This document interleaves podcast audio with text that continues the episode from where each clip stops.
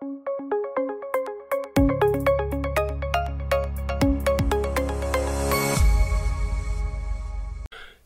юм буу халын Идрээс подкастын дугаарт Оюун Бат гэдэг бизнес эмэгтэй оролцож байна. За Promon Trade гэдэг компаниг гэхдээ хүмүүс нэх их сонсог байх. Гэхдээ энэ компани доор үүдэг брэндуудыг нэрлэе. А та бүхэн сонссон баха United Colors of Benetton гэдэг загварын брэнд байдаг. Мөн Yamamai, Capriza, Vicon гэдэг бас косметикийн брэнд байгаа. Ийм Итали брэндуудыг а дистрибьют хийдэг те ийм брэнд байгаа. А мөн Оюнбат их чинь хийдэг маш том нэг бүтээн байгуулалт бол эмээлтэд ясны яс боловсруулах малын одоо хаягдл бүтээгдэхүүнийг боловсруулах юм үйлдвэр байгуулсан байгаа. Манай Монгол улс малаа шулаал тэгэл одоо үлдсэн маш ашиг ашигтай байж болох юмнуудыг нь хайдаг улс байсан юм байна. Тэгээд энийг өөрчилж яваа ийм мундаг бизнес эмхтэй байна. Тэгээд мөн товчхон танилцуулгад бас Украинд сургуульд төгссөн те. А манай ээж мэжийн оюутан цагийнх нь баг яг нэг үеийн оюутнууд юм бэлээ те. Тий харахад амар залуу харагддаг оюун бат ихч те. Тийм. За тэгээд оюун бат ихчтэй шууд Benetton брэндийн талаас талаар би асуугаад ярилцлага эхлэе гэж бодлоо. Аа энэ брендийн одоо цаана хэн байдаг вэ те? Та нэг ноён Benetton гэдээ яриад байдаг шүү дээ те. Тий. Benetton гэдэг хүн байд юм уу? Та нэг жоохон түгээс нь яриач ямар өчтэй бизнес юм бэ? Аа Benetton брэнд бол Италийн брэнд. 1965 онд Итали улсад анх үндэс өрөө тавьж исэн. Бенотонгийнхан буюу гэр бүлийн тийм бизнес. Бенотон бар одоо ингээд 5 ах トゥ 4 ах トゥ нэр ингээд нийлээд хийсэн брэнд, хувцсны брэнд. Тийм тэрнээс гадна Бенотон брэнд мэн дэлхийд хувцснаас гадна улсынхаа нөгөө хөгжил цэцгэлэлтэнд маш их хувь нэмрээ оруулсан. Сая тэр одоо ковид үеэр л гэхэд 3 сая евро улстай хандуулсан хамгийн том одоо тийм сайн үлсийн ажил дэлгэрүүлдэг компани а Европын бүх э, одоо хурдны замуудыг барьсан ийм компани байгаа. Оо тийм үү. Зөвхөн фэшн одоо хувцсэлэг компани биш юм уу тийм маш олон салбарт ажилладаг. Таны чинь би одоо ингээд бахан Yamamai энэ чинь Capriza энэ чинь бүгд Итали шүү дээ тийм. Итали брэнд. Тийм. Таны би Итали энэ сургууль төгссөн болов уу гэж бодод байсан байхгүй юу? Тийм. Та яагаад ингээд Италийн энэ брэндуудтай холбогдсон бэ? Яаж э, одоо Тийм энийг ярих юм бол урт төвхөлтэй а хувцсны бизнес нөө зах зээлийн үед чи хувцсны бизнес хийгээ явж исэн. Хувцсны бизнес гэдэг нь хөөрхөдөө нөгөө солонгосоос хувцс оруулж ирээл лангуун дээр тавиа зарахыг хэлж исэн. Энийг хийгээд явж байгаа хугацаанд за одоо цаг нь болсон. Одоо ингээл нэг одоо нэг ганцгийн маягийн маягийн бизнес бол одоо хоцрогдож байна. Эрт тийшээ өөрөө ажлын шугамар гадаа дотоод явахдаа ийм гоё брэнд оруулаад ирэх юмсан. Ийм гоё залуучууд нь гоё удамжтай байвал Монгол оронд энэ брэнд орж ирвэл гоё юм уу гэж хардаг байсан л та. Гэтэ Бенетон бол яг хүмүүст биелэхдээ Бенетон намайг хайж олж ирсэн. Тэр нь их сонирхолтой. Би нэг аялал жуулчлалын бизнес хийгээ байж хат Бенетон манаа дээр буугаад тийм тэгээд нэг хоногоор айлчилж ирээд тэгээд Бенетон хий үүсгэн байгуулагчдын нэг нь Лучана Бенетон яг том Бенетон ирсэн. Тийм том ах нь ирсэн. 2007 онд ирж ирсэн. Эрүүл амьдралын ус Монголд ирсэн юм? Тийм Монголд ирсэн. Монгол дөрөв удаа ирсэн шүү дээ. Тийм тэгсэн. Яагаад Монголд ирээддэг вэ? Уу яах вэ? Дэлхий дээр тэр чи одоо 120 орнд 7000 салбар дэлгүүртээ өөрөө нас нь нилээ явчихсан бизнесийн том хүмүүс чинь гадаадаар аялж зугаалах дуртай шүү дээ. Тэгээд Монгол орн өрөнд орн ингээд нааш цаашаа явж үзэх гээд Монголыг үзег байсан юм билэ. Тэгээд үзэх гэж ирсэн. Тэгээд албагдсан. Та тэгээд хотелд бууж яхад нь Жуулчны ажлын шугамаараа танилцаад гөө гөө гөө ямар бэ? Хотел дуужихт нь үүдэн дээр нь зогсож исэн гэж үү? Гүү тэгээгүй. Аа зөв. Яг одоо тэгээд бид нар нөгөө Орос сургууль сурж исэн манай найз нар бидэрт хэлжсэн байхгүй юу? Одоо ийм брэнд байдгаа гэл. Тэгээд урдлын 2 3 сарын өмнө менежер нэрсэн. Тэгээд танилцаад тэгээд дараагийн удаад нь бид нар л ууцтаад одоо өөрөө л учаана ирэх гэж шүү. Тэр нь 6 сарын 28-ны өдөр байсан. 6 сард нэг өвс ногоож игдрээд нэг гой болоогүй тэр жил айгүй тийм гандуу жилч байсан. Хүү яана одоо ингээд Бенатон гэдэг хүн хүрээд ирэх гэж юм байна.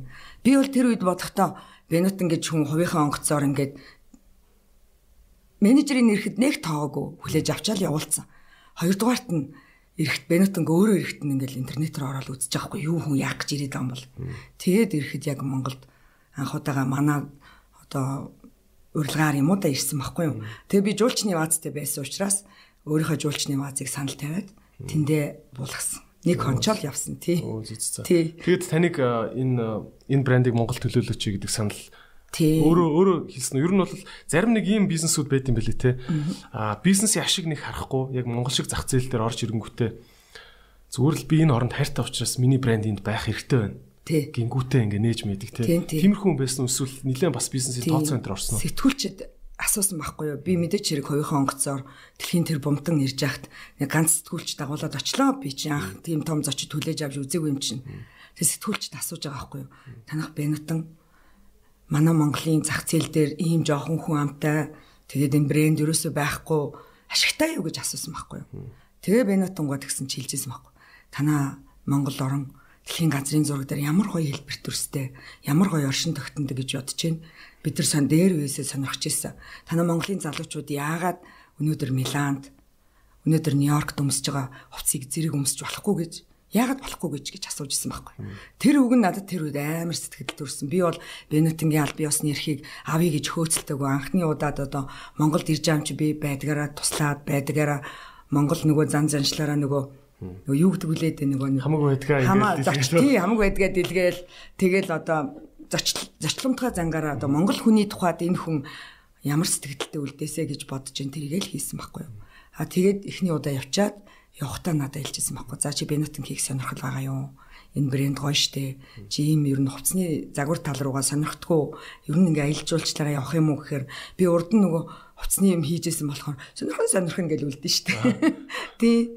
Тэгэл Болгосноо тий. Тийм болон чадна гэдэг Монгол тий. Монголд ийм entrepreneur те энэ бизнес эрхлэгчдийн ер нь нэг тийм нийтлэг зам байдаг шүү дээ. Тий. Нэг юм том хүн ирээд томхон шиг хүн ирээд чадахгүй гэхэрч оо чаднаа гэж бүгдэгдэг те. За яа энэ батгч уучлаарай би спонсороо нэг газ танилцуулаа тий. За манай подкастын спонсор мэдээж хүнсний эрүүл мэндийн бүтээгдэхүүний манлай үйлдвэрлэгч Монсын бүтээгдэхүүн байгаа. Тэгээд Ecos ус байгаа. Ecos ус нь болохоор маш зөөлхөн pH 8.5 таа гэдэг нь асар зөөлхөн гэсэн үг. Монголчууд чиг юм шарсан хуурсан хоолыг хийддэг хүмүүст ийм зөөлөн ус хэрглэж байгаарэ. Тэгээд дэлхийгээр аялагч Батбаяр ах бас надад иртэд нэг таарлалтад бас хэлжсэн ер нь энэ ус сайтай газрын хүмүүслэх урт насалт юм байна да гэж харсан гээд тийм, нэг нэг дурсчихсан. Ер нь бол усаа их сайн шүүж сүүж уух хэрэгтэй юм байна.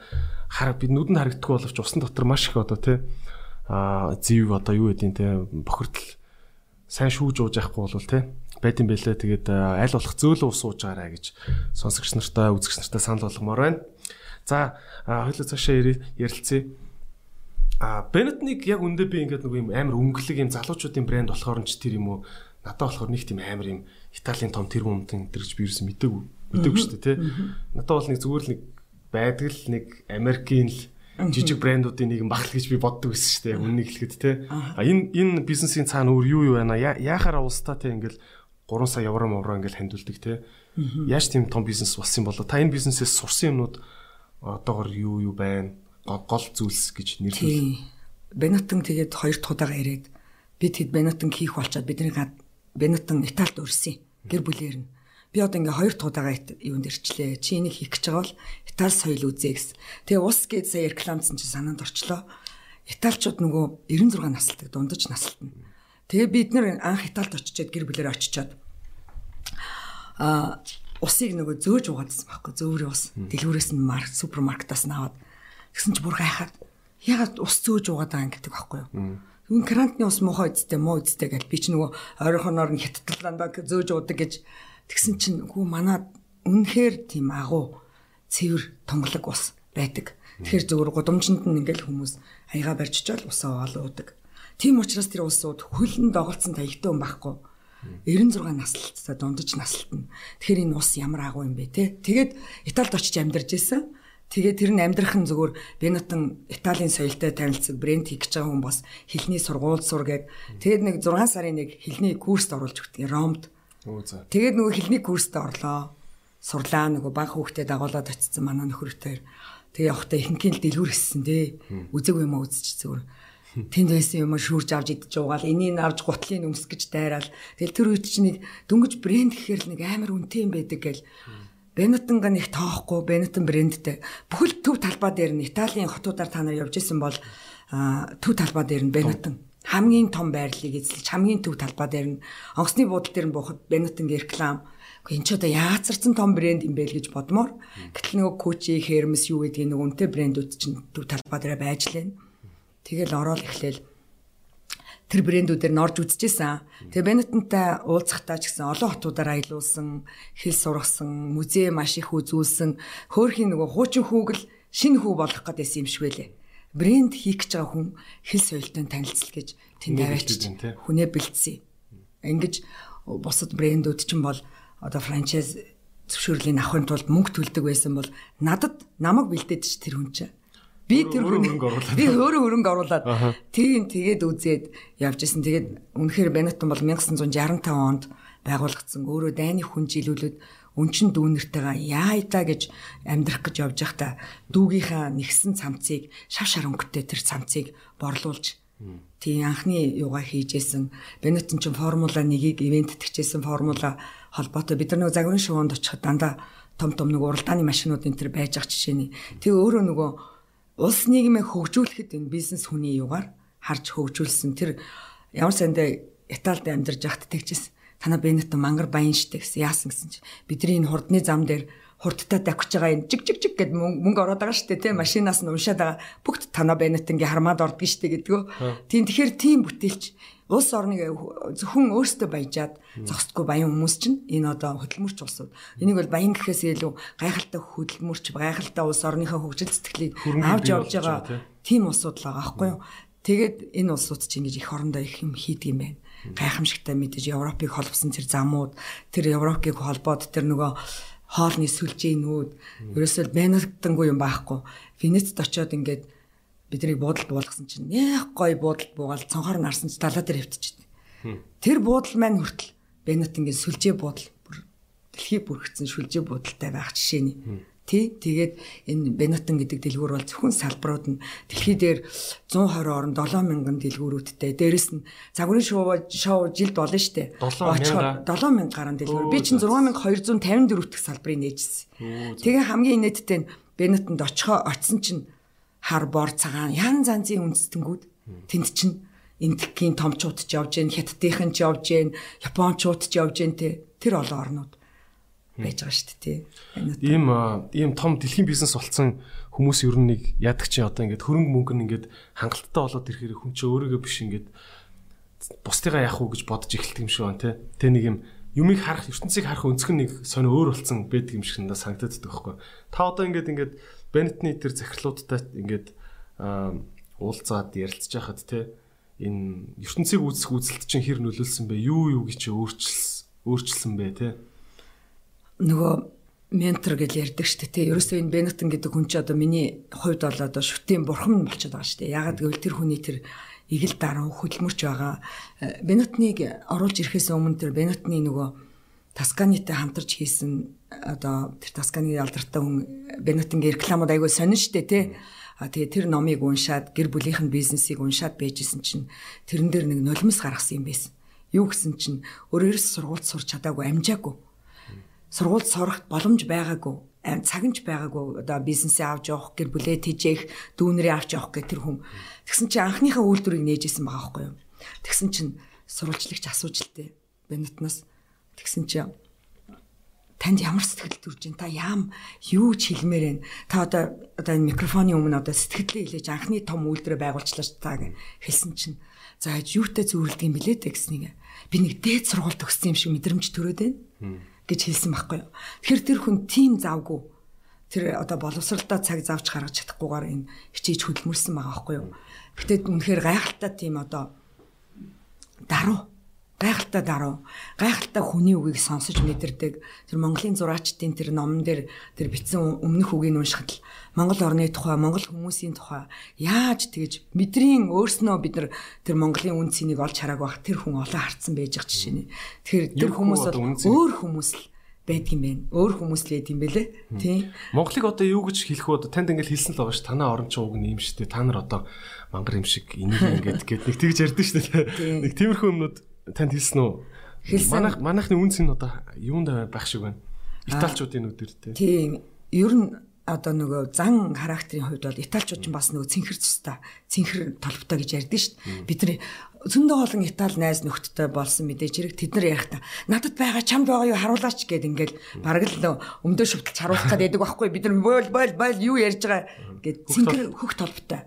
Тэрүүгээр айгуух бахархдаг. Тэгээд би боддог штэ айгуул нөгөө Чингис Мингс чинь тэнд явж явах та. Тийм тэгээд тэр нэг юм сэтгэлийн хөдөлгөөн энэ тэр айгуу тийм халуун дулаан байдаг. Ээж аавыгаа гэж боддог найз нөхдөө гэдэг тийм хүүтэн биш. Нэг дипломат мөртлөө хүүтэн.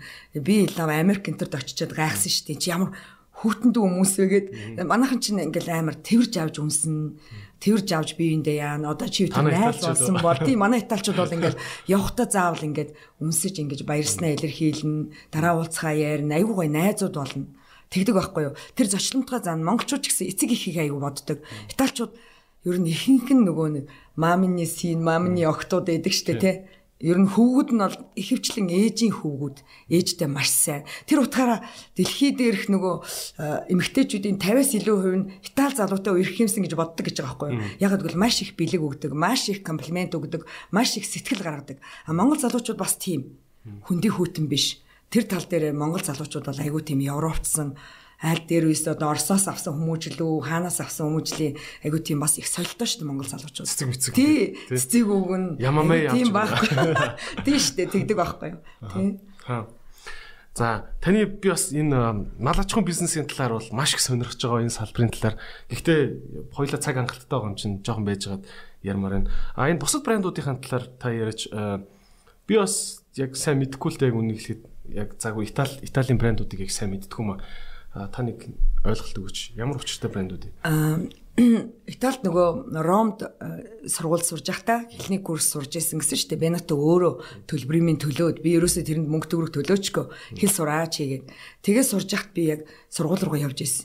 Данти Аллегрогийн сургууль гэж хэл соёлын дээд сургууль гэж байдیں۔ Тэнд манай ангид дүүрэн хятад октод, дүүрэн японочууд, америкчууд байдаг байсан. Тэгээ сургуультай явж байхад яг манай сургуулийн зам дээр ямамаа байдаг гэсэн баггүй юу? Тэгэд нөгөө юм үзээгүй амтан чих замаараа явж байхдаа Бенатангийн урилгаар явчаал те ямаа мэг хараал. Хөөе дотор хувцс ямар гоё ээ. Тэр үед чинь дотор хувцсны соёл мэдгүй штэ. 2008 9 онд чи юу гэж дотор хувцс усаа очив. Ямамай гэхэр нэг Япон брэнд шиг харагдаж шүү дээ. Япон нэр нэр нь Япон байхгүй юу? Тийм нөгөө нэг хөр хорхон нэгтэг тэр юу хэлт юм бэлээ. Тэгээ Ямамай брэндийг замаараа явж байхад ингээ хардаг байхгүй. Ямамай дөнгөж шинээрээ орж ирж байсан.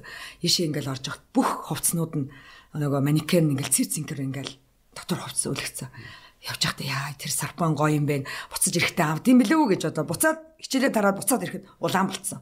Маргаашнд ногоон болцсон хар болцсон байж байгаа жишээтэй тэгэд үнэхээр ямаа мэг тэр үед бол үнэхээр дотор хувцс чинь ийм утга учиртай юм байна. Тэгэд нөгөө өөрөө охин хөлттэй болохоор охиндоо одоо үзүүлээ таниулъя айгуу гоё айгуу гоё юм байна да гэж боддог талаар жоохон мэдлэг байна тэгэл боддог байсан байхгүй юу тэгсэн чинь Бенетон хийчлээ, Монголд хийчлээ. 2010 онд хийчингүүтээ томордын магаас би чи тэгэл манго зангогоос надад урилга ирээл манахыг хийгээч гэд намайг ч аваачч, урьж аваачч Испанаар зугаалуулж могололол байнгут нь би мангогч хийхгүй. Бист ямаамай л хиймээрэн гэл. Тэгэл захиа хичээл өөртөө айгу бардам. Охноороо бичүүлээл өөрөө ягаал ямаамай руу 3 жил захиа бичсэн шүү дээ. 10 оноос хойш 13 он хүртэл тагчиг бүр хариуч байхгүй юу ч байхгүй.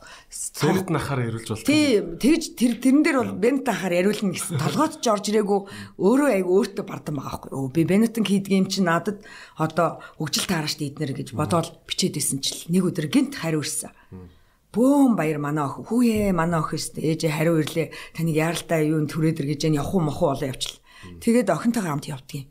Тэгээ очисон чи харин юунаас болсон гэсэн чи Бенетонд Zara Mara ингээл Италийн брэндүүд хоорондоо ингээл Европт байгаа брэндүүд чи хоорондоо ингээл менежерүүдээ загвар өмсгч. Одоо жишээлбэл нөгөө юуны хүмүүсээ солин солин амар солигддог байхгүй. Ерөөс нь нэг юм дээр удаан манай монголчуудыг японочууд интернет гэж удаан байдаг байх. Тэгэж удаан байдгүй солигдоод хоорондоо заарад байсан хүмүүс манго дэрэл манго дэрсэн Бенетонд очиод ингээл бүр холио мантан болдог байхгүй. Тэгсэн чинь Ямаа маяд манай том толгоо менежер хийжсэн ямаа маяа менежерээр очсон байдгийн. Тэгэнгүүтээ нөгөө 3 жил захиа ирсэн эднийх ингээл гуйгаалгаа нэг жижигхэн ус ороод үтсэн чи хүн аам нь аягүй жоох юм бэлээ. Эднийх баг ямар гэд хэлсэн чи юу ярьж байгаа над чинь Бенетингийн аль биосны эрхийг авцсан. Том гар байхгүй юу гэд. Тэгээд дуудсан. Монгол Тэгээд сайн зарагчсэн уу яг тухай те? Юу, Ямама юу? Биш Бенетон. Бенетон чинь тэр чинь орж ирсэн жилүүд чинь яг 10 он, 8 9 онд бурхан бурхны нөгөө аюултай болж исэн нөгөө эдийн засгийн хямрал болж исэн үеэр чинь би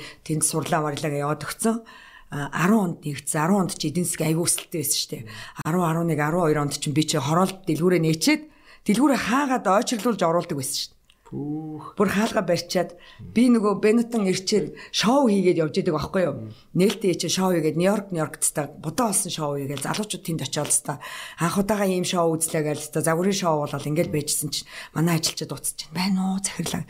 Бараа дуусчлаа, дэлгүүрээ хаах уу? Орлого тэд болчлоо. Яах вэ? Хаач яа гээл гих мэдчлэн тийм байсан. 10 11 он 12 он ч юм бол өста галзуурсан жил байсан. Ямар санд 2 3 дэлгүүр зэрэг араас нь нээсэн шүү дээ. 11-ээс 13 онд ч угаасан уул уурхай хөөсрөл болоод тийм хөөсрөл байсан үе. Бөөн шарууд монголоор дүүрнэл. Тийм шүү дээ. Хөрөнгө оруулагч нэртэй шарууд. Яг зөв үед зөв цагт нээсэн Монгол дэлгүүрээ. Тийм шүү дээ.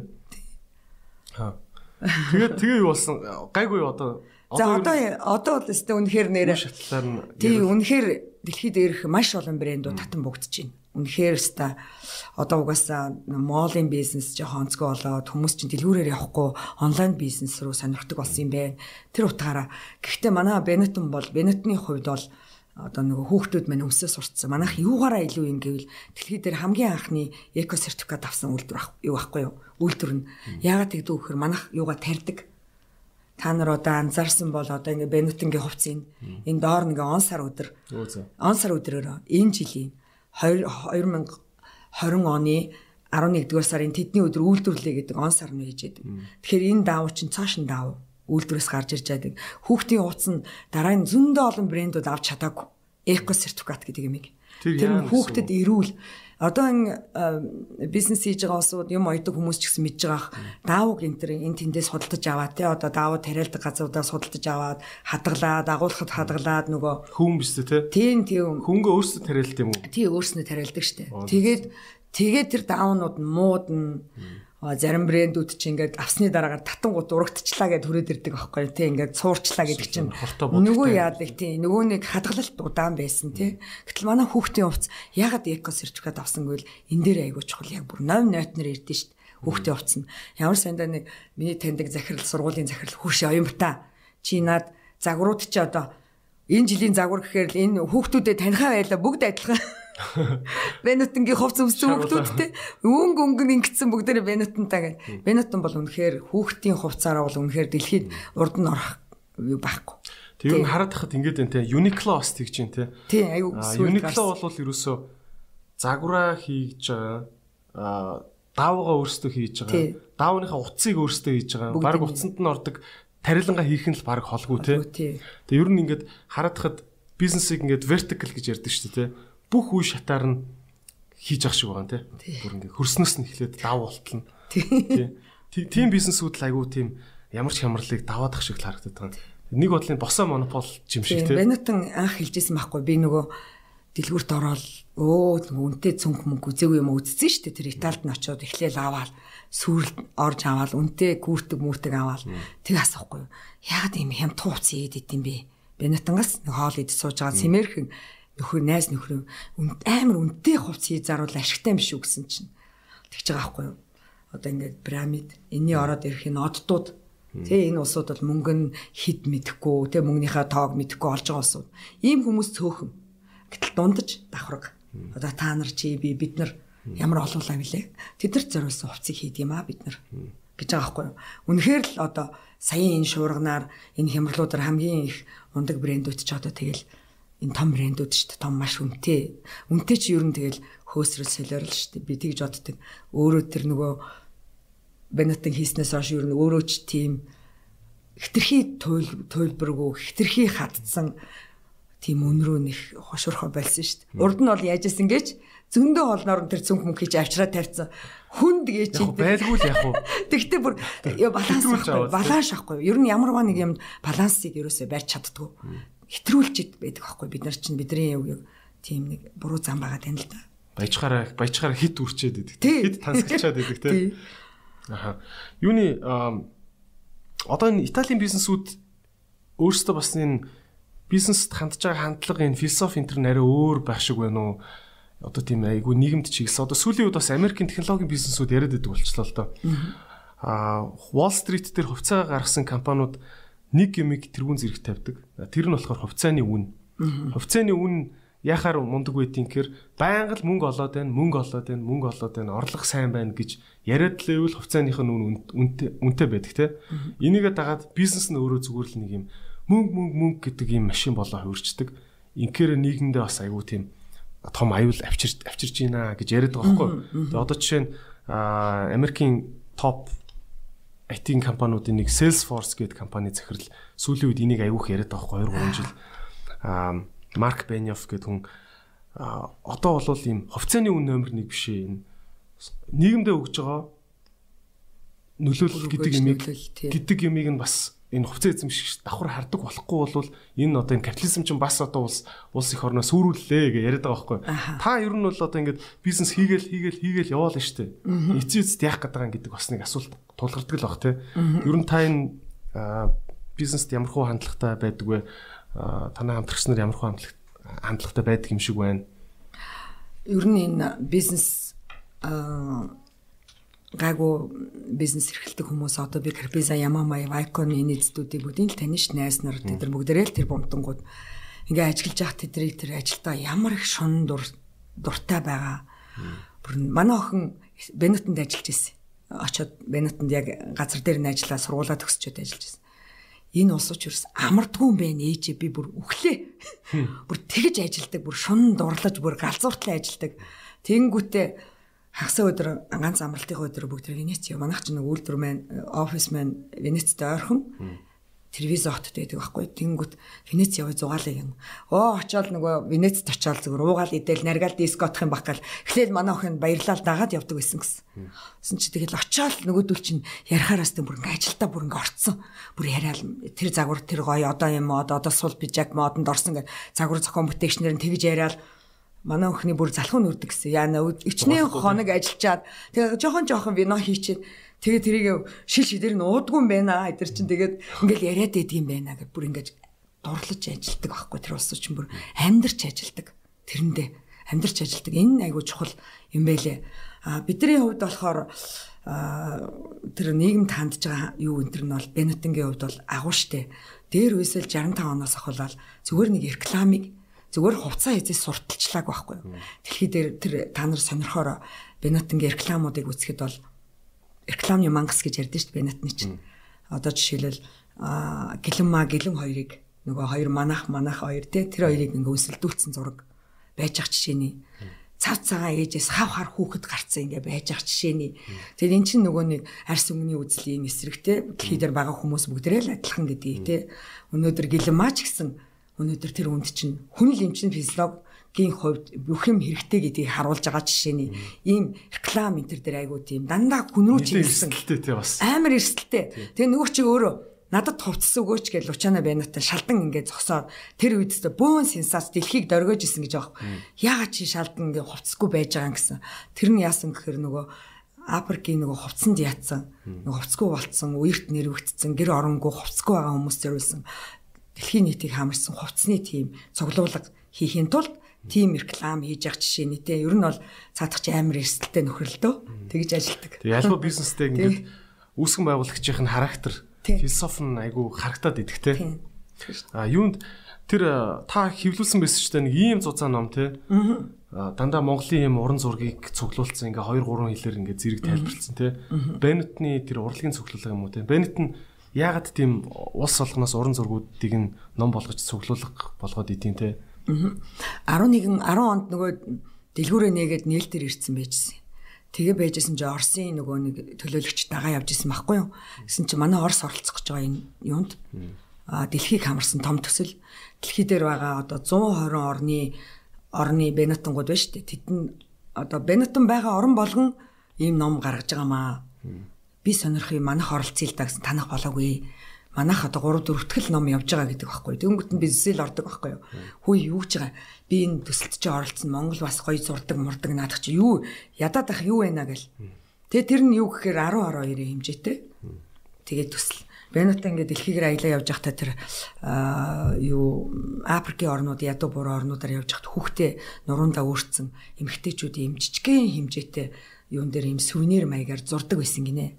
Тэр зургнаас өөрөө санаа болоод ягаад дэлхийн үндэстэн болгон яг ийм хэмжээтэй зурж болохгүй гэж гээд үзэсгэлэн үзэсгэлэн гаргыгээд тэгээд зохион байгуулсан. Гол нь каталог нь багхгүй юу?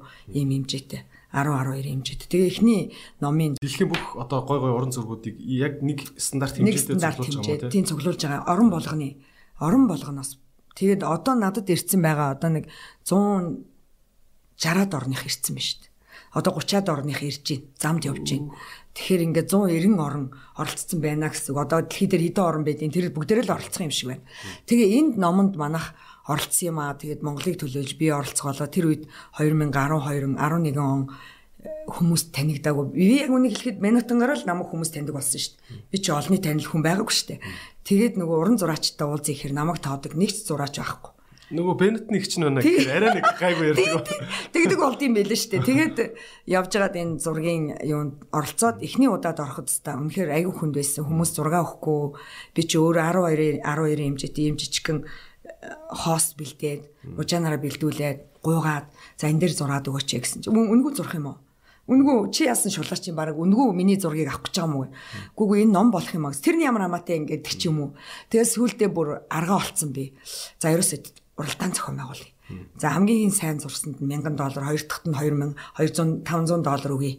Гурав дахьт нь 200 доллар өгье гэд уралдаан зарлаад тэгээд ингээд зургийн зургаа цуглуулад тэгээд Бенатон руу явуулаад Ягаад ном нь нэг 6 7 сарын дараа ирсэн байхгүй. Тэгээ нээлттэй хэлээ. Бенатны анхны номын нээлт болсон чинь зураач дээрээ ангаагаад ном хараад хүү ийм гоё форматтай, ийм гоё ном, ийм гоё төсөлд бид нар орсон юм уу? та нар тоохгүй л байсан шүү дээ. Манай том том зураач нар орж амжаагүй гээл дэгдэг аахгүй юу? Зураач нар чинь тэгээд яс. Тэгээд гол нь нөгөө урлагийн зөвлөл энтертэй сайн хамтарч ажиллаж чадаагүй байсан л да. Тэгээд хоёр дахь номыг гаргаач гэж зураач нар өөрснөө гуйсан. Тэрнээс бол Монгол ганцхан л номоор орох байсан. Тэгээ хоёр дахь нь бол тэр зураач нарын хүсэлтээр хоёр дахь номоо хийсэн баггүй юу. Гэтэ Бенетон бол айгүй дургуутчихсэн. Үгүй болоо болоо. Нэг орн нэг л ном гаргана штэ гэхэд би бүр арын халахтаад үгүй гол гол зураачд минь ороогүй байна. Энэ удаагийн бүтээл нь гэсэн. Тэр хамаагүй муухай байсан ч хамаагүй. Танаа одоо өнгө зүс танаа Монголын нэр сүр танаа Монголын каталог монголчууд нэг ийм одоо хэл соёлтой нүдэр Монголыг ингээд дэлхийн зураачдын дунд ингээд танаа харагдана гэхээр бист нэг энийг өстө баг арай хаалгад юм уу яад юу гэдэг арай хаалганы väйл ороод өгөөд хоёр дахь номоо гаргая гээд тэгээд тэр сүүлийн номыг гаргасан байхгүй юу. Тий ийм ном хийсэн байгаа. Энэ зурагч одоо дэлхийгээр аялаад аягүй зузаан. Америк Америкийнх бол ийм зузаан шүү дээ. Энтгэг мэнтгэг бол нөгөө орон орныхаа нөгөө хүмүүсийнхаар юу яадаг Япон, Сингапур энэ төр бол нэмхэн байж байгаа жишээ нь. Тэр энэ олон ингээд тэр 100 100 хэдэн орноос 170 80 орноос ирсэн бүх тэр уран зургуудыг ингээд нийлүүлж том номын сан шиг юм болгоод тэгээ аялуулт юм уу тийм. Тэрийг аялдаг. Тэрийг тэгээ яах юм одоо тэр урлагийн хүмүүс үзт юм уу эсвэл фэшны салбарынх нь үзэх үү? Үр өгөөж нь яа энэ коллекцийн үр өгөөж яа гэсэн үг. Дэлхийн хүн бүхэн адилхан бид нар нэг дэлхий дээр оршиж байгаамаа гэдгээрээ сая тэр коронавигоос өмнө хятадд Шанхайд 6 сар гарсан энэ үзэсгэлэн. Тэр чинь онгоцоор зөөж авчирч гаргаж байгаа ш тэр үзэсгэлэн. Гэхдээ төвөрлөлт юм билэ. Жишээлбэл одоо инх тайвны чиглэлээр үзэсгэлэн гарлаа гэвэл инх тайвны чиглэлээр зурснаа хот одоо байгаль дэлхийн чиглэлээр одоо үзэсгэлэн болох юм бол байгаль дэлхийн тэр бүх дэлхийн орнуудын байгалийн тухай зурсан зургийг ч гэдэм үү сонгож очиж явж үзэсгэлэн гардаг. Тэгээ анзаараад ах нэ анзаараад ах нэ хүн ингээд за бизнес хийж байгаа мөнгөтэй болж байгаа том бүтээн байгуулалт хийж байгаа тэгээд ингээд нэг юм ингээл цаашаа ингээл хүний ингээл хүсэл ингээл ахиална шүү дээ тий.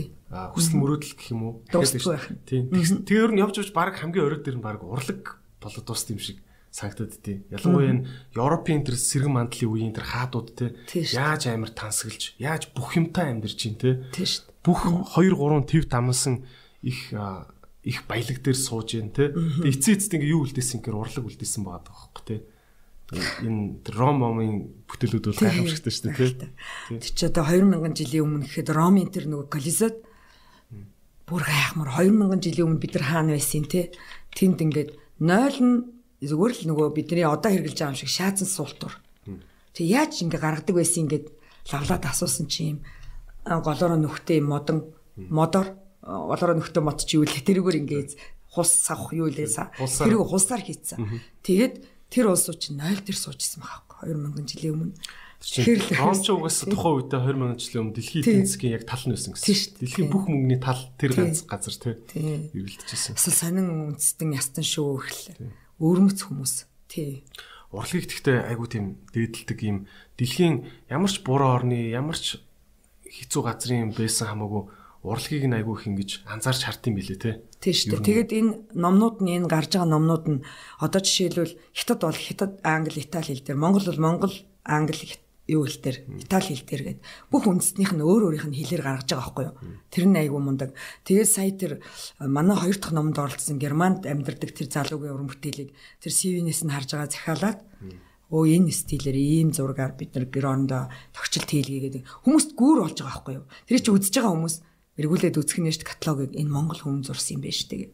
Ер нь бол тэр олон 100 эдэн орны дотор Монгол гэсэн нэр байна гэдг л миний хувьд бол үнсэн нээсэн байхгүй. Тэгвчл би тэр бүтээлд оролцсон. Тэр чинь нөгөө хизээ нэгэн цагт ингээд Эрдэнэс ингээд нэг элсэнд ор байж байгаад хизээ нэгэн цагт нэг зүг газараа гарч ирдэг шиг тий. Магт магтгүй тэр хин нэгэнд айгуу гой санаа өгөөд Монгол Монгол дурлуулад тэр нь яг ч юм бэлээ тий. Хэрэгтэй л ах л та тий. А юунд та ер нь ингээд олон орны урлаг урлагтай те ингээл тэр номнуудыг үзэж байхад аль аль орны урлагууд артууд нь танд илүү таалагдсан бэ? Танд ер нь энэ урлагийн тал дээр хэр их одоо шунал гэх юм уу те хүсэл байдаг вэ? Оо урд нь бол мэддгүй байсан. Бенетэнтэй холбогдохоос өмнө бол нэг зургал гэж хардаг байсан шүү дээ. Гэхдээ мэдээж Оросд сургууль сурж байхдаа Эрмитажиг үзэлгүй яах вэ те? Тэгээд үгүй тэр одоо ийм олон жилийн өмнө ингээд зурцсан зураг ингээд байгаад идэг гэл шилбэл би 7 8 настай байхдаа Москвад аав дээр очиж исэн. Кутузовын панорамд орж үзчихэл тэр Таковскийн галерейд орж үзчихэл гайхал ийм зураг байдаг юм бахтаа гэж хардаг байсан. Энэ бол жижигхэн хүүхдийн нүдээр яг урлаг ойлгодог хүний нүдээр тэгээд өнөөдөр хүн нэг ч хүн байхгүй хахад зурсан зураг нь ингээ байгаад ах ингээл тэ тэр жоохон бахта харж лээсэн. Гэтэ яг одоо Монголын зураачдыг энэ уран бүтээлд оролцуулаад Монголын биеналыг Италид одоо оролцох анхудаа оролцоход нь ивентэд гээд дэмжиж хамтарч ажиллаж байхад энэ төрөө харж байхад бол урлаг гэдэг бол үнэхээр одоо хүн төрөлхтнийг одоо аз жаргалтай болгодог хүн төрөлхтөл төрөлхтний гоо сайхны таашаалтай болгодог. Бид нар мэдж байгаа шүү дээ дээр хэдэн зууны өмнө одоо ийм гоё эмэгтэй хүн байсан л юм бах та гэж бодмоор тий тийм гайхамшигтай эмэг л тэр урлагаар дамжуулж харуулд юм байлээ. Тий. Тэр гоо сайхан одоо л нүд хужирлж шүү дээ. Тий шүү. Одоо бол нүд хужирлж байна. Монголчууд бол маш их ойлгодог болсон юм байлээ шүү дээ. Ер нь бол одоо одоо бол нэг булган шүүп нөмрөөд явахаасаа илүү гэрте гоё уран зураг тавьчаа харж байгаа хүмүүсийн тоол ихссэн шүү дээ. Тийм илүү аз жаргал. Аз жаргал өгч юм тий. Москва энтерт чинь зүгээр метро руу ингээд орж байхад метроных нь тэр ламп мампны гэрлийн бүрхүүл тэр пялтааных нь захалгаа энэ тэр ямар гоё зүгээр урлаг өгдөг шүү дээ. Бүх юм нь юунууд тэгээ тэр урлагийг хайрлан те бүр ингэж арчилж хайрладаг. Манай тарин жоох харамсаад идэг юм энэ социализмын үеийн монументал урлаг те ингэж хан дээр мангар томоор хийдэг урлаг урлагийг зөөр ингээл нураагаал эсвэл дээр нь рекламын самбар наагаал юм урлагийг айгу үн цэнэгүй болгоод байгаа нь жоохон хэцүү санагдаад идэв те. Гэтэ яг болох баха ер нь явж л байна. Явж байгаа те. Гадуур бас саяхан нэг гудамжаар өвдсөн чинь яг зүгээр хан дээр ингээл юу л бичсэн л байсан л да. Art will save the world ч илүү тэгээ бичсэн. Урлаг одоо бид нарыг аварна гэд тэ. Бараг тэрнтэй өрн санал нийлээд байгаа шүү юм. Урлагийн таашаал нийгэмд хэдий их болон тэр чигнэргээр чинээгээр юм гоо инэрэнгүү болж эхэлдэг юм шиг санагдаад байгаа байхгүй. Та ер нь хэр өөрөө юутай одоо загвар магврын ч юм уу цоглуулах ч юм уу тиймэрхүү юм байдаг уу? Загварын цуглуулга юуны уран зургийн уран зургийн энэ каталогууд бол одоо бүр юугаарч үнэлшгүй үнэтэй. Одоо 170 80 орны одоо бүгдээр ингэ наваад ирэх юм бол та нар дуртай үедээ очиж үзэж болно. Энэ бол мундаг цуглуулга. Гайхамшигтай. Ямар ч орных офис дээр байлгаж байгаа. Тэр бол гайхамшигтай зураг байгаа. Дээрэс нь энэ 39 90-ээр зарагдчихэдэг интернет дээр. Энэ 39 90-ээр зарагдахдаа энэ мөнгө дэлхийн дулаарлын санд явж идэг байхгүй юу? Тэгэхээр энэ монголчууд хувь нэмрээ оруулсан? Энд бид нар чинь байгаль дэлхийг аварж эко амьдрий одоо бүр ерөөсөө инрүүлчин л анхаардаг болчиход байна шүү дээ. Энд бол харуулж байгаа. Энэ бол миний хамгийн том цуглуулга. Хоёрдугаарх нь бол мэдээч хэрэг нөгөө ер нь бол нэг өөрийнхөө тэр зурагт намайг анх би ч ихтэн тийм сонин үнчлэлтэй. Нөгөө одоо жишээлбэл тэр зурагт намайг хинч одоо зургийг ингээ зураад өгөөчгээ гуйхад аа зурж өгөхгүй байсан хүмүүс өнөөдөр өнөөдөр хичнээн алдартай зураач байсан ч намайг өрөөндөө дуудаад галерейд өрөхөд би очтгоо. А гэтэл намайг юу ч мэдэхгүй энэ зургийг зураад өгөөч гэж байж хах сэтгэл зүрхнээсээ оролцсон сайхан зураач дүүнэр байдаг байхгүй юу. Тэдрийг зургийг бол дэмжиж одоо энэ зах зээлийн хямралын үед нөгөөдөл чи хэлдэг та зүгээрээ гайгуухан хямдхан ч гэсэн аваараа гэхээр хямдхан авахгүй юм дэ үнэ хэлээд яа. Их чин гадаадын хүмүүс ирүүл бэлгэлээ та нарынхаа зургийг дэмжин штэ. Тэр бүтээлд орсон улсуудынхаа зургийг дэмжнэ үхэхээс биш би хаа байсан тэр тоогоогүй. Одоо манай номонд тийм зандаг хүн юм уу? Хаашаа тий тоогоогүй улсууд гүйлж ороод тий очоод зургийг их худалдаж аваад энэ тэр байдгүй. Тэдрийг дэмжих үүднээс гоё зургнууд өглөг тий зургнуудыг худалдаж авдаг бас дурсгалтай авч үлддэг тийм юмнууд байгаа. Гэхдээ ер нь бол зургийг ингээд нөгөө Монголын нөхцөл чинь юу вэ? байр талбай хэмжээгээс болоод нэг том том далбаасан зургнууд хадгалаад байхаас илүү тэр жижиг хэмжээтэй зургнууд бол дурсгалтай. Тэгээд ном болчих юм бол каталог болчих юм бол илүү дурсгалтай юм байл тий. Тэгж боддог болсон. Тэгээ уран зурагт гэхдээ заавал юм том бахаараа лаг гэсэн үг биш биш аахгүй. Яг нөгөө Итали энтрийн музейг ирч явж байхад бүрстэ хэдэн сая долларын үнэтэй гайхамшигт зураг гэл тэнгүүд юм жижигхэн. Тэр чи илүү ур чадвар. Тий, маш жижигхэн зургийг өндрөөр тэгж олон саяар үнэлсэн байт юм тий. Тий, илүү ур чадвар ордог байхгүй тэр жижиг тэр чи. Тий. Тэгээ юу л ах л та тий. Одоо тэр түүх ер нь юм болгон ч түүх штэ тий. Тэр нь амар лаг түүхтэй холбогдчихвол одоо энэ микрофон хүртэл сая долларыг болж болно өстэй баг тий. Тий. Ёстой энэ дээр нэрээ Америкийн ерөнхийлөгч анх энэ дээр цай асгасан гинлээ гэж хэлүүлээ. Тий штэ Итали металд нэг хин ирсэн гэл энэ Мадонна ирсэн гэл тэгэл ингээл тэгэл нэг ресторанд орохоор л одоо ягаад ч энэ Элвис Преслиг их гал бүгдээр очоод тэнд суучна шахацалтаа ойчрлол тий тэр айгүй сонио би анх нөгөө Италид нөгөө Ромд Фантанте Тревигийн хажуудалд нөгөө манайхыг надад байр түрээслээд өгцөө хэдэн зуун жилийн өмнөх байсан ч байсан. Эхлээд орохдоо нөгөө шилэн мэлэн Бээжин Мэжингийн Сингапур энэ төр шиг гоё шилэн байшин байшин сонирхсан чинь хуучны юм шиг подизер оруулаад нэг жижигэн жижигэн жижигэн шатаар явуулаад дотроо оронгууд бүх юм байдаг. Тийм байр түрээслээд өгсөн байсан байхгүй аваад өгцөө. Бенато. Тэгээ яг хажуудлын бантан тэр байд. Тэгээ өглөө хичээлдээ явах гэж хахад нөгөө юунаас ингэ том том машинууд ирсэн мөнгө саруулж идэг задгаа тэг нэг евронуудыг соруулаад юу л соруулна гэж үгсэн. Гөө бүр ингээ машин ачаа явдаг байхгүй. Тэр чинь яадаг вөхөр нөгөө аа фантан усан оргил руу усан оргил руу чинь нөгөө очиж байгаа жуурч зоос шиддэг байхгүй юу. Буцаж ирнэ. Хүслээ шивнээд тэнд хэлсэн үг болгон биелдэг. Одоо хэдэн мянган жилийн түүхтэй оронд ирчихсэн энэ гоё соёлын гутаа тэр фантан л евро евро шидэн тэгэл атгаа шидчихэдэг байхгүй. Хятадууд энэ төр чинь бүр ингээ хоёр кармагаараа дүүрэн ингээ 30 40 еврог ич ингээд задлж хийчихэл ингээд аргашгаа цацчихийдэг. Би чинь нарийн датаа жоохон жижигхэн жижиг. Эхлээд бол 1 мэг 2 евро шийдчихсэн дараа нь цент шиддэг болж байгаа байхгүй юу. Тэгээд ингээд хүслээ хэлээ шиддэг. Тэгээд тэр чи өглөө нь машин ирээд саруулдаг. Хүмүүс нь ингээд тойроо цагдаа нар зогссон ийм усны гутал өмсц ингээд саруулж идэг байхгүй. Би тэгээд бодчихсон. Хүүшээ Монголын Чингис хааны музей зүзэн тэнд Монгол зоосон мөнгөтэй олчоо шидүүлээд мөнгө авч эргэлтэнд оруулмаар юм бэ гэдэг ч юм уу. Тэр айгу бас хандив хандив авах бол айгу цэвэрхэн арга шүү дээ. Цэвэрхэн арга байхгүй. Тэр чинь айгу гоё юм бодоод олцсон тий. Чингисийн музейн усан өргөлүүлөө шидвэл хүчтэй хямртай болно гэдэг. Тийм шүү дээ. Тийм тэр бол ингээд бод итгүүлэх хэрэгтэй байхгүй тий. Итгүүлэх л ёстой. Жуулчид ирж байгаа энэ үед бол одоо сэтгэл ёстой. Хуулах ёстой байхгүй хүмүүсээс. Тий тий. Тий. Яг ингээд хараад хахад италчуудын нэг айхтар юм нь ямар ч юмн дээр түүх зохиож чаддаг хүмүүс тий. Тэгэл тэр тэр түүхээ ярихад л эннийх нь энэ нэг нэг амби ширээ байж байгаа л зөв үнэн ингээд мянган уурчин тий. Тий шүү дээ. Ёстой ингэдэг байсан ингээл ярьдэн шүү дээ. Танд өөр Итали оронд оронтой та харилцсан юм чинь тий. Дандаа Италийн брэндуудтай харилцсан юм чинь. Ер нь орон орон улсынхаа хувьд танд хамгийн таалагддаг өөр юмнууд нь юу вэ тий? Эсвэл айгуу тийм сонин шин байсан юмнууд нь юу байсан бэ? Манай нөгөө Ямамагийн эздүүд Карпиза Ямамай хоёр чинь нэг эзэнтэй аахгүй юу? Тэгээ тэд нар минь Наполиг их. Тэгээ хоорондоо нөгөө зүүн талынхын тим италчууд хоорондоо тэгж ярина. Эднэр шал юу хөгжил цэцгэлт муутай эдэр нь жоохон юугүй энэ төр гэл хоорондоо тэгж ярина штэ. Жоохон хүнд гарууд нь байдаг гэл. Ромынхныгоо муулж байгаа юм. Тийм тийм. Ер нь тэгж хоорондоо тэгдэг. Тэгээд нөгөө Наполи ороод байжсан. Манай нөгөө томчууд хоорондоо муулахгүй л дээ. Ер нь хүмүүс нь тэгж хоорондоо ярьдаг байхгүй юу. Тэгээ Наполи дээр өргөдөж очоод бишээ Миланд очичоод тэгээд тэндээсээ гараад явсан чинь 50 насны төрсөдөр боллоо гэд өрдөг аахгүй юу.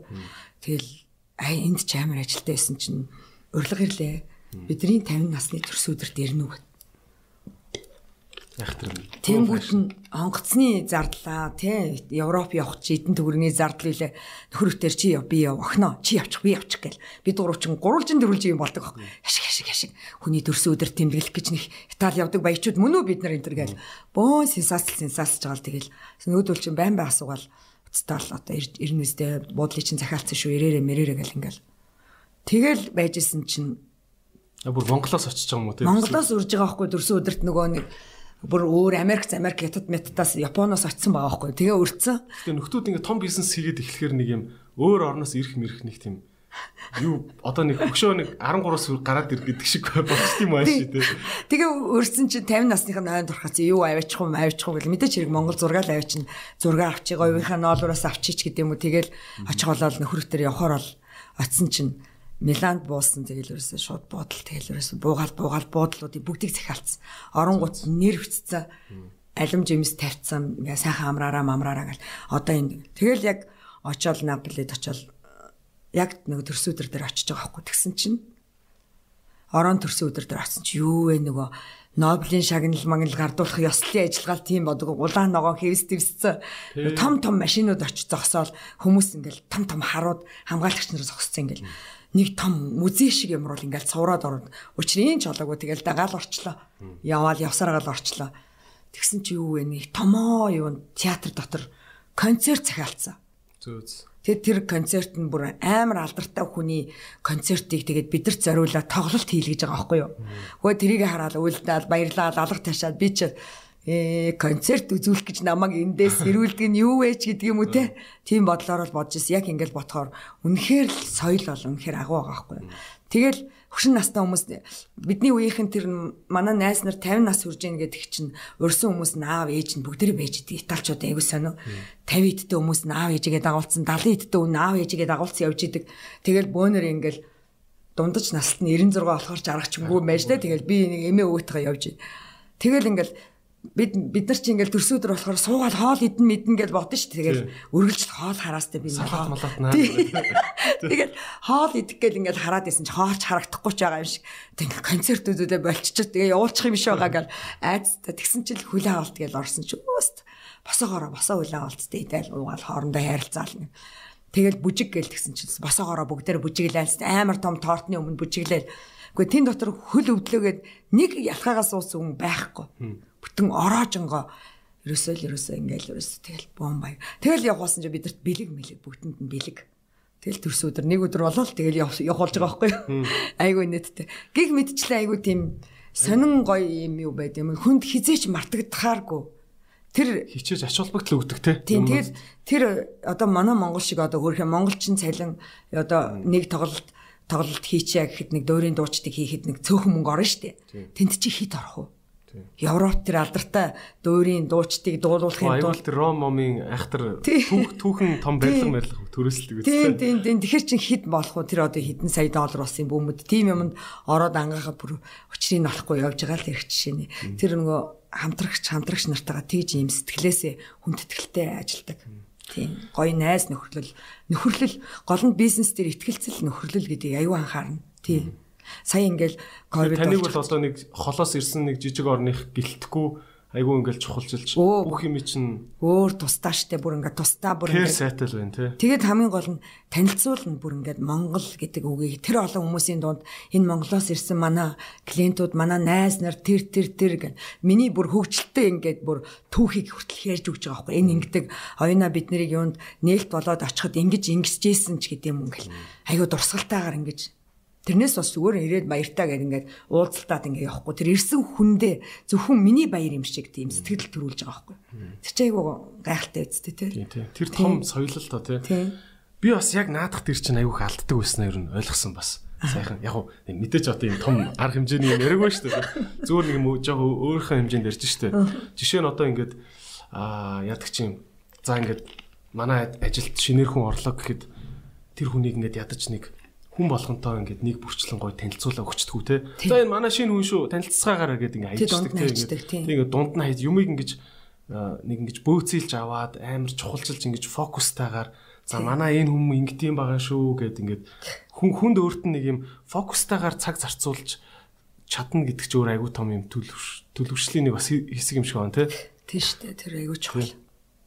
Хантик наад тэр чи хичээж байгаа. Хичээх гээл байгаа тэгээд том соёл юм шиг юм аа. Юу та бол бас эмгтээ би бас жоохон нийгмийн талын ярмаар байна л да. Та бол ингээд эмгтээ бизнес эрхлээ явж байгаа. Ер нь л та бол дандаа бизнесээр л явцсан юм шүү дээ, тий? Тийм бизнес. Юу үйлдвэрт ажиллаж байсан. Тийм бизнес багш хийж байсан. Biz энэ зах зээлийн шуурганд ч одоо юу эсийг хийх вэ? Та чи их сургуулаа хэдэн онд төгссөн бэ? Би 1989 онд. Тийм. Тэг чин та бол ерөөсөө яг зах зээлийн шуургалууд төв гэл хамгаар орсон юм шүү дээ. Аа яг боловсролын тухай ингээд ярихаар танаа юунд ч айгу подкастэнд ч айгу мундаг мундаг хэлтэй боловсралтай улсууд ордог юм байл нь штэ. Яг ингээд нөгөө яахаар би сая их сургууль гэд хэлэхээр тодруулж хэлмээр санагдлаа л да. Би кифт хөнгөн үйлдвэрийн дунд сургууль коллеж төгссөн байхгүй юу. Энэ мэрэгжилтэд би амар дуртай. Ягаад гэвэл би энд сэтгүүлч мэрэгчлэр сурах гэж шалгалт өгөө тэр үе чинь конкурстэй. Тэгээд гадаадын техникумын хуваар аваад дараа жил нь би одоо бараг сайлчин болж агаад би дараа жил нь сэтгүүлч болох гэж байхад намайг ийм юмд явуулчлаа гэд ээж аавда уйлан уйлан тэр эрхүүгийн бэлтгэлж явж байхдаа би чинь тэр үеийн 83 оны тэр юу лээ поезд Галт тэрэгний цонхоор миний тал би гарцсан би орилоо. Ээжээ аава би явахгүй гэж орилж байгаад явж исэн юм баггүй юу. Тэгээ манай ээж гүй миний хүү энд Монгол тийм Монгол монгол хэлний ангид орж ирснээс миний хүү гадагшаа явж хэл сурна, дээрэс нь соёл үзнэ болно гэх. Украинээс Украин тасарсан орн. Тасарсан орн, тасарсан хот байсан. Тэгээд эрхүүд бэлтгэл төгсөөд Украинд очоод тэр үед нөгөө аимшигтай нөгөө нэг юу ч нь болж ялаа штэ Тэгээд Чернобылийн атомын станц дэлбэрж явах үед байлаа 86 оны. Тийм тэр үед тэнд амьдарч байлаа. Тэгээ Чернобыль чинь 4 сарын 26-нд дэлбэрсэн. Тийм 26-нд дэлбэрсэн. Миний төрсөн өдөр 4 сарын 26-нд байхгүй. Өө чи тэгээ сайн мэдээд байна те. 4 тэр чинь Киевээс 130 км-т. Асар аимшигтай мянган жилд нэг тохиолдох хүнд хүчээр аимшигтай гамшиг байхгүй юу. Тэгээ энэ үед одоо яг ингээд дэлбэрлээ гэдэг жаад бид нар нөгөө оюутны залуучууд юм чи оюутны фестивал энэ төр болно гээл би ч лээ ихтэй оюутан сургуулийнхаа октоудтаас фестивальд явна моон гээл өсөлгөөгөө бэлдээл ингээд байжсэн чинь дэлбэрсэн. Тэгээд ингээд аюултай борлоо. Чи айгүй ойрхон биз. 130 штэ 130 км. Яг хаяанд байгаа байхгүй юу. Тэгэл ингэсэн чи ерөөсө яаралтай хуралдаал ерөөсө том том газрууд чинь оюутнуудаа татаал Ерөөсөө энд байж болохгүй яаралтай явууллаа гэж. Бид нар ингээ бөөцөл бөмбөрлөлтөд бөөцөлтэй түр амар юм болсон юм байна шүү дээ. Тэр радиацныхаа учрыг ч олохгүй байгаа дээ. Бид нар мэдхгүй тийм аюултай гэж. Тэг бид нар явах юм уу гэд очсон чинь уучлаарай Монгол зөвлөлтийн найрамдалтай сэв суулгахгүй тулд Монгол оюутнууд эндээ үлднэ одоо ах нартай үнэнч байна. Тийм байна. Тэгэл нөгөө сургууль аа нөгөө бидний авшаа эрүүл мэнд мэнд бол аимшиг тэр чинь бид нар золиослогдож байгаа байхгүй албаар тий тэрэнд чинь зөндөөл золиос өгчээсэн тэр бол айхтар золиос байхгүй. Тэгээд оюутны авшагта бид нар баг монголчууд үлдсэн. Нөгөө тосхоных нь орсууд морсууд бүгд яваад өгсөн. Тэгээ бид нарт юу гэж хэлжсэн гэхээр шалаа сайн угаагаарай. Гаднаас чимс ногоо авахтаа угааж идээрээ.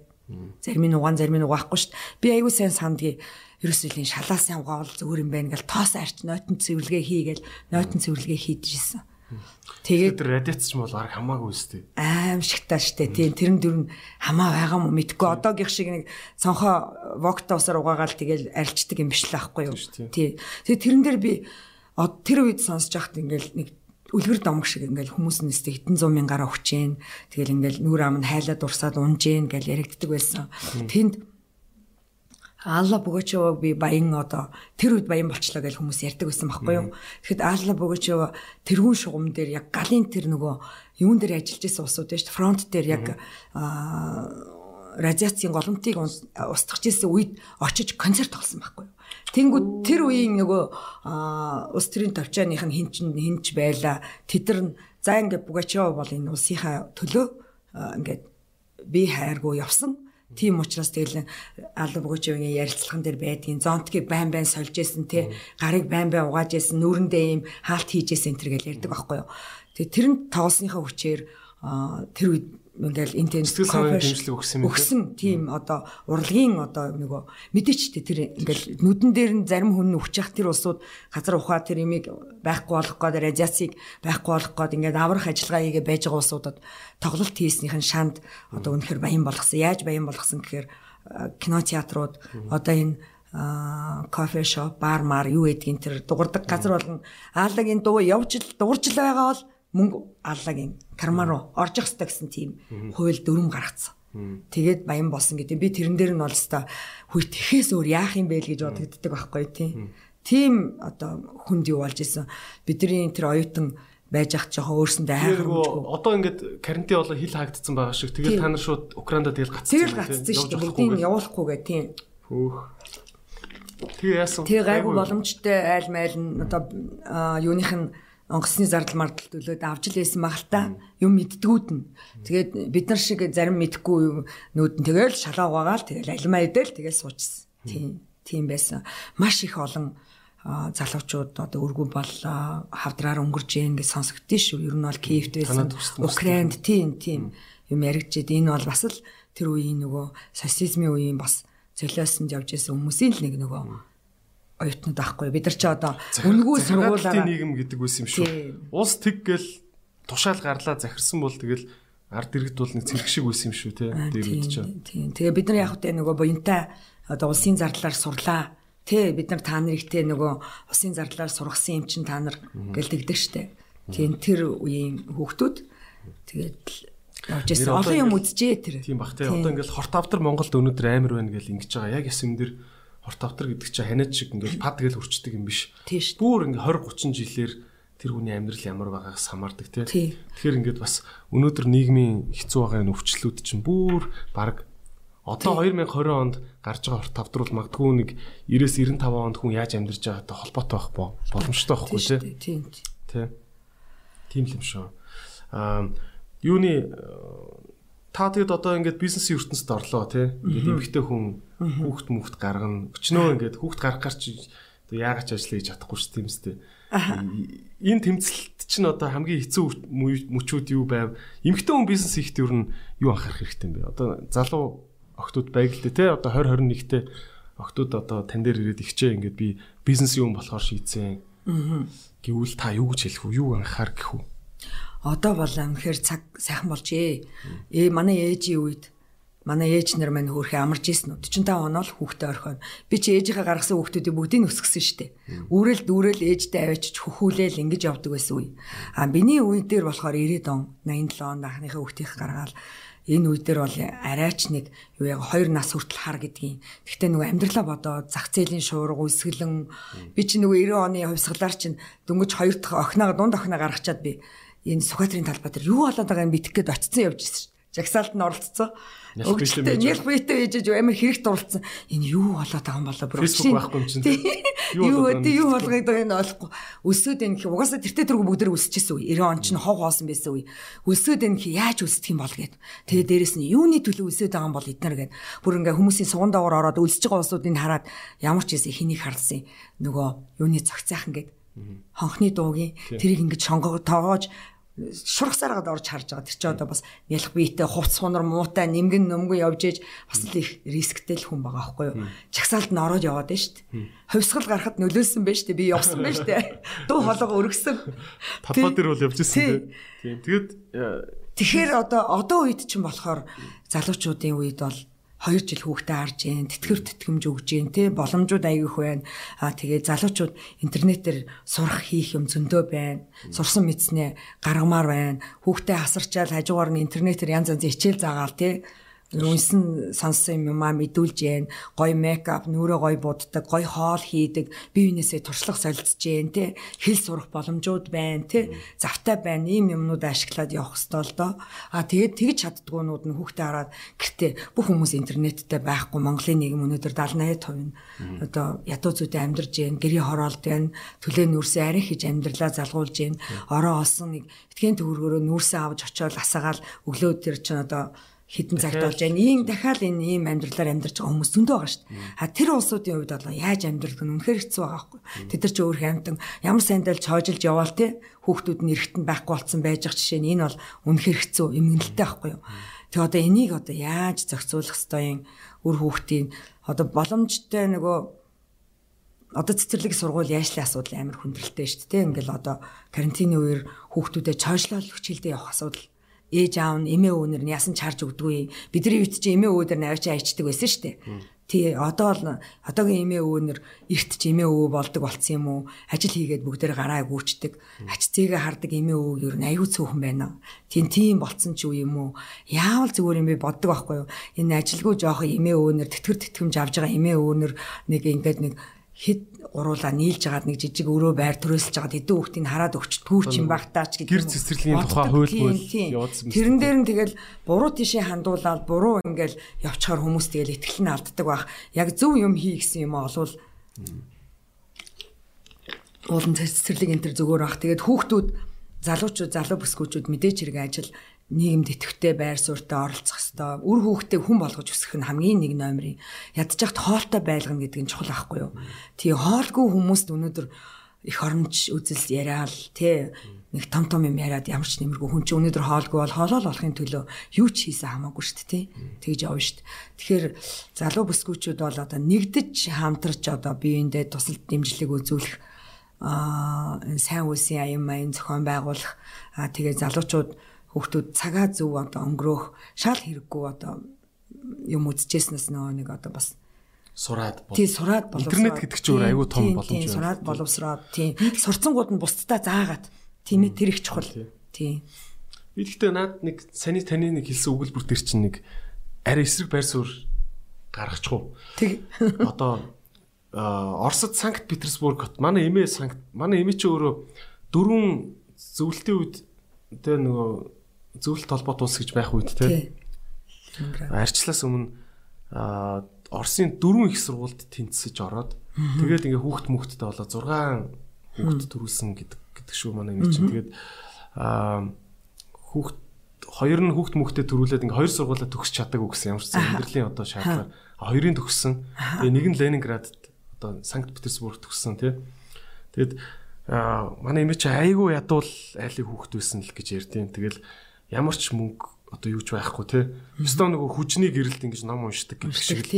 Яг тэгж уншсаар агаал Орс хэлийг юусэн Орс хүннээс дутааг дутахгүйгээр мундаг сурсан. Тухайн үед Орсууд нь магтдаг байсан гэл Орс хүнээс илүү баг үгийн баялагтай ярьдаг гэд.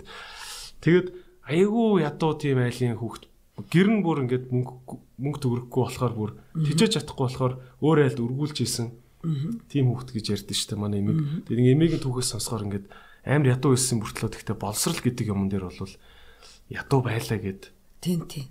Бас хайж болдог зүйл бас биш юм шиг бодогдсон байхгүй түр тэр түүхийг бодоход тэгээд дараа нөгөө Санкт Петербург хотод нь яг биеэр очиж үзлээ. Эмийнхээ төгсөн сургууль муруулыг хажуугаар нь явж үзээд боловсролын тэр мэрэгчлэтнүүдтэй бас нэг хурал мурал цуулаа. Тэгсэн чинь бас хэлжээ лээ. Петр Санкт Петербург хот нөгөө Ленинградын бүслэлт гэдэг юмд ороод. Тийм тийм хотын гудамжинд болжморч амьд болжморч байхгүй болтлоо өссөн тий.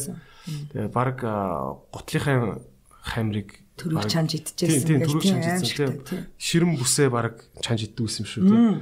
Тэн дээр тул өсөж байхад Петербург хотын иргэдийн дундаж жин баг 30 кг 28 кг болсон гэж байгаа байхгүй. Бүгд арга яс шиг болсон.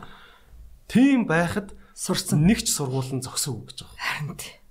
Тэгэхээр бас нэг бодлын амьдрал хэцүү байна, талхны мөнгө байгаа юм чин бусд нь яадын гэж бодох бас хэрэггүй юм шиг бас бодох юм тийм.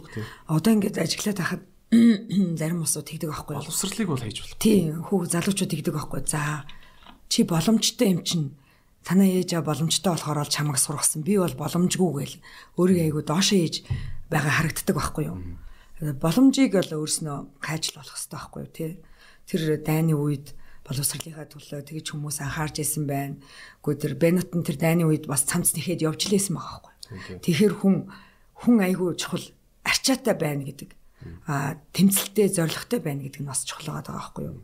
Гэхдээ ингэ өсөж гин гэдэг тэгээд бас заан байгаад ээж болохгүй байгаа байхгүй бас цэвэрхэн баймир байгаа байхгүй тий тэр чухал та тэгэхээр одоо энэ залуучууд бол одоо сүүлийн үед энэ маш их э, интернет хөгжсөн юмыг л үзэж хардаг болсон юм чинь. Сурах юм үгүй нэг тэдэн жилийн залуу байсан бол сурчмаар юм их вэ да гэх нэг ээж аав ярьдаг байсан шиг би бүр одоо сүүлийн үед тэгж бодчих үгүй би миний нас мэлэл явж энэ да. Би нэг сурах юм.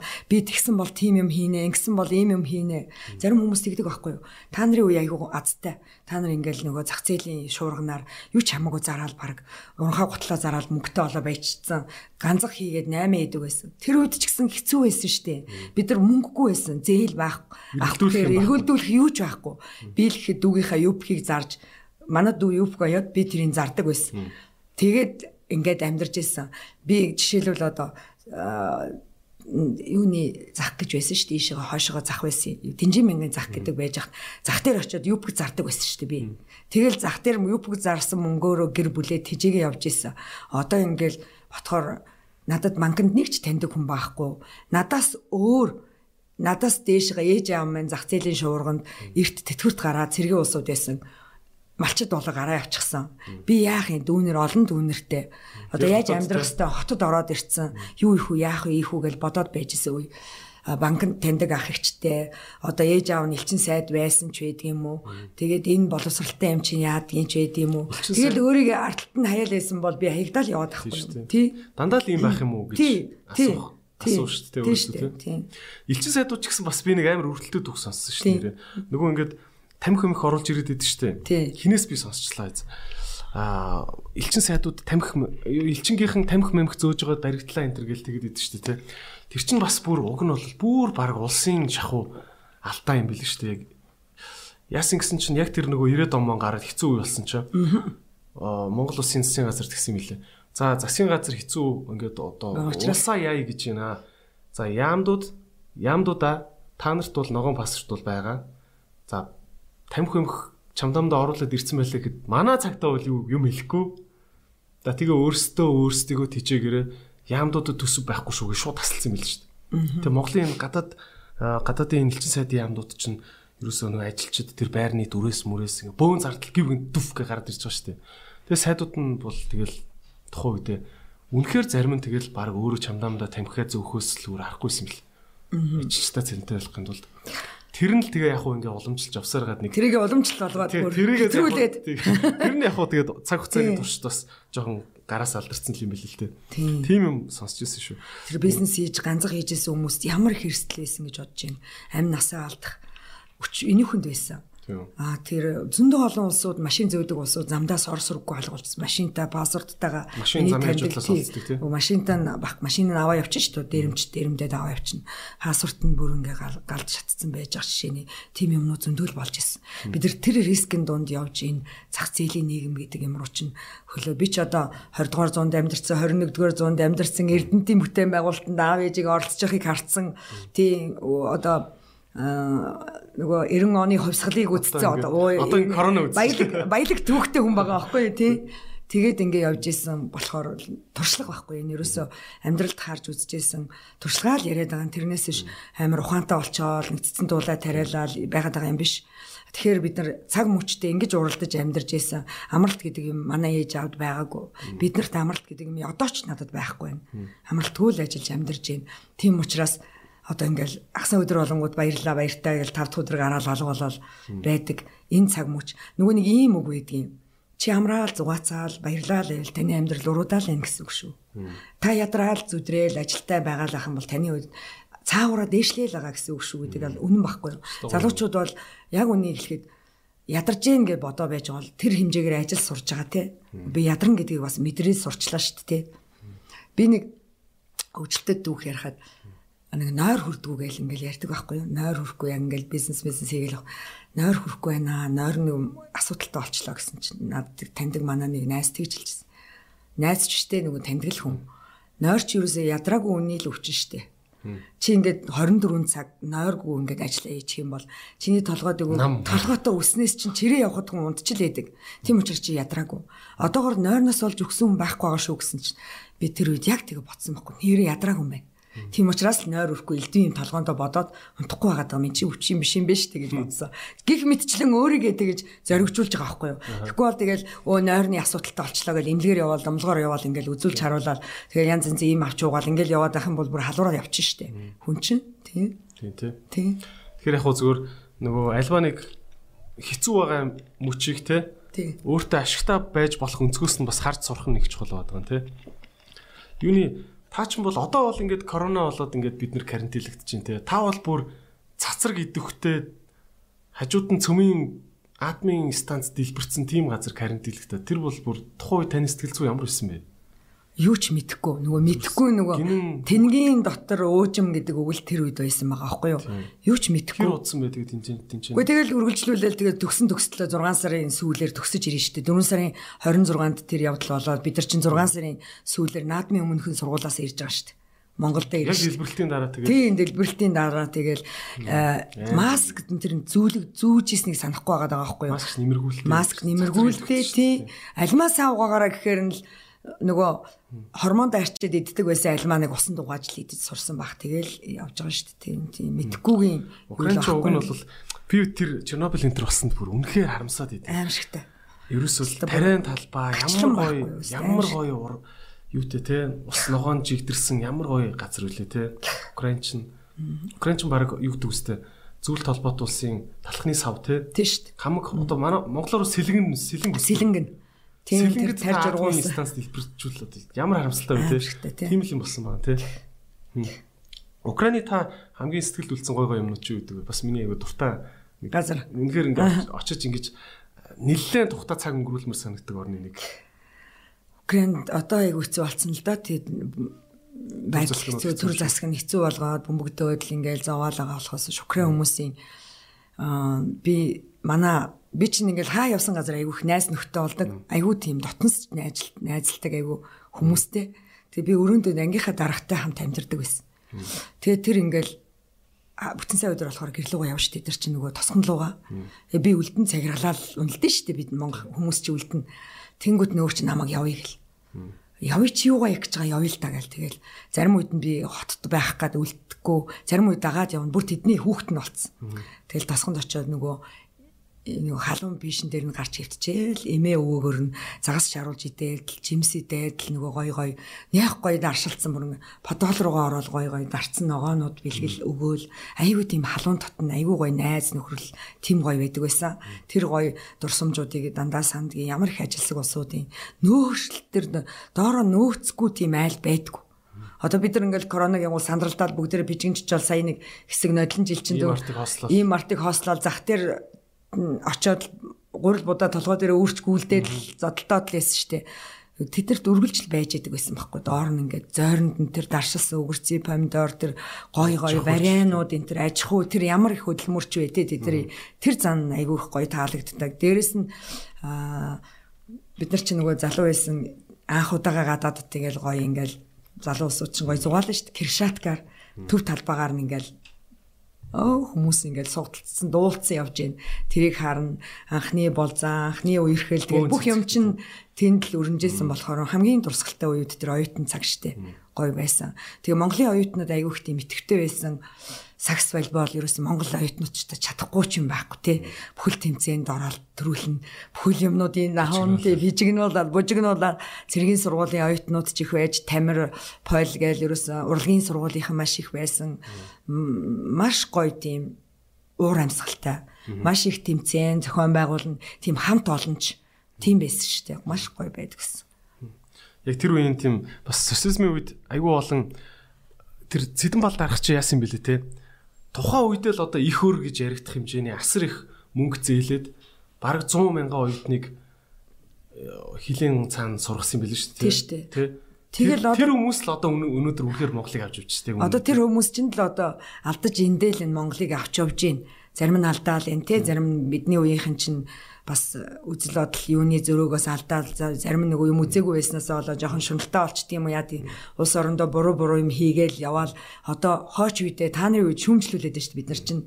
Та нар энийг хийчихгүй яаваа гэд хэлэнгүүт яг л үнэн бодож байгаа хгүй. Нэрэ бидний ээж аа бид нарт яа юу үлдээлээ Өнөөдөр өчнөө төчнөө үйлдвэр заваад ашиглалтанд оруулж үлдээсэн. Би хон сургууль төгсөөд гутлын үйлдвэрт ирэхдээ хөдөлмөрийн баатар болно гэж ирсэн шүү дээ. Гэтэл намайг жил гарan болоод нэг байсан чинь бүгдийг өөрөө дөрөв гадаа хог руу гаргаа их дотор зөөгөөд гаргаа явчихна. Бид нар үйлдвэргүй болцсон шүү дээ. Тэгэл одоо би энэ үйлдвэрийн хажуугаар явахдаа бүр үйлдвэрийн гаргачаад нэг ядаж нэг жоохон аж ахуйч хүн хөвчилж аваад амьдруулаа явцсан бол тийм шүү дээ. Тэр үйлдвэрийг одоо тэр нөгөө Монгол дуулах дурахтны 100 эрхэм дээр дамдангуй ярьж илэн шүү дээ. Тэр халахын голд амиа өрс алдсан хүмүүсийн юунд нөхөөсөнд төлөөсөнд амь насны төлөөсөнд 17 сая доллар Японоос авчираад энэ мөнгөөрөө бид нар энэ энэ үйлдвэрийг барьсан гэж ярьж байгаа байхгүй юу? Тэр барьсан тэр бидний бидний төлөө тусаа урсгасан улсуудаас авчирсан үйлдвэрийг тэр цэдэн балгаа тэр мэдрийн ээж аав нойр хоолгүй ажиллаад тэр үйлдвэрийг босгосон юмыг зүгээр л 90 оны ховсгал гингуудаа ховчлал гэдэг сонин нэрийн доор ямар ч тийм зохион байгуулалтгүй ховчлал зүгээр танилтал мэдээлэлтэй ойрхон байсан гууд нь ховчлаад авчдаг. Ээж аав нь ингээд дандаа тэр мэдээлэлтэй ойрхон байсан усуд том томор нь байшин салбарын биш хүмүүс нь авч जैन дээрэс нь тэр төмөр тэр үйлдвэрлэл манай гутлын үйлдвэр бол гадаадад экспорт нь гутлын төрөйг гаргадаг үйлдвэрийн би чинь э, шалгагч технологич байсан хүн шүү дээ. Тэгээд нойр хоолгүй бид нар би чи хөдөлмөрийн баатар болно такучцсныг э, эхлээд гавшгааш нь болох уу баатар нь бол зүгээр үү гэд загнуулсан. Загнуулаад чи ч одоо дүнгийн сургууль төгсөж ирээд баатар болох талаар яриад ах ингээл тэр нь яг хөтэ нөгөө багасаа л нэг хинхэг байсан хүүхдийн зан тэгэл хурж ирээл ерөөсөө би энэ карьер дээр би яаж яаж өсч дэвчих үү гэхээр баатар болно л гэж ойлгосон байхгүй те. Тэгэл тулаанд амирах гардаг. Тулаа гэдэг нь одоо өглөө буусан хүн ороод гарах жишээний тэрийг хэлээд байгаа байхгүй хүн хүч хүрэлцэхгүйгээ улмаас одоо нөгөө норм өдөр нь өдөр нь хальт нойр аваад буцаад байсан. Нойр аваад 2 цагт шөнийн 2 цагт шөнийн элнээс буучаад өглөө 7:30-д гарч явж исэн үе зөндөө байгаа байхгүй. Тэгж ажилдаг. Тэгж ажиллаж исэн үйлдвэр маань хүүхд гаргачаал хүрээд ирсэн чинь байхгүй байхгүй болсон. Бужигнаал гэдэг бужигнаал би яах юм бэ? Би яах юм бэ гэж дунд нь ингээд эргэлдэл үлдсэн шүү дээ. Тийм тэгээд энэ үйлдвэрүүд ингээд гутлын үйлдвэр чинь Чехийн тусламжаар барьсан. Энэ үйлдвэрүүдийг чинь заавал тусламжаар барьдаг байхгүй юу? говийн үйлдвэрийг чинь Японы тусламжаар бас Эрдэнтийг Оросууд барьж өгсөн. Эрдэнтийг барьж хахад манай цэргийн мянган цэргийг удирдах тэнд барилга барьж хахад би нүдэрэ бүлтийтэл хараад аав минь ерөөсөө шүн нэрж гэрте хондгүй байсныг мэдж байгаа байхгүй. Тийм. Ээж минь шүнжэнгөө дуудлаганд явж өвчтөе зовлонтой хүмүүсээ шархацсан одоо унтсан мунцсан улсуудынхаа гар хөлийг боодог байсныг мэдж байгаа байхгүй юу. Тэгж барьж исэн. Тэгээд Эрдэнтийг хүлээлгэж өгчөөл хот руу манах нүүж орж ирж исэн. Манай аав яг Эрдэнтийн барилгын цэргийн нэгтгэлийн мянган цэргийг удирдах Эрдэнтийг барих үйлсд оролцож исэн. Тийм хүн байгаа. Тийм. Тэр үйл зүгээр нэг юм бужигнсан л нэг үе байсан юм шиг байна. Бужигнсан үе. Бид нар чинь бужигнаал бужигнаал ангуутанд бужигнахал ёстой байна гэж дунд нь ороод бужигнэ штэ. Тэгэл төрийн концерт гээл бид нар чинь аа нөгөө эрдэнэ хүлээж авахд чинь том том төрийн концертууд болоод хүлээж аваад гадаадаас Орос Моросоос зочид ирээл туу цаачлал тэнд дотор чи ард нь илэрхийлэлт өргөцсөн жийж авлаа шүү. Тий. Тий. Тэгэхээр үртэн байгуулалт мундаг байсан. Тэр тэр үйлдвэрлэл хийжсэн он жолууд бол үнэхээр одоо ингээд харахад бид нар үйлдвэрлэлгүйгээр бүтэхгүй боловсруулах үйлдвэрлэлгүйгээр улс орон хөгжихгүй харамсалтай байна. Бүх юмаа хайжэнтэй бид нар бүх юмаа түүхийгээр гаргаж байна. Энтэй холбоотой шүү дээ. Би зүгээр гинт загварын хувцсны нэг хувцас зарж явж ирснийг л нэг үйлдвэр барина гэдэг чинь бас бас хоол шүү дээ тий. Тийм. Та бол баг ингэж өөр замаар явж байгаа буцаж ирж байгаа юм биш үү те ер нь илүү тийм карьерийнхаа амин сүнсэн үү те ерөөсөө л мөрөджсэн хүсэжсэн улс орноо л гой болгоё гэж бас нэг тийм үйлдвэрийг бас яаж харж болохгүй юм шиг байна те. Оо юу ч үйлдвэрлсэн гэсэн хятад тэрнээс ч 10 дахин амтхан үйлдвэр чинь. Тэгэхээр Монгол юу ч үйлдвэрлээ хэрэггүй гэдэг сэтгэлгээ бас дэм юм шиг байна те. Нэг боловсруулах үйлдвэрүүдэд барих. Тийм боловсруулах үйлдвэрлэл дээр бол анхаарах ёстой шүү дээ. Ягаад гэвэл энэ хаягдаад байгаа юмнуудаа боловсруулж авах хэрэгтэй. Түүхийгээр нь гаргахаар хямдхан байна гэдэг байгаа нь зөв. Аа бид нар өнөөдөр хувцсны үйлдвэр хийгээд бол бид нар хүн даавгаа ямар тариалах биш бас леттаас ч юм уу хаанаас ч оруулж ирнэ.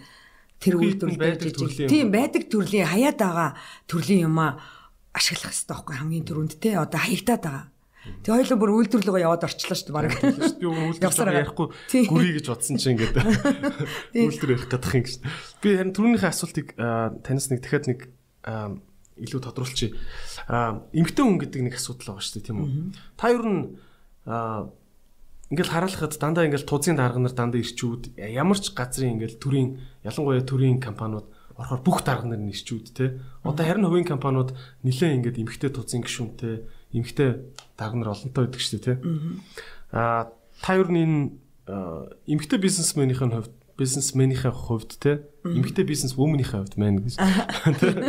За хэлний алдаа гаргаж байна. Аа тань танд одоо юу гэдэг чинь даваа тэг хэцүү байсан зүйл байсан уу эмгтэн бизнес хийхээр нэг мэдгүй шүү дээ. Ирчүүч бас яг үндэ нэг эмгтэжүүдийнхаа эсрэг байгаад байгаа юм бас байхгүй шүү дээ. Гэхдээ зүгээр мэддгүү болохоор бас нэг юм эмгтэжүүдэд хэцүү байт юм шүү бизнес ялангуяа ингэ хийгээд дэшээ гараад Тийм бизнес яхаар хамгийн эхлээд нөгөө нөхөн өрчхийн асуудал яригдэн тий.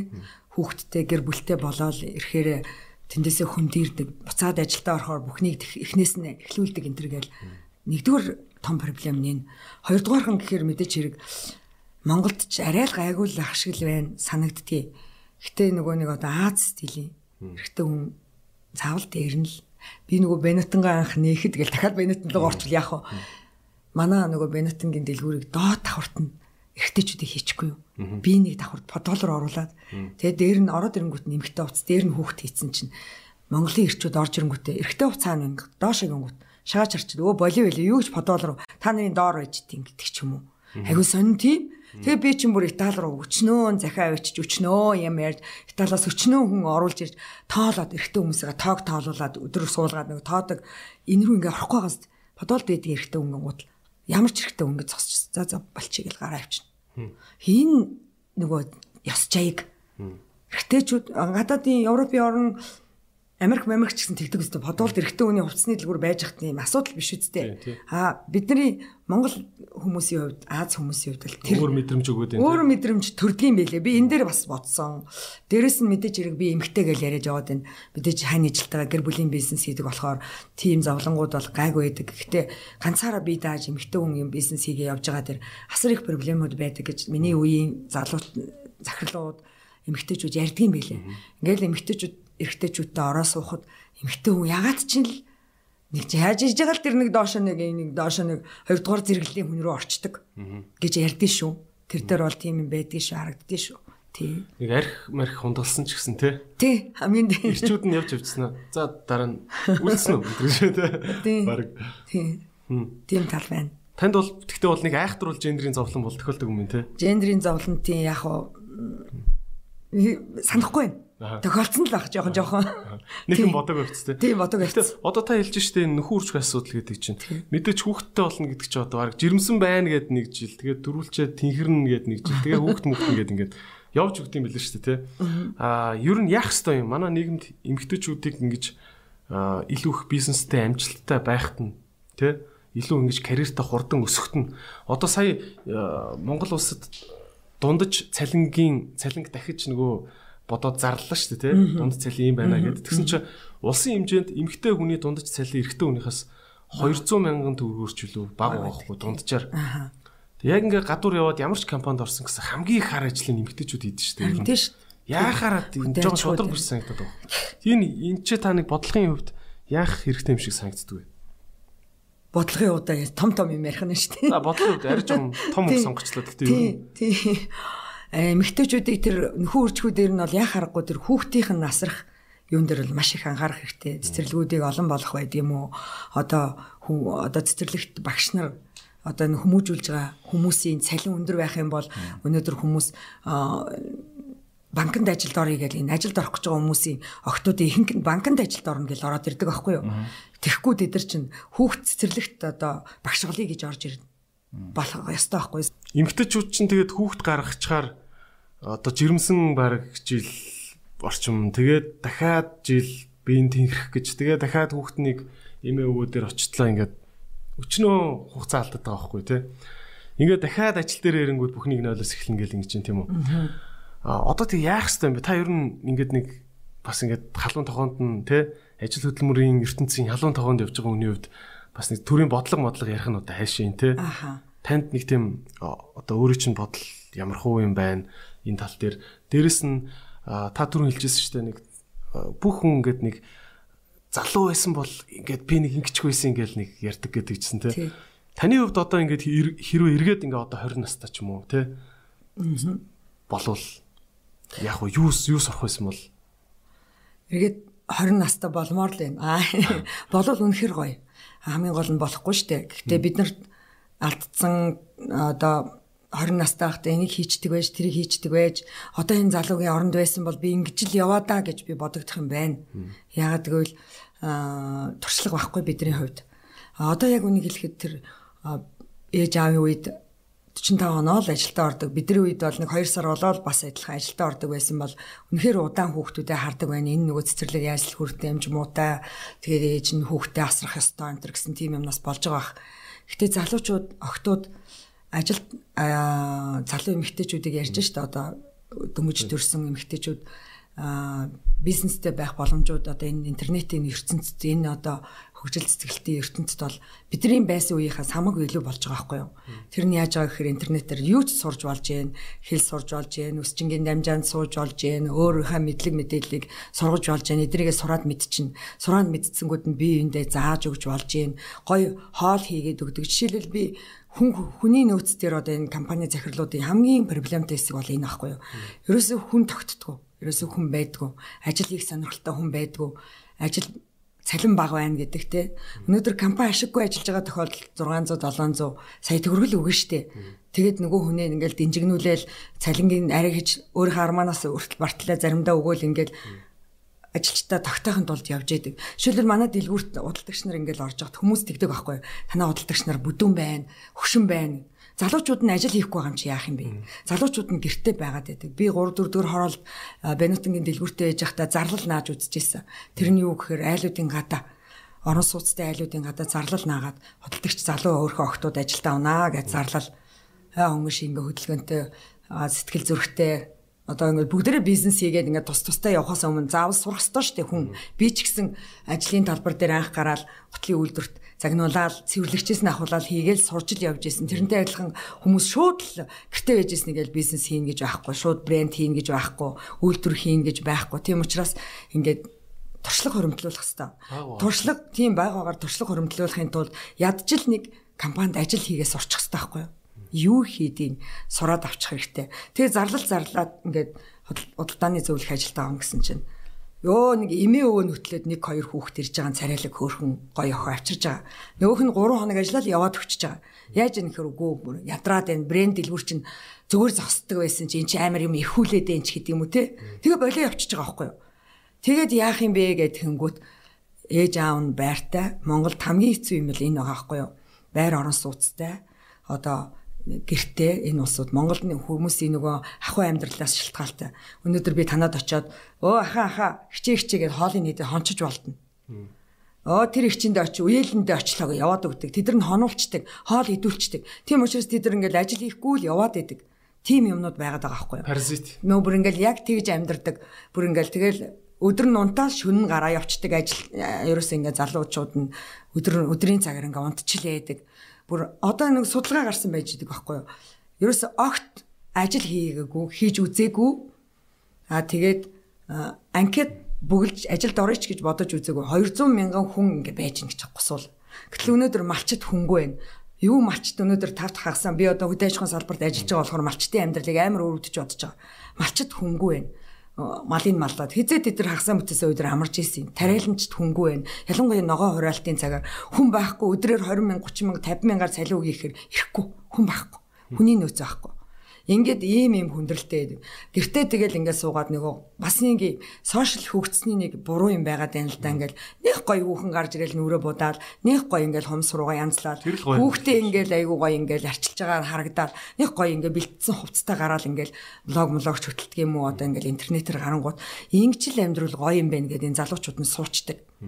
А тэгээд бидний үеийнх нь одоо хүмүүс надад жоохон дургу болох байхдаа намайг тэгээ хэлэхээр бидний үеийн эмээ болцсон ээж эмэгтэйчүүд нь болохоор ерөөсөө бүжиг танц бясалгал йог гэгэрлээ гэж яваад өчтдөг.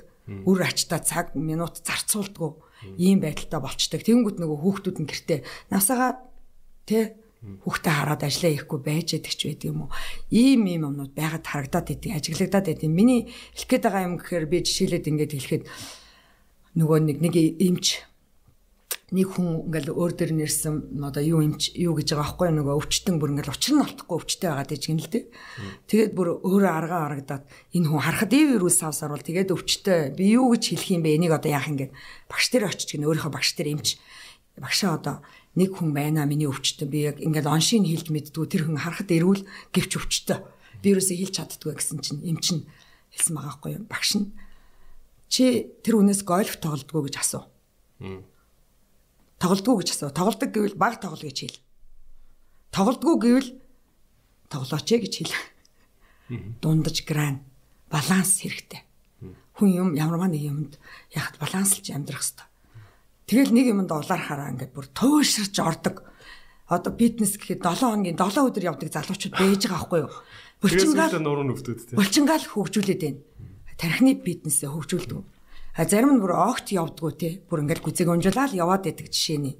Энэ энэ төр чинь л нөгөө балансыг барьж амьдрч чадахгүй байгаагийн л юу байх л гэж харддаг штэ. Хүүхдүүдтэй ч гэсэн би зөвлөдөг байхгүй юу. Хөөе ингээд дундажлж яв. Төрүүлж таквач хэрэггүй, хоцроод ч хэрэггүй гол энэ олж дундажлж альва юмд ингэж яваач. Ажил хийхдээ ч гэсэн ингэж юм хийгээч сураач л гэж хэлдэг. Залуучууд яг ажил хийх ямар ч тийм хүсэлгүй болоод болоод байгаа нь Тэгээ ажил хийхээр амар голж голж голж хилээд шилээд байгаа нь. Тэгсэн бүртлөө бөөн үр зээл тавиа явууч болоод байгаа нь тэр нь л айгүй эвгүй байна л да тий. Тэгээ ялангуяа одоо сая эрдэнэ төлөвчдийн сонгуул боллоо 25-аас доош насны залуучуудын ирцүүл баг очихгүй. Хин ч ирээгүй гэж хэлэхэр байлаа шүү дээ тий. Тэг яа энэ яагаад та яагаад гэж бодож байна? Яавал одоо тэгээд залуучууд сэрх юм бол юу гэж бодож байна? Тийм сонгуул бидний үед дээр ч гэсэн бид нар ч гэсэн алдчихсан 25 6 таад ээж аваараа өглөөлн дуулуулн сонгол өгжсэн үе байсан. Тэр үе бол өөр бид нар очисон ч очоогүй ч угаасаа нэг нь амнал гардаг байсан үе. Хагтал бид нар өнөөдөр сонгуультай яваагүйгээс бидний амьдрал нөлөөлнө гэдгийг одоо ойлгохоор хуулж сурталчилгаа хийж штэ тий. Радио, телевиз үзэг харах юмнаас зөндөөл байж гэн. Тийм болохоор залуучууд бол тэр сонгуультай оролцож явах л ёстой юм байгаа болно бид нар дараа нь ингээд толгоогоо ураал өө энийг сонгодог буруу штэ гэдэг биш. Өөрснөө оролцож залуучууд огтоо төвгүүд нь сайн анхаарч оролцох хэрэгтэй байна. Эсвэл нэг яг яг би би зөв миний л нэг оншилттой одоо тий. Аа залуучууд саналаа өгөхөд тэр нь ер нь бол баг баг дараа жил нь гихтэл орцных нь үүднийх нь одоо нүх бүглэгдэх хэмжээнд нөлөөж болно гэдэгт нэг л итгэхгүй байгаа мó те. Тэрэнд итгэх хэрэгтэй. Эсвэл нөгөө та хэллээ шүү дээ. Чи ядарч байна гэдэг чи амьдрал чинь цаагаараа дээшилж байна гэдэг шиг нэг юм. Цаана одоо улс их орон хэцүү байгаа юм шиг байгаад байгаа боловч чи үг нь оролцоо л эвгүй тэр чин цаагаараа ингээд дээшлэнэ гэдгийг нэг л тэрэнд ингээд итгэж өгөхгүй байгаа мó гэж бодоод идэх байхгүй. Тэгээд энэ нөгөө Итгэл бас хэрэгтэй байна тийм. Итгэл хэрэгтэй. Дээрэс нь бидний би 8 дугаар анги 9 дугаар ангид байж хахад нөгөө ургац сураалтанд явдаг байсан байхгүй юу? Хаврын ургац сураалт биш хаврын ургац тариалтын төмсийг ялзарсан төмсийг ялгадаг юмд явуулдаг гэсэн байхгүй юу. Тэр нь ингээд бүр ингээд 4 сарын сүүлээр цас орсон байхад ингээд бүх сургуулаараа ингээд нөгөө ийм юу татцсан юунд ингээд амьдраад гадаа ийм юунд амьдраад одоо наар засцсан. Тэгэл тэрэнд явах чинь үнэн аз жаргалтай бид нар ч өстой нэрэ хамаг чамдаандаа ээж ааваа өгсөн боб борцгийг хийж аваад өстой хамаг гоё бүжгэнд орно гэж бүжгний пэгүүж мэгүүж авч яваал ингээл тэр юунд хаврын тэр тариа одоо тариалт болохын өмнө малчтай юунд тариаланчдад зориулаад нөгөө ялзарсан төмнийсийг ялгаж нөгөө жижиг жижигээр нь ялгаж өгөхийн тулд явж туслахаар. Тэр хөдөлмөр хүнийг бий болгоно гэдэг шиг тэр үед орсноороо бид нар тэгэл 20 кг төмс өргөж явж байхдаа ялгаж байж байхдаа тэр амар үнэртэй зойронд орж явж байхдаа мэдэрсэн байхгүй юу? Хөө бурхан минь энэ зойрон тэ бидний хоол хүнс ингэж бүтдгийм байж тээ төмсний хальсыг арилгаж явахдаа бид нар одоо боддог болцсон Энд чи амар хөдөлмөрөөр бүтэж энэ энэ над дээр гэж. Бид нар мөнгөөрөө хэдийг худалдаад авдаг ч гэсэн цаана насар их хөдөлмөрийн үр шимээр энэ юм бүтдэг ингээд. Энийг ерөөс багаас нь хөдөлмөрийг ойлгуулахгүй байгаантай би уйлдаж бодоод идэг аахгүй юу. Мөлчлөө барьлаа, яалаа, таалаа гэд. Ялангуяа оюутнуудыг 10 11 сард ингээд оюутнуудыг ингээд хичээл цугларчдаг 10 сард тэнгууд яг энэ үед нь төмсөө урааж, тариагаа урааж, малчд тариаланчд хөнгүү болчдаг. Бүр үгээ хэлээд бүр ингээд арган тасраад бүр ингээд бүр нойргүй хоноод эдэр нэг хідэн одоо ингээл ийм артын үүдэн дээр энэ төр ногоогоо зарж байгаа хүмүүсийн хурууг ингээл харахаар ингээл битүү ингээл шороо олцсон. Тэгэл өдөр нь ногоогоо очиж хураачаал. Тэ ороо нь хурж ирээл нөгөөхөө манч хоноол ээлжлээл ингээл агоо нөхөр хоёр хүүхдтэйгээ ингээл явж байгаа хүмүүсийг харахаар би очиод тэднээс ногоо бөөндөж авч явахдаа боддөг байхгүй. Бид нар оюутнууд гэж хичнээн мянган сургуультай болсон юм бэ? Монгол улс тий энийг нэг ямар нэг социализмын суртал ухаалга хийгээл нэг баг хүмүүсийн хөдөлмөрийг мөлчих гээд биш. Энэ хөдөлмөр хүнийг бий болгодог байхгүй юу? Би тэгж боддتي. Ягаад гэвэл би жоохондоо өсөж үзээгүй бол би өөрөө өсөөгүй бол өсөж байгаа хүнийг хизээч ойлгохгүй байхгүй. Би хөдөлмөрийн хүнд хөдөлмөр энэ гайгүй хөдөлмөр энэ нь юу гэдгийг би өөрөө мэдрээгүй бол хизээч тэрийг мэдрэхгүй л байхгүй юу. Бид нар чи яг л ингээл одоо ингээл одоо сүүлийн үеийн хүүхдүүд бол ялангуяа ингээл Рус ээж аав нь юунд ч хүрэхгүй ингээл бөөцөөлөл мөмрүүлэл тэгэл хүүхдүүд нь буруулж би ач зээдэрээ ч гэсэн боддгийг айлын хүүхдүүдийг буруу хүмүүжүүлчих вэ. Дараа нь ингээд манай эмээ өвөө нь ингэчлээ гэж бодох уу гэж одоод боддог байхгүй. Хөдөлмөрийн үн цэнийг багаас нь мэдрүүлнэ. Заавал ингээл хүнд юм өргүүлэхтэй гол нь шүү дээ. Энэ хүн ядарч байгаа шүү. Энэ хүн бусдыг бодох сэтгэлтэй болох. Төр чинь айгу чухал. Би тэр ногоо тариалтанда бид нар сайн нөгөө бордоогоор далимдуулаад нэг ногоо хураасан ч юм Яста бүр үнгээ хэлж байна тэр тариаланч тэгээ хөлт чинь. Шүн ингээд арай хийж нөгөө ямби трактор нь ингээд юу ин гаргаад өчт юм ээ өдөр нар гарч яхад нөгөө төмсийг гаргаад өчөж байгаа байхгүй юу? Тэгээд нөгөө талбайн ногоог гаргаж өгөхгүй яваад өгч байгаа нөгөө трактор нь тэгээ эвдрээ зогс чинь тэндэ тэнгүүт нөгөөх нь шүн ингээд хүн хүч хөрөлцөхгүй 7 8 хүн ингээд нөгөө түүж байгаа ш тэр тэнгүүт өглөө эрэхтэн төмснүүд нь бүгд хөлтөө бүгд хөлт чинь хүн хүч амар хэрэгтэй. Гэтэл яах вэ гэж гэрэл зүгээр суугаад байдаг.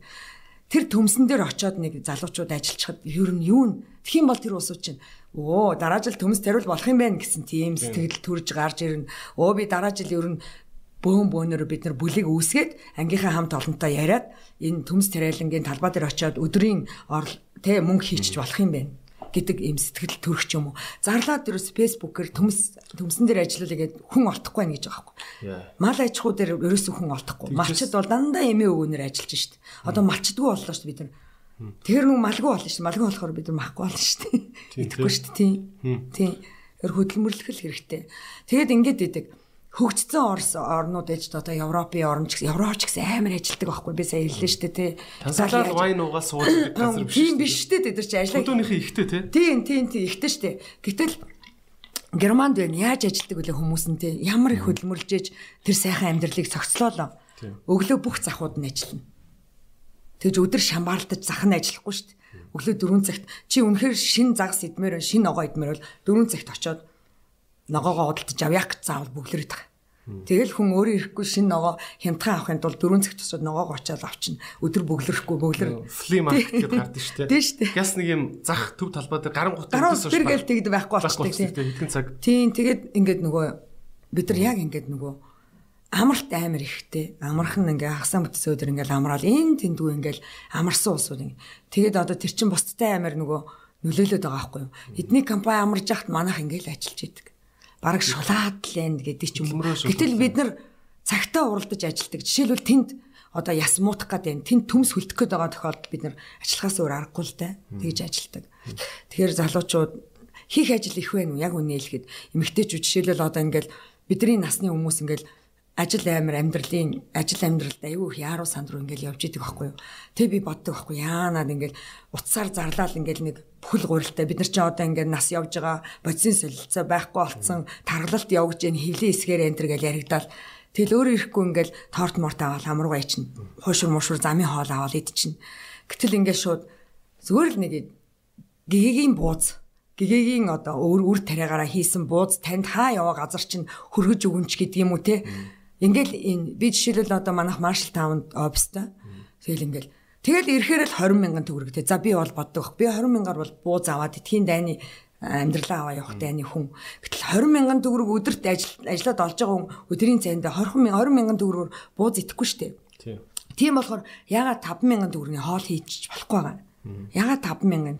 Гэтэл тэр эмээлт зах дээр чинь гиз толгой цувдаг бүр хаяал энэ хаяал энэ хүн хүч хөрөлцөхгүй гин улмаас арилгаж чадахгүй хідэн настай эмэгтэйчүүд арилгаж ш тэрийг хүрлцэхгүй улмаас ингээд муутгаад хаяал хог руу төрж жалга руу булаал юм. Би чинь тэрийг боловсруулж байгаа болохоор мэдж байгаа. Монголчууд турж өгөх өсөөгөл юм байна да. Энийг бол түүж идэх хүн алгал байна да гэж хүн хүч хөрөлцөхгүй. Би тэрийг аваад арилгаад бууц хийгээд хүн заалтаа нь биш. Одоо юуны мал гаргаад бүх тэр гиз дотрын шууд газар болчтой юм. Газар болно дээ. Хүн хүчгийн хүрлцээ ажиллах хүчгүйгээс болол хайж байгаа дээ. Тий. Тэр бол өндөө бүр асуудалтай. Тэгээд ингээл хоол ядаж гоё хийдэг хүн гоё хоол хий. Бүгдээрээ ямар ингээл гадаад хэл сураал те бүгдээрээ брэнд ажиллуулаад бүгдээрээ үйлдвэр ажиллуулаад бүгдээрээ загвар өмсгч болоод бүгдээрээ гинт зохиолч болоод суухгүйгаас хойш энэ дэлхий дээр чинь 7000 гэлөө 70000 гэлөө мэрэгжил байгаа. Тэрнээс аль нэг нь өөртөө таалагдсан, өөртөө эрэхтэй боломжтой. Тэр цэцэрлэг яашлын хөх түрүү нөгөө эмгтээчүүдийн үүрэг оройл гэдэг дээр ийм одоо жишээлбэл совилогч нарыг үнгүй сургадаг болсон бол одоо цэцэрлэгийн багш нарыг дуу хөгжмийн багш нарыг хүүхдтэй ажилдаг хүмүүсийг үнгүй сургах хэрэгтэй байхгүй юу. Тийм бол ингээд гэртээ сууж байгаа хүмүүс ч очиж сурна. Хүүхдэд хайрлах сэтэл төрөх гэдэг. Сэтэл төрнө. Тэнгүүд гэр бүлэрээ одоо жишээлбэл хүүхдтэй гурван найз байлагч нэг хөөрхөн жижигхэн гэр цэцэрлэг ажиллаулаад тэгээ тэрийг одоо тэр янз янзын зөвшөөрлөн танил талаараа олддггүй юм бол тэрийг хөөцөлдөх юм бол олоод тэр гурван найз ингээд хүүхдүүдэд авчхаар хүүхдүүдэд өдөр хөнжүүлэх явуулъя. Хүүхдүүдэд дөө тий хуршийнхнийхаа бодис бодисоор орин оринорооч байдаг юм уу тэгж одоо яг ажиллаа зөндөө байхгүй. Би хэрвээ 20 настай байсан бол эндээс эхэлнэ. Яг дуучлаар яана. Би хэрвээ 20 настай байсан бол эндээс эхэлнэ гэж боддог байхгүй. Яг хүүхдийн хүмүүжлээс. Одоо бид нар нөгөө хүүхдийг хүмүүжүүлнэ ш хүүхдийг өөрснөө үлгэрлэж өсгөн штэ. Тэрнээс чидэг гэ рокаск бариад явж идэг цаг биш. Тэгэхээр хүүхдтэй юм зааж өг сургах хамтд нь ингээд хийж сургах ч гэдэм үү. Хөөхөн хүүхдтэй баримлын шавраар юм хийж өг. Хөөхөн жижиг жижигхэн театржилсан тоглолтууд хүүхдүүдийг аз жаргалтай байлгахтал сурах. Хүүхэд хүүхэд гэдэг чинь өөрөө айгүй том юу шүү дээ тий. Одоо нийгмийн маш том хэсэг, маш их ажил шаарддаг хэсэг баа шүү дээ тий. Энэ дээр бол одоо ингээд жоохон толгоогоо ажилуулад хичээх юм бол бас асар их ажлын байрны боломж байгаа л бах тий.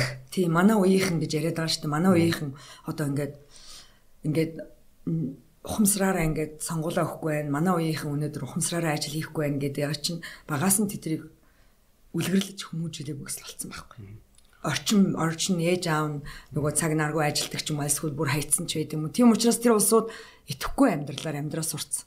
Ээж аав нь итгэвтэй сонгуулаа өгөх ёстой, шүдэ угаах ёстой, юма байранд нь тавьчих. Тэгээд ингээд найз нөхдөд аз жаргалтай тоглох та нарын энэ мүч хүүхэд нас айгүй жижигхэн богинохон ч гэдэг юм хэлээд өгцөн бол тэр хүмүүс чинь одоо итгэвтэй өр хүүхдийнхаа төлөө бас итгэвтэй явна штэ. Энэ бол юунаас ахгүй юу? Хүмүүжил хүмүүжил гэдэг нь орчин орчин хүмүүжил гэхээр хүмүүжүүлэх юм яриад байдیں۔ Зааж заавал зааж зааж биш үзүүлэх ээж аав нь үзүүлэх.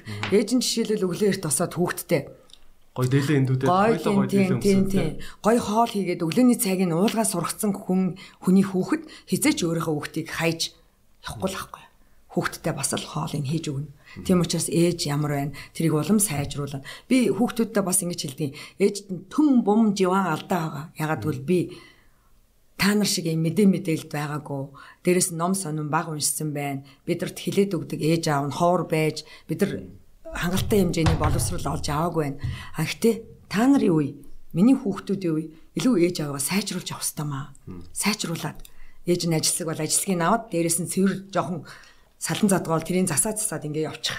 Тэгээ явах хэрэгтэй маа. Тэгэхгүй авчаа за манай аав ээж тийм байт юм би тийм байна гэд ингээ яваад ээж болохгүй. Гэтэ бидэрт алдаа зөндөө байгаа учраас бидний л хүм одоо өөрснийх нь алдаа байхгүй одоо хүүхдүүд маань сонгуульд ирэхгүй байх гэдэг бол тийм манай хүү бол энэ жил хоёр сонгуулийг хоёулангийн өгсөн 18 таа. Надар өөр уцсан. Арай ороо болж байгаа юм шүү ээжээ. Тий. Та тэгэхээр бас сайн сайн яасан мэн те. Ер нь юу л юм бэ те? Би сая нэг ийм юм амьдралын сургаал ойлгож авлаа. Танаас сургаалч гэж те. Одоо амьдралын нэг юм ноу хав юм уу? Хүн хүн угаасаа ерөөхдөө л идэхгүй амьдраа сурцсан байвал ямар нэг юмд идэх гарах гарах багтал нь багл юм байна те. Тэгэхээр одоо жишээ нь залуучууд улс төр сонирхгүй байгаад байгаадаа биш. Улс юу нэ улсынхаа энэ аж амьдралд оролцсомооргүй байгаад байгаадаа биш. Зүгээр л ерөөхдөө өөр бусад юмнуудад ч ихсэн адилхан идэхгүй хандаад тэр нэг юм гүн дадал болцсон байгаа юм шиг байна те. Тий. Эвэл тэгж л бодоод байгаа шүү дээ. Тий. Тийм хөдөлмөрийг амтлах яг хөдөлмөр ингээд идэвхтэй байдал энэ төр гэдэг ингээд өөр өөрөөр нэрлээл юм л да тий.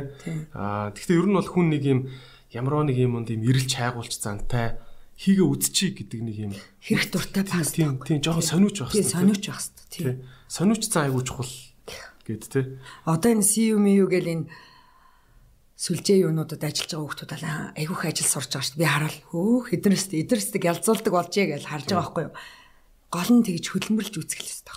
Гадны брэнд Монголыг орж ирж шулж ийн гэл тийм үдээр нь хараад баг наана битээ очиж ажил гэх нь холгүй хүмүүс бас их шүү дээ. Надад бол эсрэгээр өстө Зөндөө юм сургаж их сургуулийн хийхгүй байгаа ямиг энэ CEO өөрхий хийж байгаа Тийм шүү дээ. Бенетон ч Circle гэсэн- K. Тийм, хоёр дээ. анх орж ирэхэд ч ийм гэсэн арт энэ төр те хийж байгаа шүү.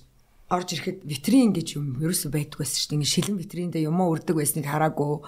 Өнгө өнгөөр нь хувцсыг ингэж улирал улираар нь үлгдэг байсныг хараагүй.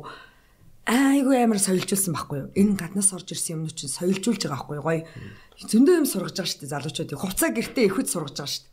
Сурвачгийн цам цумцыг манай ажилчлаа одоо ингээл янзын тасархаа нь штэ. Би бод төө танаа нөхөр бөөн аз жаргал юмаа гэж бэлдэг байхгүй. Ягаад гэвэл ингэж ихэд сурна гэж жимбэлэгдэн штэ тэд нар.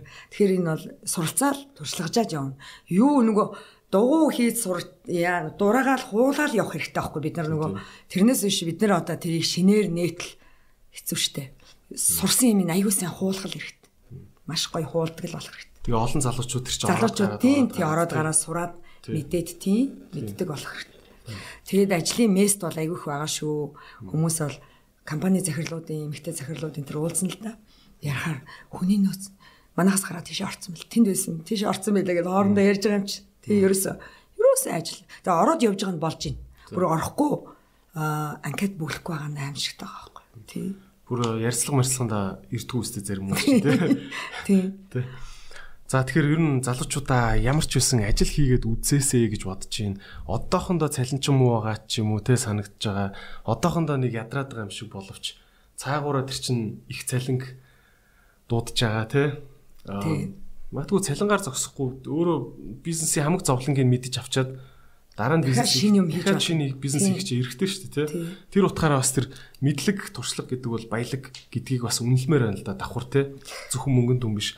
А за одоо ёстой харин таны ясны үйлдвэр, махны За үйлдвэрийг наад чи бүр амар Бит хоёрын цаг бүр явж өглөө. Аа та ямар үйлдвэр барьсан юм бэ те? Ямар хүү хүчин чадалтай юм? Юу юу тэр үйлдвэр дотор болдгийг? Яадаг үйлдвэр та барьч уу? Хэдэн жил болж юм? Багцаар нь хариулаач. Ямар технологийн? Хааны? Одоо байгууллагадад үйлдвэр маань 2 жил болж байна. Эмээлтэд аа ясны үйлдвэр. Хүмүүс ясны л гэж хэлээд байгаа манайх уул нь ясны тэгээ дайвар бүтээгдэхүүний үйлдвэр байгаа байхгүй юу? Энийг үрээ тижэл хийдэг. Хоногт 100 тонн бүтээгдэхүүн боловсруулна. Энэ Итали технологи. Угаасаа монголч нөгөө технологи байхгүй, мөнгө байхгүй, ажиллах хүч байхгүй. Ийм гурван хүндрэл байгаа штэ. Тэгэхээр би ямар ч хэсэ одоо Итали технологи оруулж ирлээ. Ягаад Итали гэхээр би нэг Италитай холбоотой байсан учраас Итали нь илүү тэд нар чи яаж игээл эвтэхник учрыг олцдог. А тийм учраас Итали үйлдвэр оруулж ирсэн. Энэ үйлдвэрийг өөрөө байгуулахтаа ч гэсэн их сонин дүүхтэй байгуулсан юм. Манай нөхөр ингээл байнга нөгөө идшээ юунаас очиж хонь моно ингээл ачцээдээ ингээл баг зовоогүй амтны малаар ингээл очиод гараар гараар гараар гаргуулаад авна гэл имэйлт рүү явд. Имэйлт гэдэг газар мэдтгүү байж хат имэйлт рүү явж байгаа байхгүй юу? Өөр хаан зам дээр үү? Тэгээ өөр хангаан зам дээр одоо эн чинь ойрхон штэ. Тэгээ гараад Худлаа удаг явдаг зам дээр зам. Яг тийм наан тийм хөдөлгөөгийн наах нь. Тэгэд очиод ингээд хонь гаргуулсан хоньнууд ингээд тэрэн дээр төрөө гүйчичээд энэ хоньыг гээ гаргуулад нөгөө ч хэсэг газ мас гаргаал тэгэл гиз толгойг нь хуйхалгуу яах вэ ихүүгээ ширмэрийг өгдөг байхгүй юу. Тэгэл хүлээгээд байжсэн чи цаг хугацаа нилээн одоо нөгөө гидсийн арилгуул нь толгойг нь яана гингут манай нөхөр нөгөөх нь хөөцөлт явцсан. Би машин дотор ингээд уцаараа оролдоо сууж ирснийг гарч харъя. Ингээл явсан чи тэр бүр дүүрэн ачааны том урт урт шалаанцтай адуунууд тэмээ хүртэл байж байгаа байхгүй. Тэгэл очиод хэрэг дурлаад нөгөө хонь гарах га хонь хашцсан хашаан дотор нь очиод тэнд чинь зөндөө хүмүүс юм яриа зогсож байгаа юм чинь гидсний гидсийн харилгуул хүн байна уу гэл нэг байхаар нь яриад Оо ингээл хүмүүс ингээл хурж ирэл заагаал аваа авчдаг юм уу те энд гээл гисэн чи тийм л гэж байна. Тэгээд энэ олон малуудыг одоо энэ энэ адуу мада хайчих гэж байгаа ингээл асуулаа. Гэсэн чи одоо нядлгаар орж штеп. Тийм үү? Нядлага байд юм уу те? Тийм тэр чи ерөөсөө эмэлт чи ерөөсөө нөгөө 15 аймагаас орж ирж байгаа нядлгааны төв чинь тэнд байдаг аахгүй юу? Нэг юм том бетонын цагаан хашаал байдаг санаад. Оо янз янз. Бүр одоо зөндөө олон Олон олон ашиг байдаг Одоо маш олон болцсон. Тэгээд энэ дэр нядалгаа явагддаг юм аа.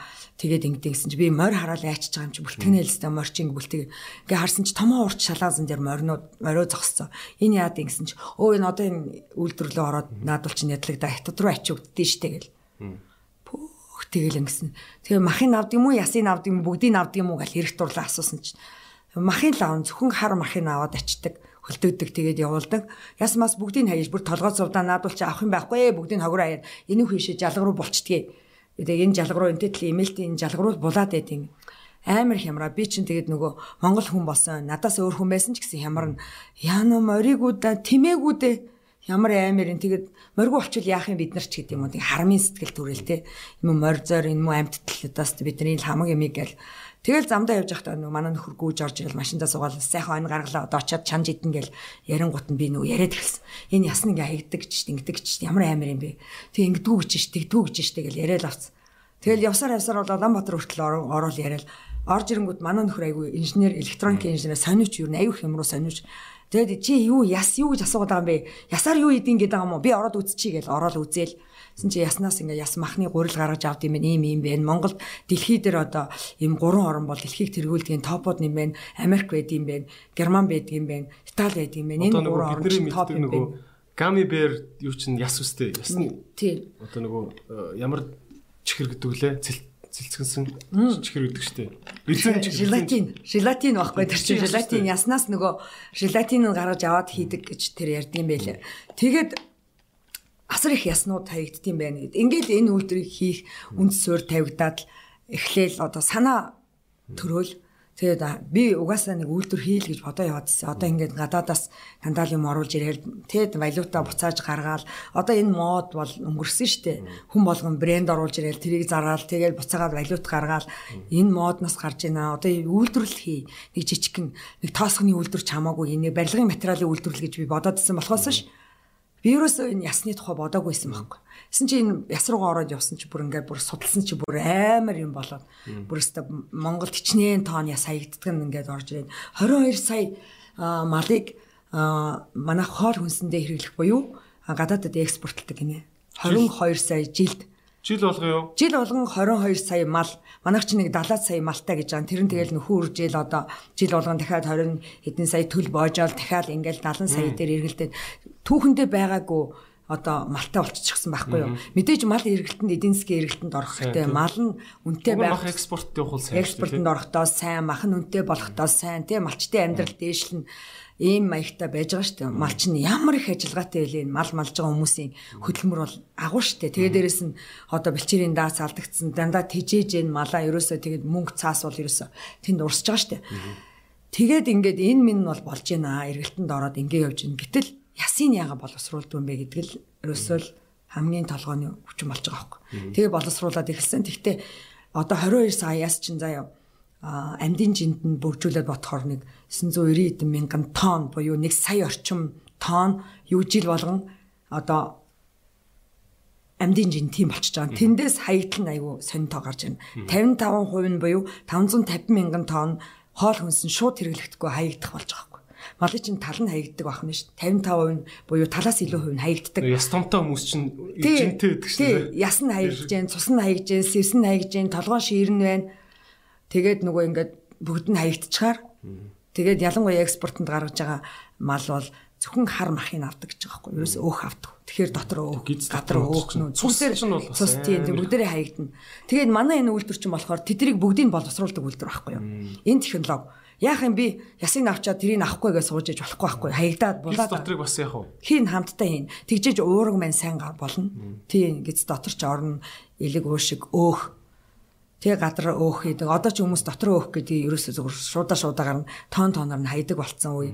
Тэгээ тэр 550 мянган тонн жилд хаягдж байгаа юуны хэдэн портер гэсэн үг юм бэ? 550 мянган нэг тоноор бодох юм бол 550 мянган тонн ширхэг Портер Портер хог хаягдж байна. Энэ Тэнгүүтээ эн чин дээрэс нь энэ дээр болоогүй шээ нэмэгдээд нөгөө жил болгон зүү ус хорогдол гэж явж байгаа байхгүй юу? Гоц халдвартай өвчнөр буюу хөлдөж буюу машин дайруулж буюу өгч байгаа малынхан тоо 1.1 сая Тэрнээс гарсан нэг 50 мянга орчим тонн нэмэгдэнгүүт ингээд 600 мянган тонн хог хаягдал гарч байна.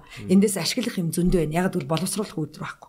Боловсруулах үйлдвэр байх юм бол гидсийг боловсруулдаг, арилгадаг, дамжлагтай, шиирийг боловсруулдаг ингээд дамжлагууд гарч ирэх нь байна. Гэтэл тийм үйлдвэрүүд байхгүй учраас шууд хаягдана хүн хүч. Хитэн хитэн ихснэр тэнд ингээд хуухлах. Хөөргийн хуухлах дийлэхгүй. Тэр хуухлах чинь ямар аимшигтай.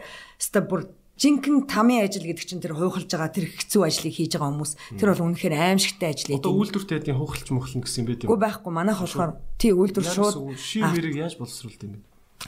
а амар том машин ингээл эвдээд оруулцдаг байхгүй юу? Эргээл тийм бутлаад оруулчихна гэсэн үг. А тэгээд хамгийн гол нь а тэр чин тэгж хаягдаад хаягдаад би яахгүй байлаа гэхэд нэг хиттийн ганц хоёр нэг одоо сүүлийн үед намайг байгуулагдсанаас хойш овоо хэдэн ясны үйлдвэр гэж орж ирсэн байлээ. За тэр Италийн үйлдвэрт яс өгөхгүйгээр надтай яс булаатах маягийн хүмүүс гарч ир. Би элдийн тэдний эцдүүдэд Монголын яс биднийг чи биднийг дуус барж идэхгүй. 600 мянгаад ийм тонн хог хаягдал унжийн. Тэгэхээр зүгээр эвтэйхэн шиг айтаахан шиг тус тустай өөрөө өөрийнхөө технологиор юм хийгэрээ. А тэд нар болохоор шатаадаг үйлдвэрүүд аявих ороод ирсэн Монголд. Тэр шатаадаг үйлдвэрүүд чинь бас аюултай шүү дээ. А барууны орнуудад бол тэр чинь бол бүр зөвшөөрдөг. А хятадаас маш олон үйлдвэрүүд хөөгдөж байгаа шүү дээ тэр үйлдвэрээр. Шатаж шатаж. Тэр чинь одоо нөгөө юм мод хэрэгэлдэм юм шиг үлээ шааза мааз хийхт. Тийм тэр ер нь шатаан гэдэг чинь ер нь л тийм технологиуд нь л өөр л аахгүй юу. Манайх бол чандаг. Итали технологи чандаг үйлдвэр. А тэгээд хамгийн гол нь манайх одоо гурван зэрэглэлтэй евро стандартаар бол гурван зэрэглэлтэй гэм билээ. Нэгдүгээрх нь ингээд малыг чи ингээд ялгцсан. Нэгдүгээрх нь ингээд гоц халдварт өвчнөөр ингээд өнгөрцөн. Тэр малыг устгалд оруулдаг үйлдвэр гэж тустай. Би бол тэрийг аваагүй. Тэр үйлдвэрийг аваагүй.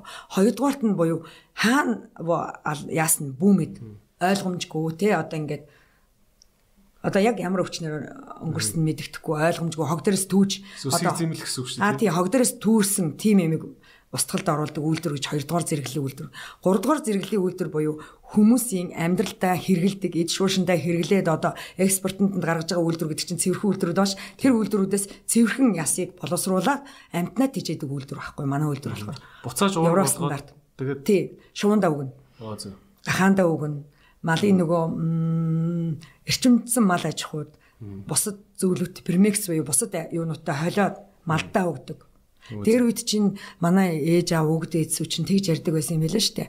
Нөгөө нэг төлөг мянган хоног аварна гэд одоо энэ юу болно гэдэг штэ. Аюултай үзэгдэл болно зуд турхан болох гээд байна. Малаа сайн нядлыг бүгдээрээ ягаад гэвэл мал энэ ингээд байхгүй болоод хүмүүс малчд малгүй болох гээд байна. Тэр гээд ингэсэн ярьсан ийм хүнд үед асар ихээр олноороо тийм юунууд ч малууд ч тийм зуданд явцдаг. Энэ зуданд явж ин даарч байгаа юмнуудыг чинь өвсөөр тэжээх биш. Яаралтай арга хэмжээ авах уургаар тэжээдэг байхгүй юу? Амьтанд чинь кальц уураг заавал хэрэгтэй болж идэг. Тэгэхээр дээр үед хөшчүүл ярьдаг гэсэн. Нэг төлгөө гаргаад нөгөө малдаа шүл хийж уулгадаг. Тэгж аварч үлддэг. Тийм үртэл арга өөрөө өөрснөөр нь аргалдаг. Амтэн ч гэсэн уур хэрэгтэй. Бид нар уургийг ганцхан төрлийн өвснөөс олж авч байгаа. Тэр одоо тэр өвсөн ч бол олдохоо ягаад ингээ уург болцсон учраас тэрийг эрчимдсэн мал аж ахуйнууд хэрэгэлдэг. Тий, өвс ургамалтай хольж хэрэгэлдэг байх нь шүү дээ. Тий. Америкт нэг үхрийн фирмээр би ороод гарсан чинь юм юуны корн ч одоо юу үстэй эрдэнэ шиштэй. Тий эрдэнэ шишийг ингээд бутлаад үүрүүлээд ингээд юм илс шиг юм болгоод овоолцсон байт юм л шүү дээ. Тэрнтэйгээ юм цагаан уураг гэдэг юм ингээд хэлж өгöd юм л тийм.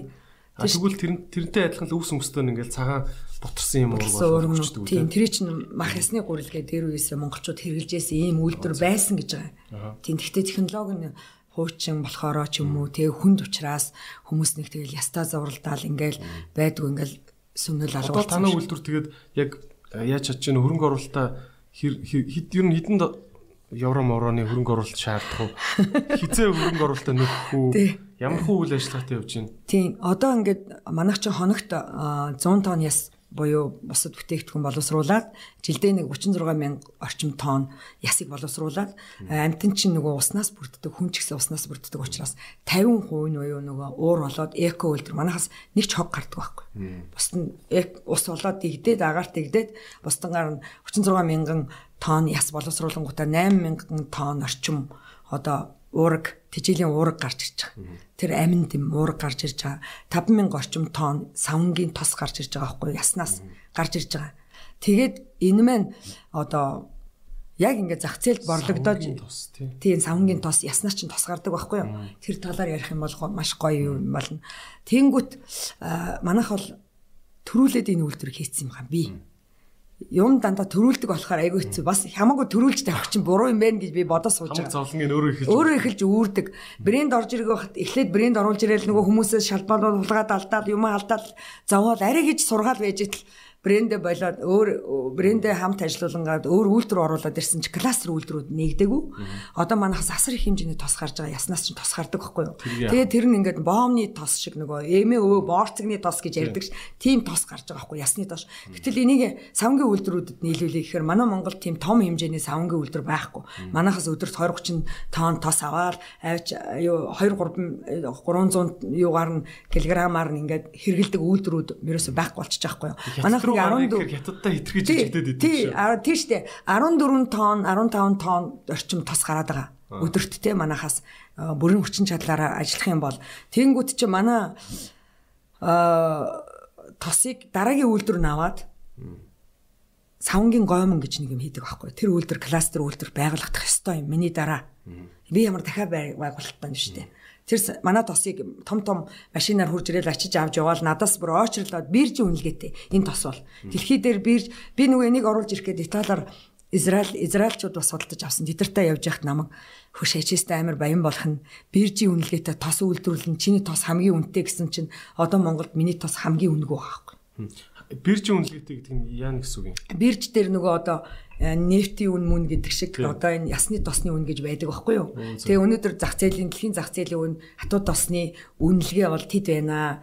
Гэт ингээд ингээд үнэлж явж байгаа. Одоо нэг сая 300 сая 400 тонн үнэлж илээ өчтөрийн байдлаар чинь тэгээ 10 15 тонныг гаргаад гаргаад байгаа тий. 10 15 сая төгрөний юм тос ингээд хадгалагдаад байж байгаа. Байж байгаа тий. Тэр бол тос тийм. Тэгээд тэр тосыг савнгийн гомн үйлдвэрлэдэг компани аваад бусад ингээд 18 аймаг руугаа жижигхэн нөгөө гэр аргаар нөгөө одоо манай Монголын савнгийн үйлдвэрүүд чинь яг хоббигоор баг ийм юм дотор л хийгээд идэм билээ шүү дээ. Савнгийн гомын авчраал өнгө оруулаад цацраг нэмэл будаг өнгө оруулаад ингээд өөр өөрийн хоббитэй нараа сараа гэсэн нэр өгөөл ингээд үйлдвэрлэдэг. Энэ бол хобби. Угаасаа би ч гэртээ чийч ингээд гэртээ хийж болно. Нөгөө нэг ажилгүй гэртээ сууж байгаа хүмүүс чинь тэр гомонг аваад найруулад одоо гоё савнгууд үйлдвэрлээд одоо жишээлбэл компаниуд өөрийн нэрийн савн гаргая гэх юм бол тэд нар захиалаад хийж иж болох байхгүй юу. Гэтэл нөгөө их хэмжээгээр тосын минь авдаг үйлдвэр байгуулагдаагүй байжээ. Хийгээгүй. За ингээд тос маань хүлээгдлээ. Явагдаагүй. А гэтэл уураг маань 8000 тонн жилд ингээ хийгээд энэ тэр уураг нас нь насар их нөгөө дотор нь микроэлемент малын яснаас ямар их одоо үнэтэй Монгол малын хүн идэж болох уу тэр хүн идэхгүй манайх бол хүнийх гэж юуных уураг гарч ирж байгаа байхгүй юу. Тэр нь тэр дотор нь тэр өстө нөгөө микро макро элементүүд бүр хүн аймаар ихштэй тэр ясан дотор нь ялангуяа италичууд ирээд нөгөө үйлдвэр өгсрахад миний үйл ботлуур эвдрээд байсан чи яасан гэс танаа малын яс ийм хатуу юм бэ гэж байгаа байхгүй юу. Бусад нөгөө Европт байгаа Израильд байгаа малаас хамаагүй хатуу байна. Том том сэрэг ястай тий. Тийм том ястай байна. Тийм учраас дахиж нөгөө тохиргоогоо өөрчилж байгаа байхгүй бид нар дээр. Тим митинг одоо өөрснөө байгальд хашаанд бордогдоод байж идэг малын яс. Мал ямар ястай ах уу? Өөрснөө тэр уул хадаар яваад өөрснөө чааваас олж идж байгаа мал ямар байх уу? Тэгэхээр тэр аяараа им байгаа байхгүй. Манай Монгол мал чинь. Тэгээд тэрүүгээр чинь шуугаад ичиж байгаа. Шууны премикс. Одоо таны тэр юу чин 8 тонн гардаг гэж үү те? Одоо энэ ясны уураг гэдэг юм. Тийм жилд 8000 тонн жилд 8000 тонн. Өдөрт бол наа чинь нэг 20 тонн гарчна. 20 тонн 20 бортер гэсэн юм шиг. Бортер чинь 1 тонн үт юм уу те? Тэр хэвчээ. Үгүй тэгэл жишээлээд бодох юм бол 3 тонн 4 тонн ачна л та. Гэхдээ хүнд юмнуудыг бол 1 тонноос илүү ачтгүй юм байл. Тий. За тэгвэл өдөрт 20 портер А цагаан өнгөтэй юм нунтаг юм байх уу? Би тэгж төсөөлөд юм уу? Махных учраас бор өнгөтэй. Би авчираагүй. Тийм бор өнгөтэй штэ. Мах ясны. Тэн дотор хараа махтаага яснууд цэврээр явж идэг байхгүй юу? Өөхнүүд. Нөгөө энэ шул дүн хагас дотоос шулчихсан. Цол махнууд л яваад байгаа штэ. Тэр аяараа тийжэл. Энийг нөгөө японочууд аа шоу юу лээ юуны тижэл муурны нохооны тижэл хийгээд гуйдаг. Ирж авъя л да танах зөвшөөрөл чин гарч ийн гэдэг Гэтэл бид нар нөгөө нэг ийм гурван орны юу гэдэг юм л да. Хамгийн гол миний проблем бол энэ багхгүй юу. Нөгөө хятад, Орос, Монгол гурав гурван орны бие биенээсээ нэг малын гаралтай түүхээр хийсэн юм гарахтаа квота авдаг нэг гурван орны хилцээр байдаг гин. Жишээлбэл би ингээд малын гаралтай түүхий дээр хийгээд экспортод гаргая гэхээр заавал хятад төрж зөвшөөрлөх хэрэгтэй. Гэтэл хятадууд руу бид нар бичгээ явуулаад байгаа байхгүй явуулаад Монголын мэрэгжлийн хяналтаар дамжуулаад гадаад явдлын яамаар дамжуулаад том том дарга нарын гарын үсэг явуулаад хятад руу явуулдаг. Тэр квота авах гээд зөвшөөрөл авч хятад руу экспорт хийх зөвшөөрөл авах гээд Тэнгүүд урдаас юу гэж хэлдэг вэхээр танаа малаас шүлхий гардаг аа. Тийм учраас танаа малын малаас гарсан уургийг бид нар авч чадахгүй. Яагаад гэвэл шүлхийтэй. Бачгараа. Тэгсэн мөртлөө Та Японуудад юм өгөхөд яхаараа хятадуудаас зөвшөөрлөө. яагаад гэвэл манай Хятад Монгол хоёртой хилэлдэг. Гурав дахь орн байдгүй шүү дээ. Дамжиж өнгөрч агаараар байсан ч тэрэнд ордгийм байлээ. Агаараар явсан ч хамаагүй одоо Монгол хэлийг давж яах л гэж үздэг юм шиг байлээ. Тэгээд би боддог байхгүй юу? Жижигхэн болон Казахстантай хэлжсэн бол тэргүүрээсээ зөөж өгөхгүй юу гэж боддог байхгүй юу? Тийм. Тэгэхээр энэ хоёр орн чи ер нь бол одоо Монгол зөвлөлтийн, Монгол хятадын, Орос хятадын найрамдлын суулгалаа гэж хэлэх хүмүүс байх бах. Ер нь бол амар хатууд юм. Тэгээд тэр хятад руу захиа очиад бүх үйлдвэрээ танилцуулаад явуулангууд бид нараас надаас юу гэж сууж яах гэхээр хятадаас асуулт асуусан чи юу гэж ирсэн гэж хятадын үйлдвэрийг яагаад аваагүй? Яагаад Италийн үйлдвэр авсан гэж байгаа юм. Хятадд хөрөнгө оруулалт хийж хятад үйлдвэр авах хэрэгтэй байсан байгаа байхгүй. Гэх мэтчлэн бодлого л байгаа байхгүй юу. А тэгвэл яагаад адууны махын одоо түүхийгэр нь тэгж ихээр нь ачаад байгаа. Асар ихээр ачиж байгаа шүү дээ. Одоо адууны мах экспортоор гаргасан тоо тооцоо гарах юм бол Монголын 4 сая эдэн зам адуу арга дуусч байгаа. А амьдар нь юу юу шээ юу түүхийгэр нь чанахгүйгээр хөлдөөгд ачиж байгаа. А хоныг болохоор хонь өхрийг болохоор чанж ачиж байгаа. Тэр нь шүлхий гарна гэж ачиж байгаа. Монголчин гэхдээ махны экспорт дээр хориг тавьсан мэт одоо. Мах гарахгүйгээд Гараад адуу бол маш ихээр гарч илээ. Гараад ачаал илээ. Манай тэндээс зөндөөл машинууд очиж илээ шүү дээ. Би тэр мах цахны яг зөвшөөрлүүдийг яг ачаад юу юм сайн яадгийн гол нь нөгөө өөрийнхөө түүхийн эдийг боловсруулсан энэ түүхийн эдийг л гаргачих санаатай л хөөцөлтөөл тэгэл яг арга мухардаал хүлээлттэй. Тэгэхээр Монголд шүлхий гардаг учраас Хятад Орос хоёр хилдээгүүрээ агаараар газраар алингаар нь зөвшөөрлөөр тийм Монголыг ингээ арш шиг төвчж төгжиж байгаа. Ягаад түүхийд нөгөө хідэн сая 7 тэрбумын нөгөө нэг адууны арьс гарч чадахгүй байна гэж үйлжсэн шүү дээ. Тэр ингээд уул бүрхээ тавьсан. Тэр энэ төр чинь яаж байгаа гэхээр өрөөсөө л нөгөө одоо бид нар боловсруулах үйлдвэр хийхгүй л бол биднийг ингээд хог новштой нь үлдэх гэл байгаа байхгүй. Тэн дотор нь живүүлэх гэдэг дээ. Би бол тэгж л хардъя. Ягаад гэвэл бид нар ингээд ноосны юуны хоньны арьс өнөдөр хичнээн төгрөг байгаа. Баг хог дээрээс тэ овоолоостай хайж шүү дээ. Тий. Хоньны нэхээ бүр 1000 төгрөг болсон. Өө мянга ч бүр мянгаггүйгээр ч авдаг байхгүй хайдаг байхгүй бүр авцсангууд нь мянгаар авцсангууд нь гаргаж чадахгүй шууд ховроо штт гих мэдчлээ. Тэгэхээр боловсруулах үйлдвэр байхгүй бол явахгүй нэ л гэдгийг хэлээд байхгүй юу. Үйлдвэрүүдээ байхгүй болгосны gaйл ахгүй одоо. Эдгэр чи бид нар арьс ширний үйлдвэртэй байсан штт. Тий. Байхгүй болсон байгаа нь л харамсалтай байхгүй. Үйлдвэр байгуулахгүйгээр монголчууд одоо оюу одоо мундаг нөгөө нэг дэлхий хөөгдсөн бадаг чимээгүй суужээ одоо нөгөө хиймэл оюун ухаан өгчээд байна гэдэг. Хиймэл оюун ухаан чинь малын маань ирж хариулж өгөхгүй боловсруулж өгөхгүй л шүү дээ тий. Тийм учраас үйлдвэрлэлээ хийхээс л өөр аргагүй. Тий. Одоо за бүгдээр ингээд савнгийн тос савнд ашиглаж болдог тос гардыг юм байна. А уург гардыг юм байна. Энэ уургийг нь бол та бол 100% ашиглаад ингээд шувны фермер, фабрик, фабрикүүд югдүүлээ. 100 Шувн фабрик гэж ярьдаг лөө. Тийм шуун баврах, тийм инвестиц төмөн шувууд тэгээ гахааны аж ахуйнууд авж байгаа. Гэтэ эдгээр маань хөөрхий сая хүрэхгүй шуутай. Асар бага хэрэглээт. Сард нэг 100 тонн моныг л авж гин. Тэгэхээр би болохоор наа чи сард бүр Будар улсын ихийг хийг үйлдвэрлэдэг учраас миний 5 өдрийн хэрэглээл Монгол улсыг хангачаад байгаа байхгүй үйлдвэр ажиллаад. Тий. 5 өдөр ажиллаад би бос өдөр нь зогсож гин гэсэн үг байхгүй юу? А би гаргаад эхлэх юм бол доллар орж ирнэ гэсэн үг шүү дээ. Монгол хүнд Монгол үйлдвэр маань. Тэгэх юм бол би одоо Тэгээ энэ дэр та ингээд гадаад яамаа модын үуч гэдэг юм. Манай Монгол гэхдээ худалдааны яамгүй ма тий. харин тий. Худалдааны яам гэж байсан бол энэ гадаад худалдаагаа За сайд майд яам маам гэж явсан штэ би. яг уу Том том үдэ аж ахуйн сайд майд дээр нь хүртэл орж үзчихсэн. Ерөөсөө тэгээд жишээлбэл хараа манах бордоо байхгүй юу? Одоо энэ энэ байхгүй? Миний юу гэж хэлэх гээд байгаа юм гэхээр дээр үесээ бид нар хоол хүнсэндээ маха идчихэд тэрийг ясаа бутлаад одоо амтнаа тижээдэг ч юм уу газраа борддог байж л те. Энэ нь юу гэдэг вэ гэхээр биологийн баг эргэлт гэж ярьдаг. Хүн гэдэг амтан байгаль дэлхийдээ буцаж ингэж шингэж идэг ингэж. Дээр үед нөгөө гадаа хүнээ хүртэл тавьдаг шүү дээ. Болдгоо. Булахаар ингэж байгаль орчин бохирдуулж, ус бохирдуулж ундрах байхгүй болгодог гэж. Гэтэл тийм их хэмжээгээр 550 мянган портер дээрэс нь өгсөн нөгөө зөв усын хоригдлтойгоо нийлээ 600 мянган портер биологийн хав хаягдлыг газар булахаар юу болох вэ? Усгүй болоод байна. Жилд хідэн булаг шанд ширэгж байна. Амар тоо байлаа. Хэдэн зуун мянган булаг хөрсний бохирдол гэдэг чинь амар л хөрс бохирдол. А яагаад нөгөө италичууд нөгөө францчууд агуу нөгөө ус нь ариун гэдэг байгаа чинь газар юмаа болдгоо л ахгүй юу. Тийм учраас хөрс нь аягүй сайн байдаг, ус нь сайн байдаг гэдэг. Гэтэл бид нар мэдхгүйгээсээ болдго юм уу? Мэдсэн ч мдээгүй царайлаа булаад байдаг юм уу? Булаад л энэ, булаад л энэ тэгээд ингэдэг. Одоо энэ имэйлтийн эргэлдэх хэрэгтэй байхгүй юу? Тийм. Имэйлтийн цаатлын амууд чинь тэгээд тэгэж 5 600 мянган портроор нь юм болоод байгаа. Одоо дүүрчээг юм уу? Амар болдго юм уу? Зарим амууд нь одоо юу болж байгаа юм? Зарим амууд нь бол дүүрчихсэн.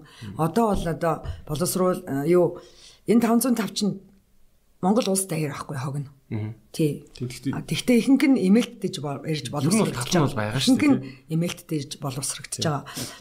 Аа нэг хэсэг тэр нисхийн нисэх байдаг, хуучин нисэх байж хат нисхийн нөгөө юун дээгүр гадаа яс хаяад Тэрнээс болоод нөгөө том том элен шуунууд нисээд тэгээд онгоц унгаах гээд яана гэд бөөн асуудал болоод булж мулаад бөө юм болоо шатааж матаагаад бөө юм болсон. Одоо хиттийн үйлдвэрүүд ингээд ясаагаад хашаандаа дээр шатаана гэд ингээд өчнөө олон жилээр нь хадгалдаг байхгүй ингээд бүр гашаанд аваал энэ аваал энэ Тэрэн дээр нь ингээл тас мас шуум өргөлдөг. Нохоо мохоо унаг мунаг өгцөн жаах шиг тэр дотор нь орохоор амар. Манайх ч болохоор яг хүний хэрэгцээнд хэрглэж байгаа. Өдөр болгон хойтлын захаас тэр экспортод гаргаж байгаа махуудын шулцсан ясыг шал өдөрт нь өдөрт нь боловсруулж байгаа байхгүй. Өдөрт 100 тонныг манай евро ороод болсод боловсрогдоод явж байгаа. Айгуу тийм шилдэг технологи л доо. Устгал устгал гэхээс илүү дахин хэрэглэх нөөцийг нь бүрэн шавхах юу юм биш үү те. Тийм манайх бол одоо нөгөө дээр дээр үеийн нөгөө нэг дээр үеэсээ байгаль байгалийн баг эргэлт буюу эзэн уусна газартаа ингэж шингээгээд ингэж буцаж эргэжээдэг. Бид нар малаа тижээлээ. Мал маань биднийг тижээлээ. Тижээсэн малын минь яс бидний шуу амьдтыг тижээлээ. Дэлхийн байгаль дэлхээр ингэж эргэлтэнд орж байгаль дэлхийгээ бохирдуулахгүй үлдчихэд. А тэр манахаас гарч байгаа бордоо дахиад дээрэс нь италчуудын хамгийн үнэтэй бордоо болдог байхгүй юу гэж органик бордоо гэж ярьж байгаа органик бордоо. Бордоо дотор нөгөө фосфор, азот нөгөө бүхэл юмнууд нь байждаг. Тэгээ кальц, калинууд нөгөө магниз, агни нөгөө микро, макро элемент ясан дотор хүмүүс хомоолоор бордоо хийн гэж яриад яваад байгаа байхгүй. Хомоол байгальдаа шингээ бордоо болчихыг тэрийг боловсруулалт л үдээ. Гэхдээ тэр гараад байгаа тэр амтныхаа ясаар нь хийх юм бол ямар мундаг бордоо болж байгаль шим тэндээ шим дэжэл нь тэндээ байж байгаа. А тэгээд байгаль дэлхийг эргүүлээ хийчлаа шүү дээ. Одоо жишээлбэл нөхөн сэргээлтүүдэд асар их ашигладаг. Би ингээд нэг италчуудад хэлэхгүй юу. Манайх ингээд газар тариалан юу их хэрэгэлдэм аа. Юу гэдэг лээ нөгөө газраа ухдаг алтны уурхаанууд их ажилдаг. Тэгээ нөхөн сэргээлтэнд хэрэглэх байгаанаа бордогс. Юу гэсэн үг юм? Нөхөн сэргээлтэнд ийм үнэтэй бордог уу? Бид нар виногол борддоо штэ. Наадах чинь виноны амтыг гоё болгоно гэж борддог байхгүй юу? Юу гэж нөхөн сэргээлтэнд. Ясны бордоо, ясаар гэсэн бордоо бол хамгийн л тансаг бордоо юм байна тий. Тий. Одоо жишээлбэл хорглоор нь одоо хийсэн бордоо 3 жилдээ задардаг гэж яхад ясаар нь хийсэн бордоо хэдэн жил тэнд задрал явагдаж хичнээн амттыг тижээх үү? Тэр чинь тижэл доор амьдтыг л тижэж байгаа шүү. Хөрсийг баяжуулж нөгөө микро макро харагддгүй амьдтал тижэж байгаа шүү бидний хувьд бол тий буцааж оруулах нь. Тэгээд тижэл бордон дээр ерөөс бүр ойлгохгүй юм бэл. Тэгээд алтны уурхайн том том захирлуудтай очиад уулзан хөрснийхаа юун дээр ингэж хэрэг. Хизээ өр шимээ өхий наадах чинь гэж асуудаг байхгүй юу? Гэхдээ 2 3 жилдээ ингээ өр шимээ өгөж танах ингээ аваач. Хэвээ ийм гоё бордоо бид нар чинь том буян байхгүй ингээд ийм ийм тэгээд ургамал чинь буцаж ингэж яана гэнгүүт өөх шиш тэр азотын бордоо тэр хурд хурд ургадаг юмныг аваа хийчи гэдэг. Гэс ямныхаа зөвшөөрлийг аваад дараагийн урхаагаа ухаж ивэл тийм бордоо байна. Тэгж нэг ирээдүйн хоочийн бордоо гэж ярьдгүй юм байлээ. Гэтэ сая хотын гүйцэтгэх захиргаа бүх модонд авч хийсэн. Өө зөө. Тийм тэгтээ хөөрхий зөөхөн шүү дээ 10 тонн мон л ярина шүү дээ. Тэд нар ч өөрхий тэгтээ тэр моднууд маань сайхан урганаа. Аа үнэхээр л Монгол малынхаа юмар бордож байгаа юм тий. Тэгж итгээл хажууган гарахта модонтой хайр хүрээл явж байгаа тий. Эсгэс ирж байгаа моднуудаа хараад та тэгээд ер нь энэ үйлдвэрийг гэхдээ нилээн яач уу ингээд бас энэ зүгээр нийгмийн одоо амтан хайрлах ч юм уу одоо тийм арай нэг жоо сэтгэлийн хөдлөлөөр хийчихүү гэж боддгоо юу. Тооцоо хэр нухсан бэ? Аа техник эдийн засгийн үндэслэл хийвгүй юу гэж асуугаад байна. Тийм. Яг яг үнийг хэлэхэд бол хийхдээ сэтгэлийн хөдлөлөөр хийсэн. Намайг mm -hmm туршлага судлаад хятад очиод хиттийн аимшиг муухай үйлдвэрээр орж үзээд би бөө ийм үйлдвэр хийцэж оруулахгүй гүү гүү боли боли Европ явъя гэд Германы үйлдвэрт очиж үзээд Италийн зөндөө олон хотуудаар үйлдвэр үзээ явж хахад хүмүүс нь хэлжсэн байхгүй айгүй хэцүү шттэ айгүй хүнд чиний над гоё ус мүс нүүр мүр будаа шттэ чи бол энэ дотор л явна шттэ гэл хэлжсэн. Тэгвэл би бол бодохдоо бид нар ч үр хоочтой байхгүй энэ орчлон ороод бид нар ганцаархан амьдраад дуусахгүй бидний хүүхдүүд бидний хүүхдүүдийн хүүхдүүд цаашд амьдрна. Гэтэл хин нэг нь хийх ёстой байхгүй нэг. Ус хийх ёстой хийгээгүй. Тэгвэл би хийх гээд оролдоод үзье гэж бодоод хувьсгалч одоо нэг дээр үе нэг 80-аад оны сурагч насны тийм одоо нэг хувьсгалт үзэл бодлоор хийсэн үнэ. Тэгээд одоо ингээд гаргаж чадахгүй ингээл үр зээл нэхтэл ингээл аюу хүнд байдалтай байж байхдаа бодож байгаа байхгүй харамсаж байгаа байхгүй би 3 жилийн дараа нээсэн бол одоо ингээл ярьж эхэлж байгаа шүү дээ. Төр засаг одоо ингээд хөдөө аж ахуйгаа дэмжиж, хөдөө аж ахуй биднийг аварж байгаа одоо ганц тэ салбар бид нар хөдөө аж ахуйгаар амьдрах юм уршин тогтохгүй шүү дээ. Тэгэл ярьж байгаа. Тий. Тэгэж ярьж байгаа энэ үед бол чухал тий. Чухал байгаа байхгүй юу? Үнэхээр чухал. Ядчил бид нар шуудаа тэжээн гэдэг чинь бид нар бас шууныхаа өндгийг идээд байгаа үсттэй яг хөө цөөхөн гэж голоод дээ штэ. Одоо инвестици шиг төмөн шууд шиг 5 үйлдвэр байсан бол би зүгээр л дуу аялал байгаа байхгүй юу. Хөөхий зоох цөөхөн биш. Нөгөөдүүлнээс та хорглоо тоолн тоолн тижэл авах юм. Тэр нэг нэг 100 тонн моол гэж ярина өгөхөөс ш тэ тэгж тийм их юм болчиход байгаа байхгүй. Тий. Одоо ингээд яг за ингээд аа малын хаягдал 500 мянга гаруй портер яс те? Ингээд хаягдж гин гэдэг чинь энэ яг таны баримжаагаар яг хідэн за одоо ядаж ядаж ядаж буулагдахгүй одоо боли тэгээд янз бүрийн ашигтай болдгоо маа гэд шатагднуу байна уу хамаагүй. Хідэн ер нь ингэж үйлдвэрээр дамжаад хідэн бол шууд газар руу буулагдаж байгаа бол тань баримж манай үйлдвэр бол нэг 7 орчим хувийн л тэр авч штт. 36 мянган тонн гэдэг чинь одоо нэг 7 8 хувийн л би ашиглаж гин гэсэн үг. Цаана тэгээд хичнээн үлдэж гин За тэгээ нэг шатаах сая бол нэг хиттийн үйлдвэрүүд хаагдаад үйл ажиллагаа нь явагдаж байгаа үйлдвэр бол нэг ганц нэг л байгаа. Тэгээ сая хамгийн гол нь хамгийн харамсалтай нь би нөгөө нэг энэ зөвшөөрлөг гарахгүй байгаад миний гомдж байгаа юм бид нар ядуу буураа орны ядуу хүн болоод төрсөндөө харамсаж байгаа юм бол юу гэхээр надад бичиг үзүүлээ яваад байгаа хужаанууд байгаа байхгүй хятадууд өвөр монголчуудын тэр би зөвшөөрлөө авцсан чи үйлдвэрээ хийцээ хамтрий Тэнгүүтээ би 70% авъя 50%. Юу гэсэн үг юм бэ? Ганцхан зөвшөөрөл. Би тэрэнд чинь хичнээн хөрөнгө мөнгөө зарцуулаад хичнээн өөрийнхөө амь амьдрал хаанхын зөвшөөрлөө. Тэр хятадаас гарч байгаа зөвшөөрлөлтийн мэрэгжлийн хяналт тэр яам тамгийнх нь гаргаж байгаа зөвшөөрлийг үйлдвэргүй хятад хүн гаргацсан явж байхад үйлдвэрээ барьсан монгол хүн гаргаж чадахгүй байгаа гэдэг л амар харамсалтай байхгүй. Тэр л намайг эмзэглүүлээд энийг ярахаар бүр өстө бүр дэвсэлмээр санагдаж шүү дээ. Яагаад вэ гээл. Тэг яагаад ингэж байгаа юм гээл. Тэгээд надаас тэр яг гадаад талдаа л Монгол сул дорой байна гэсэн үг үү те. Үгүй монголчуудыг л үнэхээр дээрлэгч л байгаа байхгүй яг юм дээр. Ягаад гэвэл махыг аваад байгаа. Тэгвэл адууны махыг авах болооч доторх ясыг авах ясаас нь гарсан уураг тижилийг авахгүй байгаа юм бол ягаад махыг авч яваад байгаа юм. Махын турж өгч байгаа юм шиг 100 мянган портероор авч идэж авч чөлөөтэй гаргачаад ягаад өнөөдөр боловсруулсан түүхий эдийн юуг нь авахгүй байгаа. Ягаад ноос ноолор өнгүүдүүлээд байгаа. Ягаад өнөөдөр арьс ширийн өнгөө болгож ингэж хогн тутгаж хаяад байгаа. Ус ундрагын ингэж муухай болгож хавиулаад байгаа. Тэ.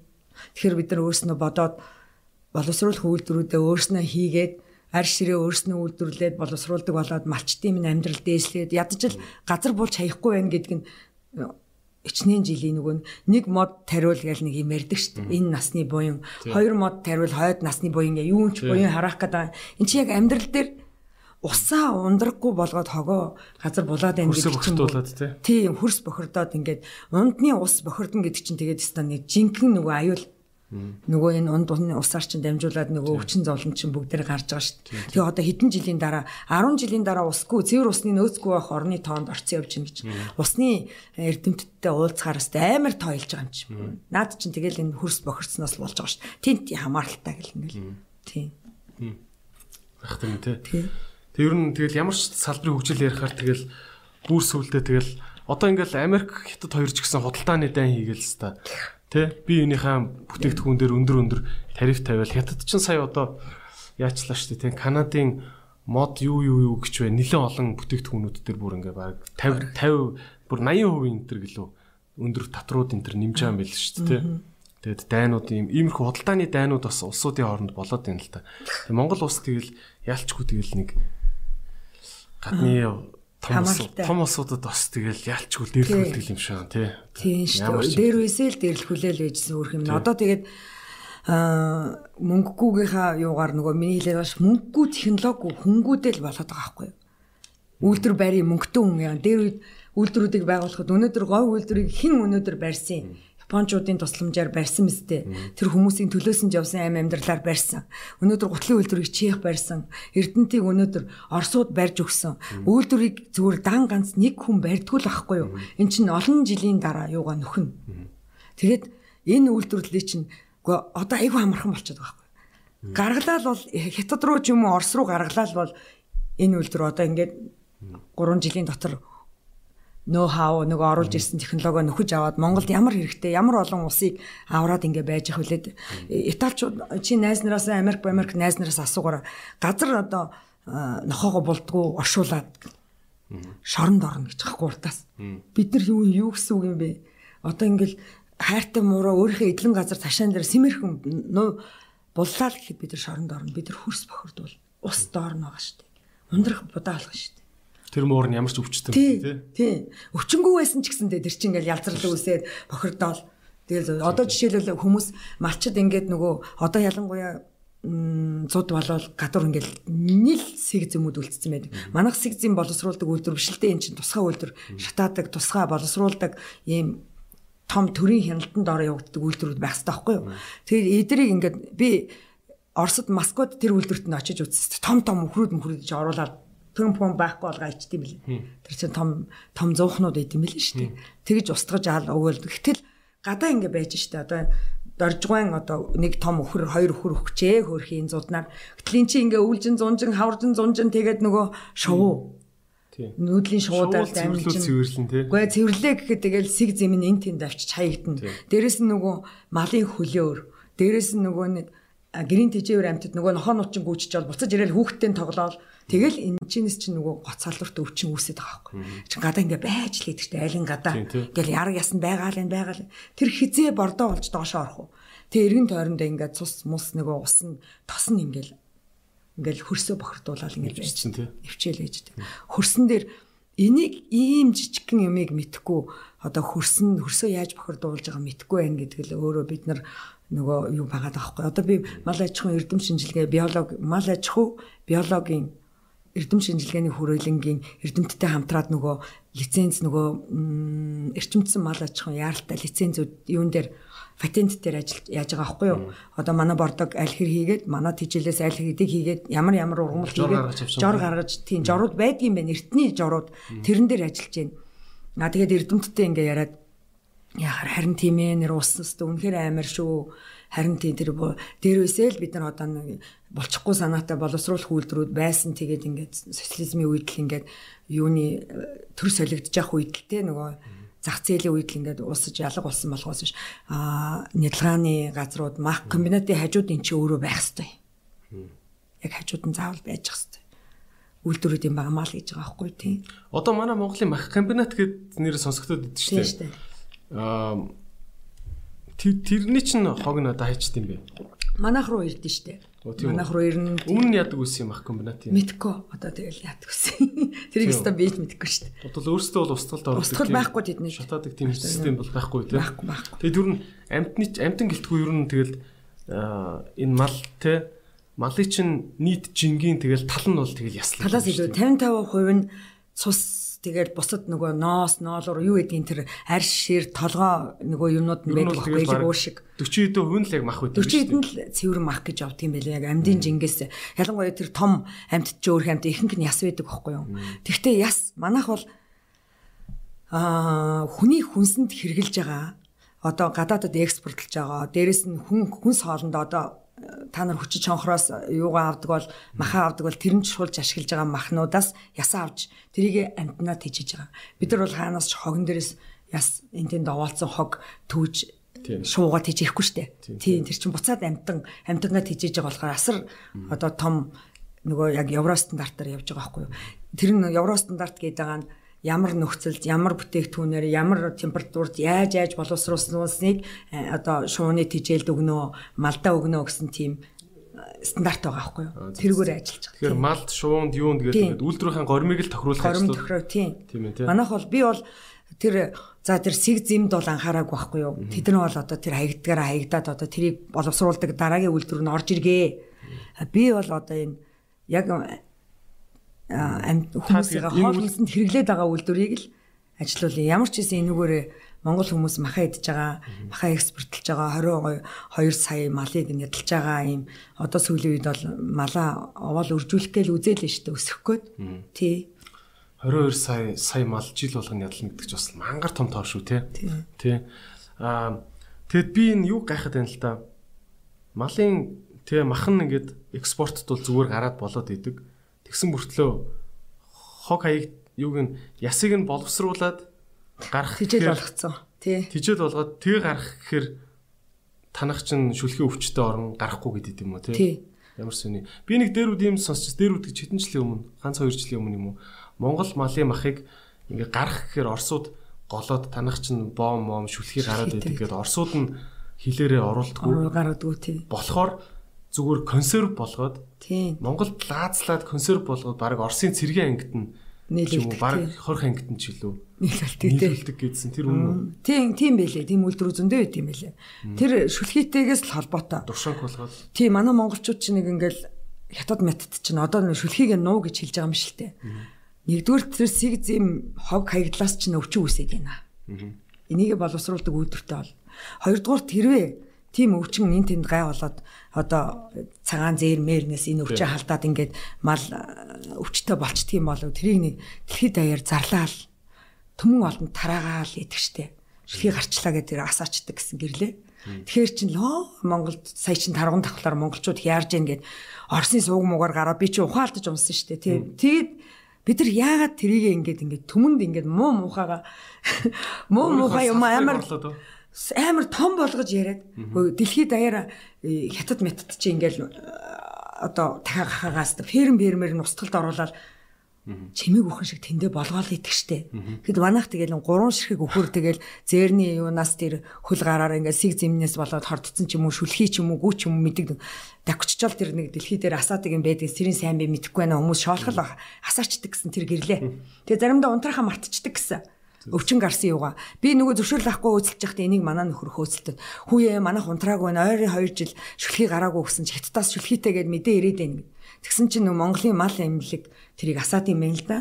Мал эмнэлэг гэж та яг одоо нөгөө гү гү гү дэлхийд зүүрлж ярьж байгаа. Зүүрлж ярьж штэ. Дэлхийд дээр одоо мэдээллийн сан байж штэ. Монгол мал ямар өвчтэй байна гэдэг статус явуулчихэд тэн дээр л тэр анивчаал идэг байгаа байхгүй аваартай байш шүү одоо шүлхий гарчлаа гэл. Тэрийг заримдаа унтраахан мартдаг байхгүй ойлгож байна уу? Манай статусаа шинжлэхгүй тэгээд тийм тийм тийм тэгээ хайснаас болоод тэгээд хайцснаас болоод шүлхийтэй байна. Тэдний орны ёстой Монголд очивол мал махти дээрээ гэл ингээл яриад суув би зүгээр нэг юм сонсч ирсэн аа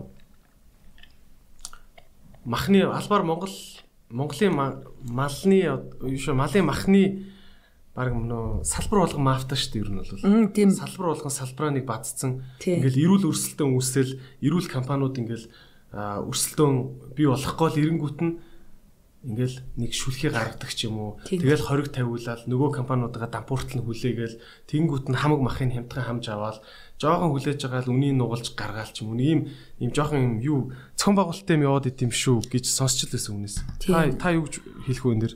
Би бас яг наадахыг чинь бас боддог байхгүй. Яг л тийм юм зохион байгуулалттай юмнууд аюух явагддсан юм шиг байгаамаа. Яг тэр тэр одоо жишээлбэл тэр би бүрөөсөө бүр нуруугаар айц нэг өдөр ажил дээр эмэлт татсан чим эмэлт тэр аяра бүр арьсан уул болцсон байсан.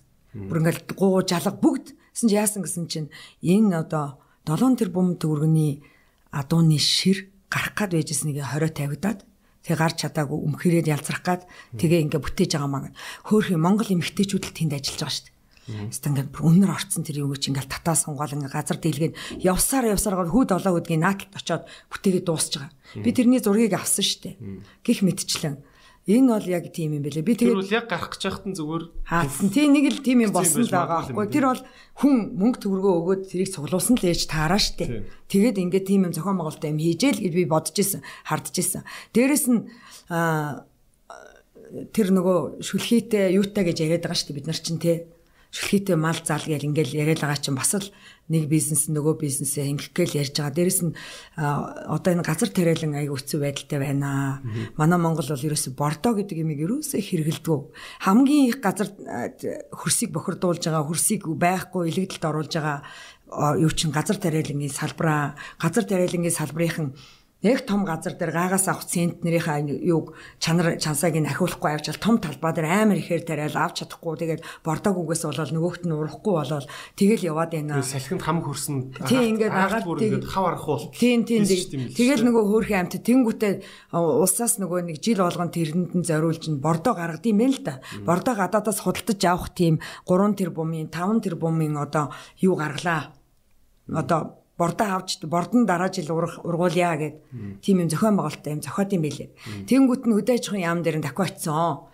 За ядаж нэг нэг нэг нэг тоо нэг нэг юунд нь бордоогоо шахчих гэдэг нь шүү дээ. Монгол улс ингээд бордоог энэ бордоог ашиглах юм бол хэрэгтэй гадаадаас аавал ийм олон тэр бомт өргөнд бордоо аваад яах юм бэ биднээс бас нэг эдийн аваач би хангалттай ингээд үйлдвэрлэж яана гэдэг бүр яамн дээр нь ясныхаа бордоог бүлтийтэл барайл нөгөө яам тамгаар нь гүгээл дарга цэрэг дээр нь ороод сайд дээр нь орохын тулд арын хаалгадаал таньдаг хүнээрээ дамжуулаад ороод бүлтийтэл сайд руу хараа суусан ч энэ жил танаа хоцорсон Тэгж танаа наадаг чинь бордоо гэдэг нь хэн батлаад байгаа юм. Гэхдээ энэ Европын стандарт байгаа шүү дээ. Дэлхийд даяараа энэ бордоог хэрэгжилж байгаа шүү дээ гэсэн чинь Европын стандарт Монголд явуулчихгүй. Монголынхаа стандартыг хийж ирээ. Би Монголынхаа стандартыг эрдэмтдээ яваад гүүсээр хагаал бордогоо олгоод очлоо. Энэ жил дахиад хоцорсон танах. Ингээл тэр нь гадаадаас авдаг бордооных нь юунд би дундуур нэг амтнд цавчиж гүүж ороолоо орохгүй байгаа байхгүй юу.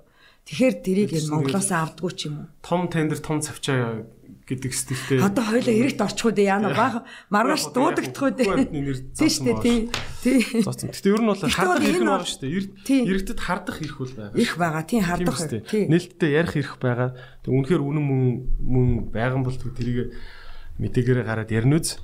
Аа юу аа та одоо ингээд бас ингээд энэ хөрсний бохирдол төр би бас ингээд анзаарал идэм л та.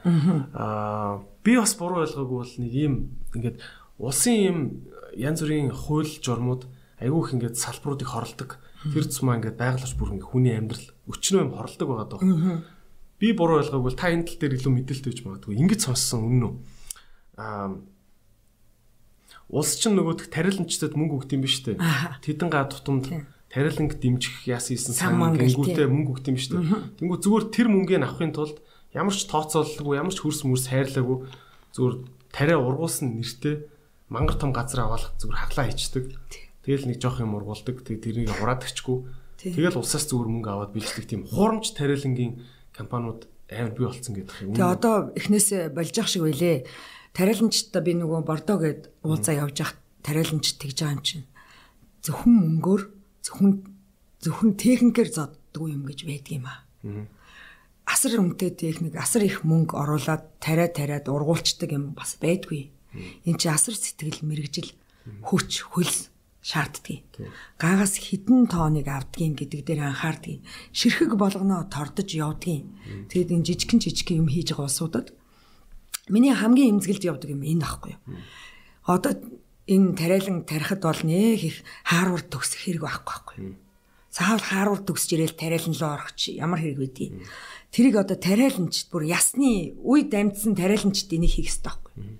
Энийг хийгээд үнэн сэтгэлээс тэгээ жоохон дорж дулмаа бат 100 100 сая төгрөгийн одоо тариалан гэрхлэх сангаас мөнгө аваа тэрийг өөр өөрийнхөө ямиг бордож ургуулад явг л дээ. Тэгэхгүй ачаал хаа хамаагүй том талбай дээр хаа хамаагүй талбай дээр тариа яг өөрөө чи чиний хэлж байгаагаар Тэгээд ургасан ч юм байхгүй. Даргын газар гэдэг нь дарга низэж очиж үзээгүй. Очиж үзээгүй тэр том талбай дээр ургаал тэр нь өрөөсөө Тэгээд тэр чинь хамгийн гол нь тариа тарьсан нэрээр хөрсийг эргүүлээ аячингуу тэр дотор байсан амьтад байхгүй болоод дахиад тэнд дараа жил нь түүний дараа жил ургах ямар ч юмгүй болж байгаа байхгүй. Малч идэх өвсгүй буцаж ч байранда орохгүй байдал хамгийн их сүрүүлж байгаа газар тариалангийн салбар шүү гэж яриад байдаг байхгүй. Гэтэл энийг борддггүй борддггүй хөрсний шим гэдэг бол Хөрсний шим гэдэг бол Монголын үеийн үед идэх идэх хоол. Хоол шүү дээ. Хоол. Хоол. Агаар руу тоосолоо захгүй болгоод цацаа тавиад байгаа. Дээрээс нь нөгөө хорон ертөнц төр ганцхан бид нар амьдардаг юм а гэдгийг ойлгох хэрэгтэй. Тэр доор амьтад байгаа. Тэр амьтдын буйнаар бид нар бичил организм бичил организмын буйнаар бид нар өнөөдөр хоол хүнсдэг байгаа. Тэр организм байхгүй болчвол тэр зүгээр л хоосон хөрс. Одоо Израильд би нөгөө хоёлаа Израилийн үйлдвэр манай үйлдвэр хоёр хамт очиж авсан байхгүй юу. Тэгээ Израиль найз нартай болвоо. Хоёлаа зовлон нэрхтээ жаргал нэрхтээ хоёр боллоо шүү дээ. Тэгээ Израиль яв гээд очиод үзсэн чинь яа бүр ингээ уйлмар санагдсан. Одоо Израилийн тэр хөрсүүд бүр амар цөлцсөн амар муухай байсан хөрсийг тэд нар яаж амьдруулж? Одоо тэгээ Израилийн тэр хөрсөнд тарьсан помидорыг Францын баячууд иддэг. Гэж байгаа байхгүй тэгж хөрсөө цөлцсөн газрыг гэж амьдруулсан. Язмагжуулж тий. Язмагжуулж айрвжуулсан гэхдээ энэ малын гаралтай энэ бордоогоор борцсон гэж байгаа байхгүй энэ бордоо тэгээд сая миний надаас гадна хоёр үйлдвэр авчлаа тэд нар худалдаж аваа Италиас манай яг миний авсан үйлдвэрээс хоёрыг авчиж байгаа байхгүй юу? Гэсэн чи би нэг нэг нөхөр нэгтэйгээ үзэж тараал байдаг үзэж тараал байдаг гаргасан ч юм уу тий бүрөө ашиглахгүй 5 хоног ажиллаад бусдад нь зүгээр суугаад тэнд нэг тэрхүтсэн хүн ил яваад байдаг хамгийн гол нь ясаа хийж байгааг харахаар боловс үйлдвэрээ ажилуулмаар байдаг ясаа хаягдсан боловсруулсан түүхий идэг яраатал нь ингээд өрөөд хэдэн зуун тооноор нь өрчөөд борлуулж чадахгүй болохоор үйлдвэр зогсох хэрэгтэй болчихж байгаа. Тийм кластраараа хөгжинэ гэдэг чинь л да. Тийм.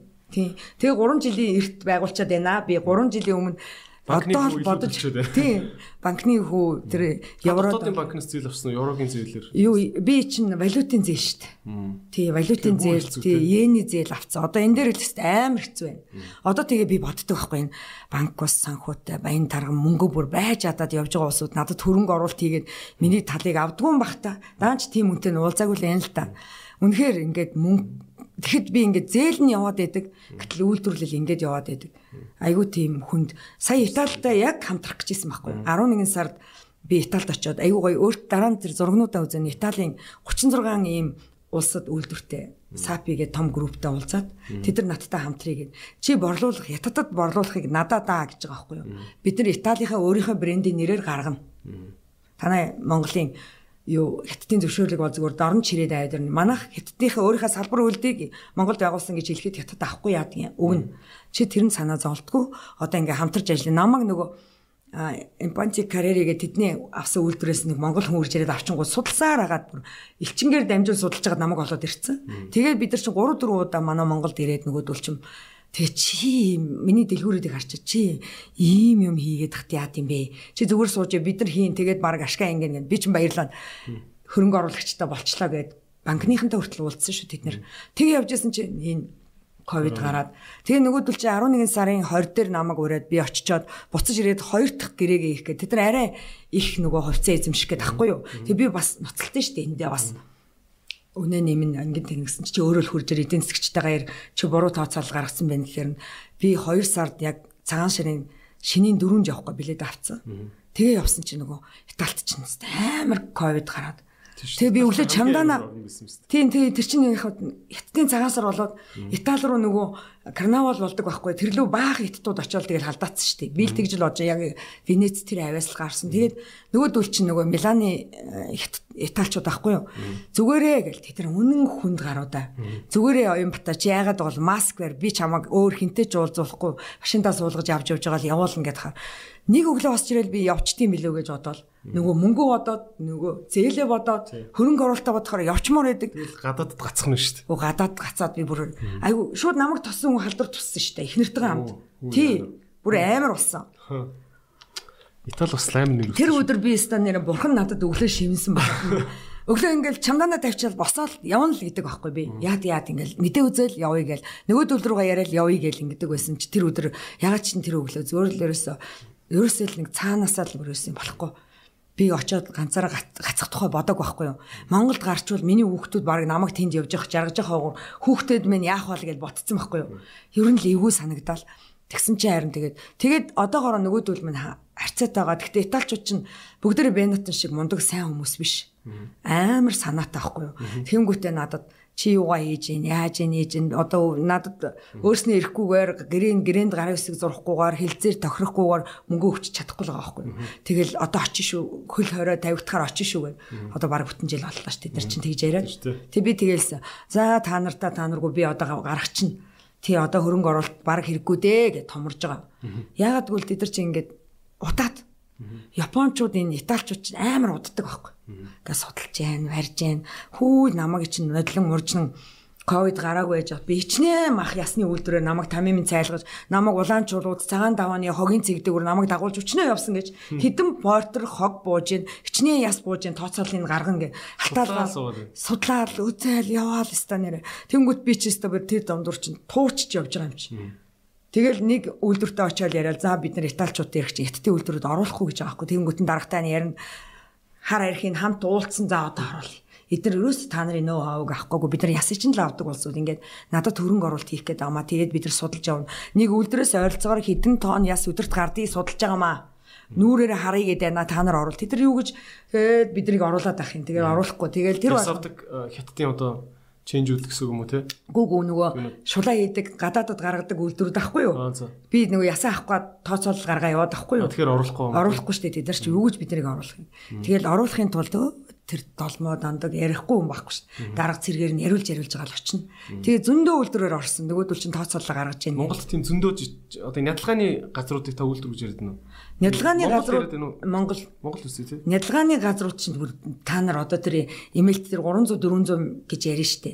Аа тэр гадаадад гаргадаг зөвшөөрөлтөө үйлдвэрүүд их чинь 100 хэдэн үйлдвэр мүлдэр гэж яриа штэ. Тийм олон үйлдвэрүүд юм. Байлгүй яд юм бэ? Хамт явах уу? Явж болж шүү. Тий. Би та нарт нэр тий. Буйка явхан хоёлоо махны үйлдвэрүүд үзээд тий. Тэгээд махны үйлдвэрүүд энэ юу хятад 8-ч хятад 8-ч л гэж их ярих юм дандаа хятадын хөрөнгө оруулалт үйлдвэрүүд гэдэг юм уу те мах за яг шуулдаг үйлдвэрүүд. тийм мах шулаа хийн гэдэг нь та мах шуулгаа ярьж байгаа. Махаш одоо зах зээл дээрээс махыг худалдаж аваад нөгөө малчтын гар дээрээс худалдаж аваад нядлуулдаг улсуудаараа тусад нь нядлуулангуудаа өөрсөн дээрээ авчир шулаад савлаад маш гоё цэвэрхэн савлаад маш гоё хөлдөөгөөд хятадууд ч маш гоё юм авч байгаа шүү дээ хөлдөөгөө жимбитл нь хөлдөөх нь хөлдөөгөөд ингээд ингээд савлаад нэх гоё цагаан цагаан хайрцагт хийгээд хаяг адарсаа тавиад ачдаг. Хинх нь хятад үйлдвэрүүд хятад эзэнтэй үйлдвэрүүд. А тэгвэл тэр махнууд гараад хамгийн гол нь монгол хүмүүсээс худалдаж авчаад гараад буцаж тэр доллар олж тэгэж яаж байгаа юу? Нэг хятад том эзний кармаар орж байгаа юу? Тийм учраас монгол руугаа монгол эзэнтэй хүнийхээ ямиг л гарах нь монголдо буцаж орж ирдэг валютал чухал байхгүй тий? Тийм. Тэгэхээр мөнгөгүй учраас маш хямдхан авчдаг юм шүү тий Тийм. Мөнгөгүй учраас хөөхий тэд нар чи хүнд ажил хийж байгаа шүү дээ. Хийхээс өөр арга. Тэд нар чи өөр нь ачин зөөн, авчин борлуулна, ингэн чэнжүүдийг бол муу хэлэх юм байхгүй. Тэд нар чи холбож өгч байгаа байхгүй. Тэгэл дунд нь амар хамгийн хүнд ажлуудыг хийж хийжсэнийг тэдэнд төгрөг олно. Гол нь хиттийн компаниуд аваад ээж болж байна. Монголын тийм гаргадаг компаниуд олон байгаасаа л гэж би бодож байгаа байхгүй юу. Яг гэвэл Монгол хүний карманд буцаж ороосоо. Тэгэхгүй тэнд байгаа нэг тэгэхээр нөгөө мөнгөгүйхээ улмаас Мөнгөгүйхөө олмоос хятад хүн л мах худалдаж авах мөнгөтэй. Хятад хүн л одоо мөнгөөрөө худалдаж аваад байгаа бол тэр нь хятадын хүний л мах олоод гарч явал эн чинь зараад байгаа боловч хямдхан зарагдаад. Одоо 1 кг адууны мах чинь 5000 төгрөг гэж штт. А тэгэхэр чин манайх одоо Европт авахд манайх одоо хятадын зах зээл рүү манайх хятадын зах зээл рүү маха гарахтаа өөрсдийнхөө худалдааны компаниар биш тэ энэ худалдааны энэ түгэлт гэдэг гэдэг том юун дээрээ алдчихад байна те. Зах таг алдчихад байна. Мөнгөтэй хүмүүс нь буюу зөвшөөрөлтэй хүмүүс нь хятадаас орж ирээд үйлдвэр байгуулаад тэд нар эцдүүд нь тийм Бээжиндээ ч байдаг юм хаанач байдаг сууж штэ.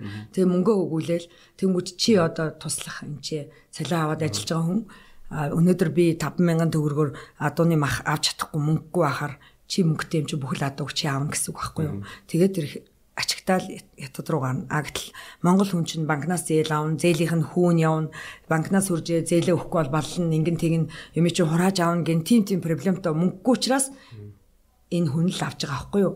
Тийм учраас би хэлээд дээ. Миний үйлдвэр байгуулах чад байхад 4 5 ясны зөвшөөрөл миний зөвшөөрлийг миний гарах өөхийг зөвшөөрлийг ясны зөвшөөрлийг өссөн би чиний ямиг гаргаж өгье. Чи 50% өгөх үү гэдээ яваад байгаа байхгүй үйлдвэрийг хурж иж харж зөвшөөрөл өгөх хэрэгтэй байхгүй уул нь бол ном журмаараа. Гэтэл тэр үйлдвэр нь баригдаачгүй үйлдвэрт хятадаас зөвшөөрөл авсан байгааг нь л би ойлгохгүй байхгүй ямар арга цаанаа цаанаа л их авилгалтай газар байна те авилгал аимшигтэй тийм биш шүү тийм би ч одоо Монгол бол арай л бага авилгалтай газар юм байна гэдээ одоо дүнчээ яваад гэсэн манайх өөрхийн нэг 10 20 мянган доллар ярьдаг бол тэд нар ч сая сая доллараар яригддаг авилгал нь байдаг юм шүү. Намайг зөвшөөрлөө чинь гаргаж өгөн 500 мянган юан бэлдээд байжээ гэсэн баярлал хүлээлээ. 500 мянган юан зээлэх гэл хүмүүсээс байдгүй. Сая яан бэлдээд байж л байдгүй. Одоогор бол болоогүй л шин. Тэгэхээр миний мөнгө багдаал байгаа байхгүй. Миний өгөх гэж байгаа мөнгө. Тий. Тэгэхээр ийм ийм хүндрэлтэй ядуу орны үйлдвэрлэгч хүмүүсийн зовлон үнэхээр өста үнэхээр одоо миний нуруу нэрээс та яг голоороо тасарч унлаа. Харин өста айгүй цоглог яваад байна. Яана хүмүүс одоо. Тий. Тий, өста нуруу яг голоороо үйлдвэрлэл гэдэг гэдэг имийг бас манайхан нэг цогцоор нь та нөгөө техник хэлсэн шүү дээ. Үйлдвэрлэл гэдгийг кластраар нь харж орохгүй бол харж орохгүй бол бөөндөө орохгүй бол бодлоготой орохгүй бол ингэж алуулж байгаа байхгүй тий. Тийм тийм. Үйлдвэрлэл гэдэг чинь аваад хайрцаглалаа тэгэл өөр өөргөө тэр хайрцаг чинь зарчихгүй шүү дээ. Тэр хайрцаг чинь нэг хүн аваа чинь экспортлох зөвшөөрөл. Тийм байхгүй. Хин хүнж аваачихын, хин цаана авах гэж байгаа хүн хідээр нь авах юм гээд тий. Монголын үйлдвэрлэгч нарын нэг зовлон надаа энэ байдаг юм шиг санагдаад идэв шүү дээ. Үйлдвэрлээд мянган юм ийчгэр Монголын зах зээлдээ томдоод идэг. Тэгээд мянган юм хятад өгөхгүй нүүдвэл нүггүй багада 100000-ыг авъя гэдэг. Тэгээд ингээд нэг том хит том хит жижиг зах зээл хоёрын дунд ингээд үйлдвэрлэгч нар гацчихдээ юм бил шүү дээ. Тэгээд үнэхээр үйлдвэрлэлийг ивэл бүр ингээд дэлхий рүү хаашаа чамаагүй цацдаг юм үйлдвэрлэх байгаа. Япончууд зөвшөөрлчин гарч ирэх хиттийн ингээл тэгтээ өөр хамтд. Тэр нөгөө юу хийх гээд байгаа? Муурын нохооны тижэл хийгээд тэг манай малын тижэлэр хийсэн юу тижэл ямар байх вэ те? Айгүй том нөгөө мундаг кискас маск гэдэг шиг тийм брэндүүд ахгүй юу? Яг ингээд манай тижэлэр л сайн нь мэдээд байгаа сайн нь мэдээд зөвшөөрлөө авсан юм уу л гэдэг хэтттэйхээ зөвшөөрлөө ягаад чи сайн хөөцөлдөхгүй байна уу л гэд мэд одоо хөөцөлтөөл байгаа шүү дээ. Тэгээд юу дээгүр одоо транзит транзит тээврийн зөвшөөрлийг авах гэдэг байна. Тийм, транзит тээврийн зөвшөөрөл нь гарчвал тэр транзитэн тэгээ гарах байлээ да дамжаад. Аа тэгэхэд хэрвээ заяа би өөр боловсруулах савнгийн тосоо ягаад би жишээлбэл савнгийн гомь үйлдвэрлэх юм бол минийхийг аваа явчихна.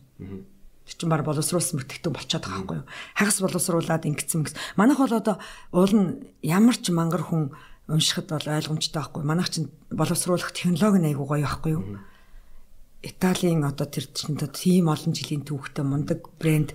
Тэгээ энэ яаж боловсруулж байгаа гэхээр уураар утаад, уураар жигнээд тэгээ тэр мах мах зах чинь тэр тогоонд орж байгаа морж байгаа нь амар штт. Тэгэл ороод буцлаад жигнэгдэл 140 градус 10 барын даралтанд юу үлдэх юм бэ тийм дотор 140-оос 60 градус буцлагж байгаа байхгүй тий. Тэгэл тос нь нэг машин руу яваал хуураа уург нэг тийшээ явж байгаа байхгүй. Тэгээд нөгөө Танаа одоо тэр технологиг л өстө үнэхээр гайхмаар технологи. Таны үйлдвэрт хэдэн хүн ажиллах вэ? Манайх чинь бүтээн автомат үйлдвэр гэж явдгийг. Тийм учраас нэг 10 савлгаан дээр л хамаг цаг авчдгийг. Тэрнээс хойш хүний гар хүчт хүч хөдөлмөр орохгүй автоматикийн инженерүүд ажилладаг. Тэгээ айгүй нийтдээ шүү дээ. Анх үйлдвэрөө байгуулах гал эмээлтэд ясны үйлдвэрт ажил давна гэн гутал автоматикийн инженер ажил давна гэвэл хүмүүс уцалдаг байхгүй юу. Тэнгүүтээ ясны үйлдвэр өнгөт аа аа гэж дугаалал уцаа тавьчихдаг. Тэгээд очиж үзүүлж мүзүүлж ээж ойлгуулж байгаа байхгүй юу? Аа автоматик чи энд байгаа юм байна. Бүтэн автомат. Энэ манай италч чинь цаанаасаа залах уу бөгөөд тийм заваан бохор ямиг тэгж гараараа барьдаг усуд биш байхгүй юу? Тийм учраас тэд нар айгуу тийм хүн биш хөнгөнөөр шийдэж толгоогоо ажилуулсан. Кноп дараал ерөөсөө уртлынхаа яс хүлээж авдаг газар ганцхан кофшны жолооч байж идэв. Томоо тоогоор бол одоо кофш хийгээд ахна ш том ясаж зүгээр ингээл том кофшоор утгаа хийгээд байна. Тэр нь ганцхан хүн. Хүүз үздэг кофш гэдэг чинь. Тийм кофш тийм юутай үзүүрээр ингээл тий хийчихдэг ш тий. А тэгэнгүүт юу н дотроо оронгууд нөгөө автоматикийн инженерүүд нь удирдаад аваад ингээл чанахтайгаар оруулаад ингээл удирдах удирж явж байгаа. Яг савлгаан дээр очингууд яг айл манайх чи нөгөө Италид бол тэр чинь том том машинууд урт нөгөө юу гэдэг лээ урт машины чинь тэдэр орж ир зогсоол шувууны тижээлийн аж ахуйнууд нь бүр машинаар бүр гээр унаагаал аваа явчихдаг. Надад тийм юм хийгээд өгцөө. Дээрээс ундаг. Гү манад тэгж авч явахгүй савлна өөе гэд шуудаалж байгаа байхгүй. Тэнгүүтээ тосных нь том тос хийнгүүтээ нэг том цорог том ингээд нөгөө урт усны тэрэг шиг юм руу ингэж хийдэг тосны сав хийгээд өгцөө. Манайхад энэ яах юм бэ? Ингэж авах ийм машин ирэхгүй штэ гэсэн чи за тэгвэл хийгээд өгөө шуудаа тосдаг юм хийж өгч байгаа байхгүй надад. Тэгээ шуудаанд хийгээ савлаад амын уяад ингээд савлгаан дээр айгүйх ажиллагаа болдог. Савлгаан дээр л хамаг хүмүүс нь баг 2 ээлжээр болохоор 10 хүн савлгаан дээр явчихж байгаа байхгүй юу. Тэгээ уурын зуух муухан дээр ажиллаад нэг 20 хүн л ажиллаж байна. Тий 20 хүн л ажлын байраар хангаал явж идэг. Юунд хамгийн том зардал юу ах вэ? Одоо газ мазар ажиллах уу? Тэгж их юм буслах байгаа юм чинь. Цэглэх юм байт юм уу? Наа чин гол ярих юм байсан шүү дээ. Уурын зуух ажилдаг байхгүй юу? Үгүй тийм үү. Уураа өгдөг байхгүй. Тэр 140 градус 10 барын даралттай гэхээр бүхэл бүтэн цахилгаан станц шиг уур ажиллаж байгаа байхгүй юу? Тэгээд нөгөө хог нүүрсээр төлж ажилдаг байсан байхгүй. Би тэгээд нөгөө нүүрсний нөгөө квот муут өгн нүүрсийг хориглон гэдэг яг тэр үед байгаагүй юм чи.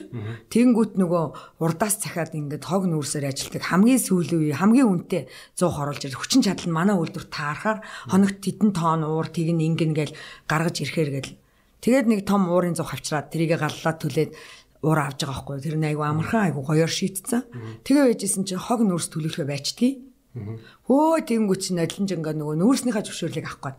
Би чи хаягдл нүүрс манай мата хайдгүй хайдгүй гүү штэ тийм юм байхгүй. Ерөөсө манай уурын зуух руу хүрээд ирэхэд бол ерөөсө сайн ингээд ажиглах юм бол нэг тунгалаг гэм юу гарч идэг. Хажуу талын тэр махны үйлдвэрчтэй үзээр юм гаргана штэ. Тэгээд ингээд гарч идэг. Тэгээд ингээд яасан чинь хог нүрсийг төлдгүүштэй наан чинь гут нь тэгээд хотын гүйцэтгэх сахиргаа алдан бичиг мичиг барьж өгөөд манайх чинь боловсруулах үйлдвэр технологийн уур гаргаж авдаг. Дээрээс нь манайх юм уурын юм ийм технологитой юм аа гэж явж байгаад нэг зөвшөөрөл авсан. Тийм тэгээд байж байна. Одоо тэр зөвшөөрлийн минь бас цуцлан барина гээл хайлгаал хүмүүс ирж шалгаал яваад байгаа. Тийм агаарын чанарын юм уг шалгаад манайх бол ямар ч хоргуу моргуу гэдгээ тодорхойлцсон гаргацсан байгаа. Тэгээ угаасаа бас л хог нүрсийг л хог нүрсийг чим хойлол бутлаал янз янзын барьцалдуулагч өө манай нэрээ бас энэ уураг барьцалдуулагч материалд ордог байхгүй. Одоо энэ одоо энэ нүүрс нь штэ. Тэр чинь ингээд нөгөө чиний яриад байгаа желатин гэдэг байгаа штэ. Тэр чинь нөгөө шиир мэнэс жасар их тийм желатин гарч байгаа штэ. Наалдан наалд наалд цавуутай байхгүй. Тэнгүүт аа тэр нөгөө нүүрсийг чинь ингээд наалдуулт юм билээ. Нүүрсэн бөмбөлөг их тийм. Нүүрсэн бөмбөлөг ихэд бас хэрэг болох байхгүй юу? Тэгээ бас санал тавиад очлоо. Бас тэрийг сургалаад бас нөгөө Италиас технологиг үзүүлээд ийм технологитой. Бас нөгөө би яваагүй газар байгаагүйс хөлөө хүрэх газар явсан байгаас. Тэгээд Тэгээд очисон чинь энийг өөр газараас авт юм аа уучлаарай. Танах таарахгүй л гэсэн. Уул нь бол энийг бол тохируулаад хэрэглүүл би ч дотоодын нөөц тийм тэр чин тэндээс ирж байгаа нүүрсний нөгөө барьцалтуулагчдын бизнес рүү бас нэг хүн юмаа бариад гүгээд нь штэ. Монголынтай үйлдвэрлэлчлээ наадах чинь бийлгээд яваад байгаа байхгүй. Тийм юм бэлээ. Тэгээд үйлдвэр ямар ч хэлсэн уурын зуух маань одоохондоо ажиллаж байгаа үйлдвэр маань ажиллаж байна. Маш ихээр энэ жил нядалгаа маш их явагдаж байна урд өмнөхөөс илүү яс аягдж байна. Тийм учраас үйлдвэр. Энэ жил нөгөө нэг э, зарим аймагуудад нөгөө 100 олно гэд. Би хөвсгөл сая энэ амьдралдаа авах удаага хөвсгөлд амрлаа. Манай хөвсгөлийн мөртлөө би хөвсгөлд очиж үзээгүй байжгаад энэ жил ерөөс өөртөө зав гаргая гэд.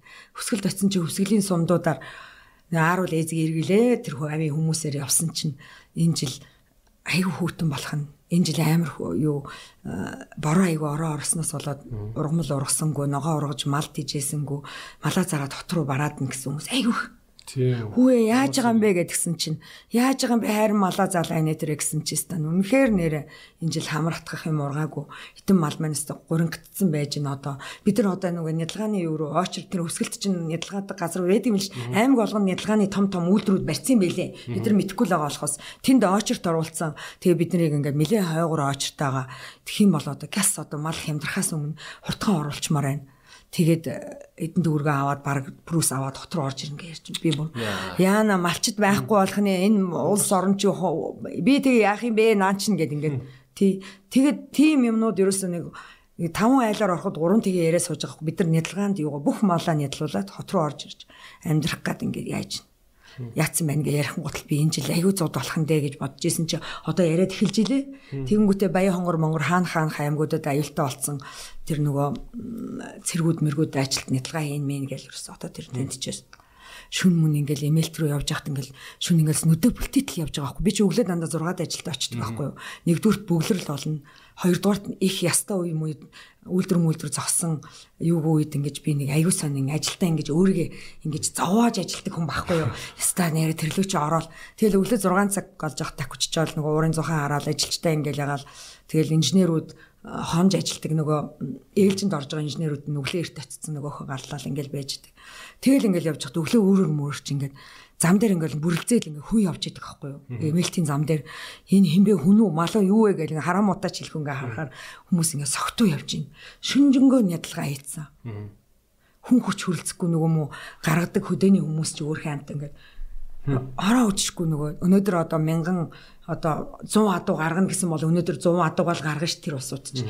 Тэгээд өглөөгөр тэд нар чинь ингээд хажуудлын дэлгүүрээс ингээд Монгол хүн улаан гараараа өөрийнхөө унжсэн морио ангаа алаад ах чинь арх уухгүй л явахгүй шүү дээ. Би тэгж боддог байхгүй. Би тэгэл уржрэл тэр чинь бас сэтгэл засал сэтгэл засал хийгдэж байгаа байхгүй. Айгүй гутралтай ажиллаа. Сэтгэл гутралтай байлгүй яг хажууд нь ингээд зөвөр хальт ингээд нөгөө санаандгүй явж байгаад моринуудыг нөгөө машин дээрээс буулгаж байгааг харахад л яана гал пал гэлс яана яана яана өөр монголчууд чинь тэр морио алдгүй штэ. Тэг чи монголчууд морио морио яагаад ийм ихээр нь яаж яана? Ядчих зөвшөөрлийн ямар их өгдөм бэ? Хонь ямаагийн л өгнөс ямар ч амар ихсэн байлээ штэ. Тэг ямар ч айгүй өвс их ухаж идээд байгаа гэж хил ам гараалгаа тий хүмүүс чинь ноолуурнд ноолоод тэгсэн тий хурдан юутай жижиг богоодоо яахгүй дандаа л бод тэгээ дээрэс нь морио ядчихт гээл.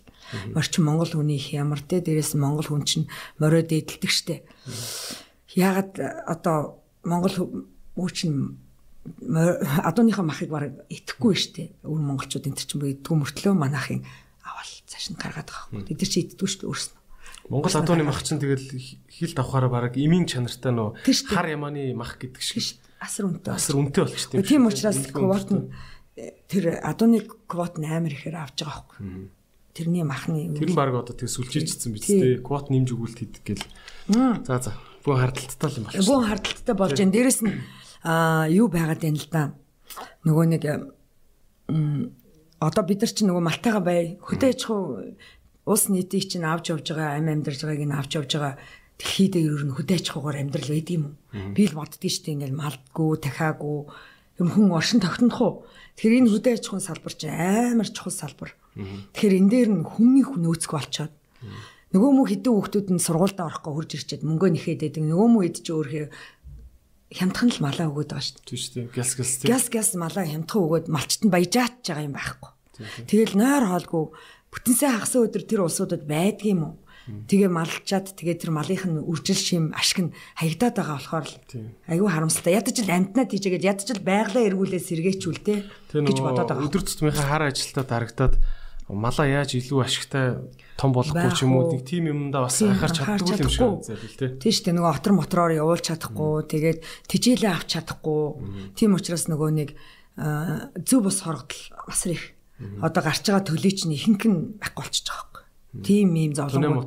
Өө хөөрхөн амт тийм зовлон тэр малчтаар тойроод нэг гурван малчин айлынхаар ороход нэстэ зовлон амар их байгаа байхгүй юу. Тэгэхээр малчд бэлтгэхийн тулд залуучуудыг малжуулах хэрэгтэй. Нөгөө гэрэл уцаар уцаар орлоо гэртээ зөвөр нөгөө ээжийнхээ аавынхаа авсан хашаанд ч байдаг юм уу байгаад байгаа сайхан залуучууд мал маллыг гэсэн залуучууд байгаа шүү дээ. Тэднийг малжуулмаар санагдаад байдаг байхгүй юу? 100 100 хонь өгөөд гаргалдаа тэднийг ажилтаа болгоод өө тэгээд тэр чин дараа жил нь тэрийг аваад тэгхийн бол тэр улсууд чинь малаа маллаад айгуу гоё би л мал малж байгаа улсуудыг амар бахархдаг шүү дээ. Тий. Өөрөө ч мал малж үтсэн. Тий. Би нөгөө ээж аваар тэтгэврт гараад нөгөө дөнгөж нөгөө зах зээлд орж чинь манайх чинь гавжин шандын дэше мал аваа гараад би чинь гахаа өржүүлээд дахиад өржүүлээд хідэн үнээ сааж л шүү. Тийм болохоор малын нөгөө нэг юм хэвтэр бууц янзлах мор мал хүнд хөдөлмөр гэдгийг аюу мэдээд байгаа байхгүй юу. Тэгэхгүй нөгөө мдээгүй цав цагаан гартай байсан. Дандаа банк санхүүгээр яваал дандаа л ээж аав нь одоо юугаар явчихсан. Тэгээ цагаан гартнууд одоо сүүлийн тэрийг аюу гоё нэрлээд байлээ. Тэр нөгөө гоё юм цагаан гартай хүмүүс. Тэд нар бол нөгөө мал залны тухай мэдхгүй. Офисын ажилтнууд. Тий, офисын юмнууд тий мэдхгүй л байхгүй юу. Тийм тэгэхээр хүнд За Оюбат ихч битүүрийн ярилцлагын цаг нэлээд явчлаа. Аа мэдээж маш том сэдв те хөдөө аж ахуйн салбар гэдэг бол аим том сэдв ойлгож байгаа. Аа тэгэд аа хоёлаа ерөн сүүлийнхаа асуулт руу асуултууд руу оръё. Боловсруулах үйлдвэр гэдэг нь маш чухал. Одоо боловсруулах үйлдвэрүүд Монголд олноор хөгжих юм бол улс орон хөгжин хүмүүс маань аз жаргалтай амьдрын шүү. Энэ боловсруулах үйлдвэр дээр л анхаарах хэрэгтэй. Бүтэн кластраар тийм кластраар ажиллах. Кластраар. Тэр аягүй чухал юм байна. Тэрийг өстой ойлгож авлаа. Тэгэд би зүгээр бас нэг дахиад таныг зүгээр эмгтэн хүн гэдэг талаас чинь бас point pointтой асуултсан асуумаар л да. Тэгэхээр нэг аа та нь ингэж боддгоо юу ингээл мэдээч эмгтэн хүн тэгж зүгээр ингэж ярьдаг штэ тий эмгтэн хүн илүү юм аж ахуй талтай илүү юм болгоомжтой бодлого явуулдаг одоо ингээл эмгтэн ерхий сайдтай улсууд аягүй тийм юм одоо юу гэдэг чинь өрхийн цэцэрлэг мэцэрлэгийг хөгжүүлээл те. Илүү тийм юм амьдрал амьдралд илүү ойрхон бодлого явуулж шатдаг гэж яриад байдаг шүү дээ те. Манай Монгол улс тэгэл ийм олон эмгтээчүүдний юм нийгмийн идэвхтэй ингэж их ажилдаг те. Хамаг амьдралаа авч явдаг хэрнээ. Яг ингээл бодлого одоо яам маам дээрээ тулангууд байдгүй шүү дээ. Ингээл улсын хурлын гишүүн гэл яг одоо одооны парламент чи сонгочгоор тийм. хэдэн гишүүнтэй те. Хэдэн эмэгтэй гишүүнтэй. Мэдгүй. Те 3-ын 1 ч хүрэхгүй шүү дээ. Тийм тийм. Юу баг 4-ийн 1 хүрэхүү те. Тийм тийм. Тэгэл яг гарсан хэдэн цөөхөн хэдэн эмэгтэй гишүүнүүд гишүүнүүдийг ганц хоёр алдаан дээр нь дөрүүлж амар хар PR хийгээл баг л эмэгтэй хүн төр тэрэггүй юм шиг болтол болтол нь ингэж хар PR-аар угаагаал те. Та энэ тал дээр үн за би бол яг зөвөр мэдээж манай ээж бол эмэгтэй улс төрч болохоор би илүү тийм өмөрөх талтай хандлагатай л та. А та энэ бодлогын төвшөнд эмэгтэй хүмүүсийн оролцоон дээр ямар бодолтой байдаг вэ? Эмэгтэйчүүд би дахиад хэлээд байна шүү дээ. Нөгөө эн чинь ерөөсөө л нөгөө туршлага байхгүй юу? Мэргэн цэцэн ухаантай эрэгтэйчүүд нь илүү одоо юу ч ядгийн олон сургууль төгссөн ч ядгийн илүү их юм үтсэнтэй биш. Эмэгтэй хүмүүс хүүхдтэй асарч хүмүүжүүлэхээс ахуулаад хүүхдийнхээ төлөө дор хаяжл хүүхдийнхээ ирээдүг бодох нь эрэгтэй хүмүүсээс илүү байхгүй. Миний хүүхдийн ирээдүй хинтээ хаана бах вэ? Хаана оршин тогтгоо? Миний хүүхдүүдтэй зэрэгцэж өсөж байгаа хүмүүс ямар хүмүүс болж гин гэдгийг хүртэл тэд нар чинь бодож байгаа байхгүй юу? Эмэгтэйчүүд илүү их хүн гэдэг утгаараа бодож байгаа ш. Тийм учраас илүү юм санаачилж илүү боддог л байх гэж бодоод байгаа ш. Бодоод байгаа ш. Ер нь бол зөндөөл мундаг эмэгтэйчүүд байдаг. Танаа ээжийн тэр жорлонгийн төслийг бол би айгүй анхааралтай сонсдог байхгүй юу? Сонсдог байхгүй юу? Жорлон гэдэг ингээд ярихаар айгүй тийм нэг тийм бохир заваа юм яригадаад байгаа байхгүй. Энд ч ерөөсөө чи ерөөсөө хүний амьдралтай салшгүй холбоотой юм шүү дээ. Энэ жорлонгүйгээр хүнийг төсөөлөхгүй шүү дээ. Хоол гэдэгтэй адилхан байхгүй юу? Гэтэл энийг мартцсан бид нэр бохир яг л дахиад миний яриад байгаа хөрсний бохирдол ус ундны асуудлыг яриа явж байгаа байхгүй юу? Тэгэхээр энийг эртэн хүн ярьсан юм уу? Яриаггүй шүү дээ. Эртэн хүн ярихгүй бараг л жижиг юм ярьлаа гэх нь холгүй байгаад байгаа нь. Тэгээд нэг глобал мундаг том яриад байгаа нь дэлхийгээ хөгжүүлээс мундаг болгоод явлаа гэж олон жил бид нар эргэжтэйчүүдтэй найдаж явлаа шүү дээ. Тэгээд өнөөдөр тэгээд эргэжтэйчүүд нь тэгээд нэг яг үнийг хэлгээд ямар муухай хот болгоч юу? Өстө чарт гэмээр хот болгоцсон тий. Булан болгонд ингээ байшин газар өгөөл газрын 8 хөгжөөл энэ хотыг чинь хитгэн хүмүүс л ингээ сүрүүлээ ичиж байгаа байхгүй. Өнөөдөр бид нар тэр эргэжтэйчүүдийг сагсалзуул сагуулж та нар мундаг гэж дээрээ залж ингэж явсныхаа гайг өнөөдөр үзэж шít. Хэрвээ эмгтэн хүн байсан бол арай ч ийм хоттой байхгүй байлгүй дээ тий. Нэг хүн нэг гайгүй юм барингууд сонхон доорно. Хүн амир юм барилт суучин тий. Тэгээд эргэж тойрж булан тохоо үр хөвгтөд тоглуулах, амьсгалуулах агаарч байхгүй одоо усгүй. Ингээ байна гэдэг чинь бид нар оролцсон маш бага байсан байгаа байхгүй юу? Эмэгтэйчүүд дуурдггүй байсан байна. Тэгээд бүр одоо бүр оролцох юмсан гэж бодоод штэ зарим юм дээр. Тэгээд тоохгүй юм доо тэгээд явна да явъя л гэж бодчих штэ. Тий тий. Гэхдээ тэгэл юу штэ тий. Дугаа суугаад зодуулах уу? Сайхан хэрэлдэж байгаа зодуулах уу? Хоёр ч өөр штэ өөр байхгүй тий. Гэхдээ ер нь бол мэдээж сайн хүмүүс сайн бодолтой хүмүүс дуурахгүй байх шиг хортой юм нийгэмд байхгүй шүү дээ. Байхгүй. Аа жишээлбэл одоо би тийм би бол ингэж боддог байхгүй. Жишээлбэл тэр 90 оны хувьсгал гарч яхад би юуныхаа үүднээс эргэн үнийхээ үүднээс сониуч зам дээрээс нь эргэн үний үүднээс тэнд очицсан явж лээсэн. За үнэхээр л нэг сайхан нийгэм бүгдээрээ тэрнийхээ хүчээр гадаад паспорттай гадаад орныг үтцсэн те. Сникерс гэдэг чихрийг идээд үтцсэн бүр дайшаа фендигийн цүнх бариад үтчлээ одоо болоо. Одоо тэгээд энэ эмэгтэйчүүд сая ингээл нөгөө тэр нэг сонгуул олоод одоо бас нэг ингээл талбай дээр хідэн залуучууд цуглаал ингээл зогссон шүү дээ хэдэн онд үлээ. Өнгөрсөн жил үлээ улсын хурлын даргыга буулган ч гэлөө те. Тэгэл зогсохт нь би ажилтаа уриалаад очисон. Ягаад очиж байгаа гэхээр худлаал нэг ингээл Facebook Instagram юу юу ч байна вэ мэдхгүй тийм юмныхаа араас бичээ суугаад идэг. Биеэрээ сэтгэлээрээ очиж харагдах хэрэгтэй байхгүй юу? Энийг ерөөсөө яадгүй. Нэг л ам нь хөвчсөн усууд, нэг л утасны цаанаас одоо фэйсбુક ч гэмүү тэр юмны юмныхаа би мэдхгүй эргэлдэг болохоор мэдхгүй байна. Тэрнийхээ цаанаас ингээл стабар тэмцээд үг, алаад үг, босоод үг гэл ингээд байдаг. Буруу юм байна, шудраг биш байна. Наадвал чи юм буруу юм хийгээд дэжтэй гэдгийг хэлдэггүй гүйччод ингээ залуучууд нь цогтоод би л Италид би нөгөө ингээл тэр яасан ч олон хэлчвтэй хэлний сургууль сурсныгаа дахиад нөгөөхөө ярьчлаа. Италид нөгөө сурж яхад цонхоор ингээл харж явах жоохон байж байхал ингээл туг барьсан хүмүүс ингээл жагсаж идэг байхгүй юу. Юу вэ юу вэ эн чи бослог мослог гарч ийн үгүй би чин те нөгөө 7 сарын 1-ний мигний юм бодоод айц хүүц төрөлтэй ингээл ингээл бодонгут тэд нар юу ч хэлдэг вөхөр зүгээр шүү дээ энэ одоо цалингаа нэмүүлэх гэл ингээ явж байгаа. Зүгээр сая ингээ ингэцээ. Тэрийг айгу гоёор хэлээл тэмцдэг ингээл гараад болохгүй юмыг ингээ бүгдээрээ хилдэг. Өө одоо ингээл энэ улсууд чи ингээ болохгүй байх ингээд ингээд 50 жагсаал хийж болохгүй бол энийг ингээ шийдэж өгөхгүй бол эдгээр 50 бус жагсаал руу орно шүү дээ гэл тэгдэг. Тэгээд нөгөө юу нөгөө нэг Солонгост би нэг явж исэн. Тэнд чинь Солонгост ингээл бүр дэлгүүр хэсцээ явж исэн чинь ингээл бүр лаа барьсан хүмүүс яваадахгүй юу? Юу бас энэ сүм юм найрал дууч тийм юм уу гэдгсэн чинь бүх хүмүүс нь лаа барь яваадах бүр гайхаад нь ч тийм бол. Тэгээ хамт явж байгаа хүнээс энэ яац юм бол яац юм бол хэрэг дурлаад асуусан тэр ороо нөгөө Солонгосын эмэгтэй ерөнхийлөгч буулгах лаата жигсаал хийж байгаа байхгүй юу? Бүгдээрээ зогсоод одоо энэ буруу юм хийсэ буунаа тэр онгоц монгоц одоо ингээд сүрж яхад гоо сайханд одоо ботокс шахуулаад твтчихсэн учраас бид нэр чагсаж яана гэл. Орон шууд мэдээгэр нь гараад би орчуулагч нэг охноос яриулч хээ ямар амар интерчсэн шууд шууд ингээ арга хэмжээ авчдаг юм бэ. Ла барьцсан бүгдээр залуучууд нь тэр дэлгүүр хоршоо маршоон дээр тэр супермаркет ажиллаж исэн гот нь чойрлоо шууд чагсаж байгаа байхгүй бид нар өнөөдөр тийм нөгөө юу байхгүй өнөөдөртөө нэг хоолтол байл болоод тэгээ нэг бүрэнгээл угаасаа л юм нэг болдгийм чи яа гэм би түрүү хэлсэн шүү дээ нөгөө аав ээж нь гэртээ тижээгээд байгаа болохоор хажууд л нөгөө нэг үеэл их жахан тижээчээд хоолоо өгчөөд байгаа болохоор үеэлүүд гэртээ оруулахгүй хаалгаж ажиллавал тэр хүн ажил хийн шүү дээ. Тэгэхэд байгаа болохоор хүмүүс ингээд залуучууд за өнөөдөр сайхан тэднийхт очиж суйн сэгсэрнэ гэж яваад өчөж байгаа байхгүй. Тэгэхгүй өлсөд байвал өлсөж байгаа хүн чинь ажил хийх гэж тэмцэнэ тий явах байхгүй юу? Өсгүүл байна гэсэн үг. Өсөж байгаа хүн гэртээ зөвхөн хүнжлөө нөмрөөд гівтж байгаа бол арчаагүй байна гэсэн үг шүү дээ.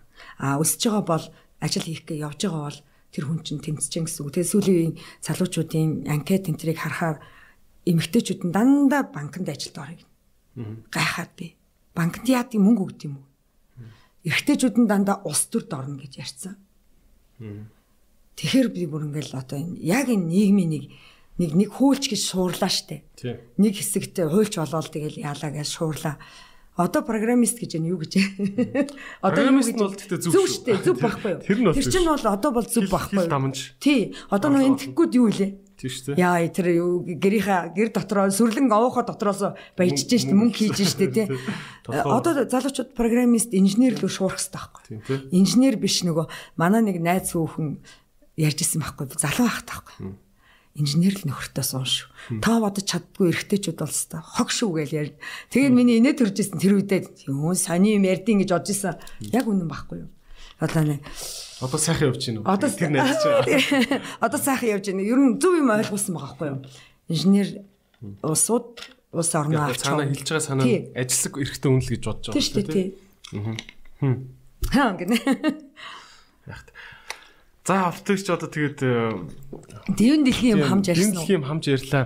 Ямар ч гэсэн Оюнбат ихчтэй маш их баярлалаа цаг гаргаж те бизнесийн одоо хамаг ямыг л одоо ярьлаа. Хамаг нууцаал ярьч. Тэгээд хамаг л ярих хэрэггүй юм а ярьлаа. Тэгээд Promon Trade LLC гэдэг компани үүсгэн байгуулагч дахин танилцуулахад Benetton, Yamamay, Capriza, Wycon гэх мэт брэндуудыг Монголд төлөөлдөг ийм худалдааны бизнестэй мөн үйлдвэрлэлийн үйлдвэрлэлийн одоо энэ том том салбар руу одоо ингээд ороод 2 3 жил болоо явж байгаа ийм бизнесийн салбарын хүн оролцлоо. Тэгээд өнөөдрийн өнөөдрийн спонсороор Ecos ус манай Монсын Монсын зөөлөн ус. Тэгээд ер нь хиллээдээ бит хоёр те сая хөрсний бохирдол ус ус гэдэг бол ерөөсө хүний эрүүл мэндийн гол суурин шүү. Манайхаа эрүүл хоол идэл идэг идэл идэг зэвтэй ус уугаа яваад ивэл ямар хэрэг байх вэ? Уссаа сайн анхаарч сайн ус ууж байгаарай гэж хэлмээр байна. За тэгээд нэвтрүүлгийн микрофоны сүүлийн минутыг танд үлдээе. Та манай үзэгч тандж одоо юу ч хэлж болно. Тэгээд. За ямар ч хэлсэн нэвтрүүлэгт урьж оролцуулсанд баярлалаа. Энд чи одоо том том хүмүүс л орд юм байлээ. Яг тийм шүү. Гэхдээ тий. Гэхдээ хамгийн гол нь энэ юугаар та хэд хийж байгаа энэ подкастер дамжуулаад нэг хүний ч гэсэн амьдрал өөрчлөгдөх нь чухал. Би тэр хүүхдтэй ярьж өгдөг миний нөгөө сургамжт өгүүлбүүд байдаг аахгүй байдгийн тэрэн дээр гардыг. Далайн өвөн дээр баах юм одоо нөгөө далайн таван хурцнууд гарцсан байсан нэг хүүхд өглөө шидэд ич. Аваа шидэд далаа руу далайн однууд далайн одуудыг шидэдсэн чинь хажуугаар нь явж исэн хүн чи юу хийгээд байгаа юм бэ? Энэ одоо далайн одыг ингэ шидэд дуусахгүйгаас хойш чи юу хийж байгаа юм бэ гэсэн чинь ганцхан ширхэг далайн одыг барьж үзүүлсэн юм. Энийний хувьд шал өөр юм хийсэн би. Энийний хувьд ганцхан энэний хувьд энэ далаа руу орж байгаа энэ далайн одны хувьд бол агуу юм би хийж өгсөн гэж байгаа байхгүй юу. Үнэхээр үнэн. Чадлаараа одоо ингээд нийгмийг соён гэгэрүүлж байгаа ном уншсан, харсан, үзсэн, дэлхийгээр аялсан, явж чадахгүй хүмүүс зөндөө байна. Уншиж чадахгүй хүмүүс зөндөө байна. Өнөөдөр галаа авч төлж чадахгүй зөндөө хүмүүс байна. Эднийг одоо ойлгуулж, хилж өгч, хийх хүсэл мөрөөдөлтөй болгож, тэмүүлүүлж, зоригтой явах юм бол тэнд гэрэл байдгийн шүү. Дахиад нөгөө үгээ хэлэх дуртай байхгүй юу? Яа, ядарлаа өнөөдөр хагас өдөр амарсангүй гэж хэлж байгаа хүмүүс. Чи үнэхээр ядраад өнөөдөр ороо болтол суусан бол чи дээшилж байгаа шүү чиний амьдрал. Манай ээж хэлдэг байсан байхгүй юу? Шинэ жил болгоноор энэ жил ямар амжилттай байсан гингүүт бид нар юу гэж хэл. Энэ жил би гоё тийм палаж авсан ч гэдэг юм жоохон дээрэнгууд манай ээж энэ жил миний хүү ийм ийм юм дээр амжилт гаргасан. Жил ирэх тусам хүн сайжирж явдаг.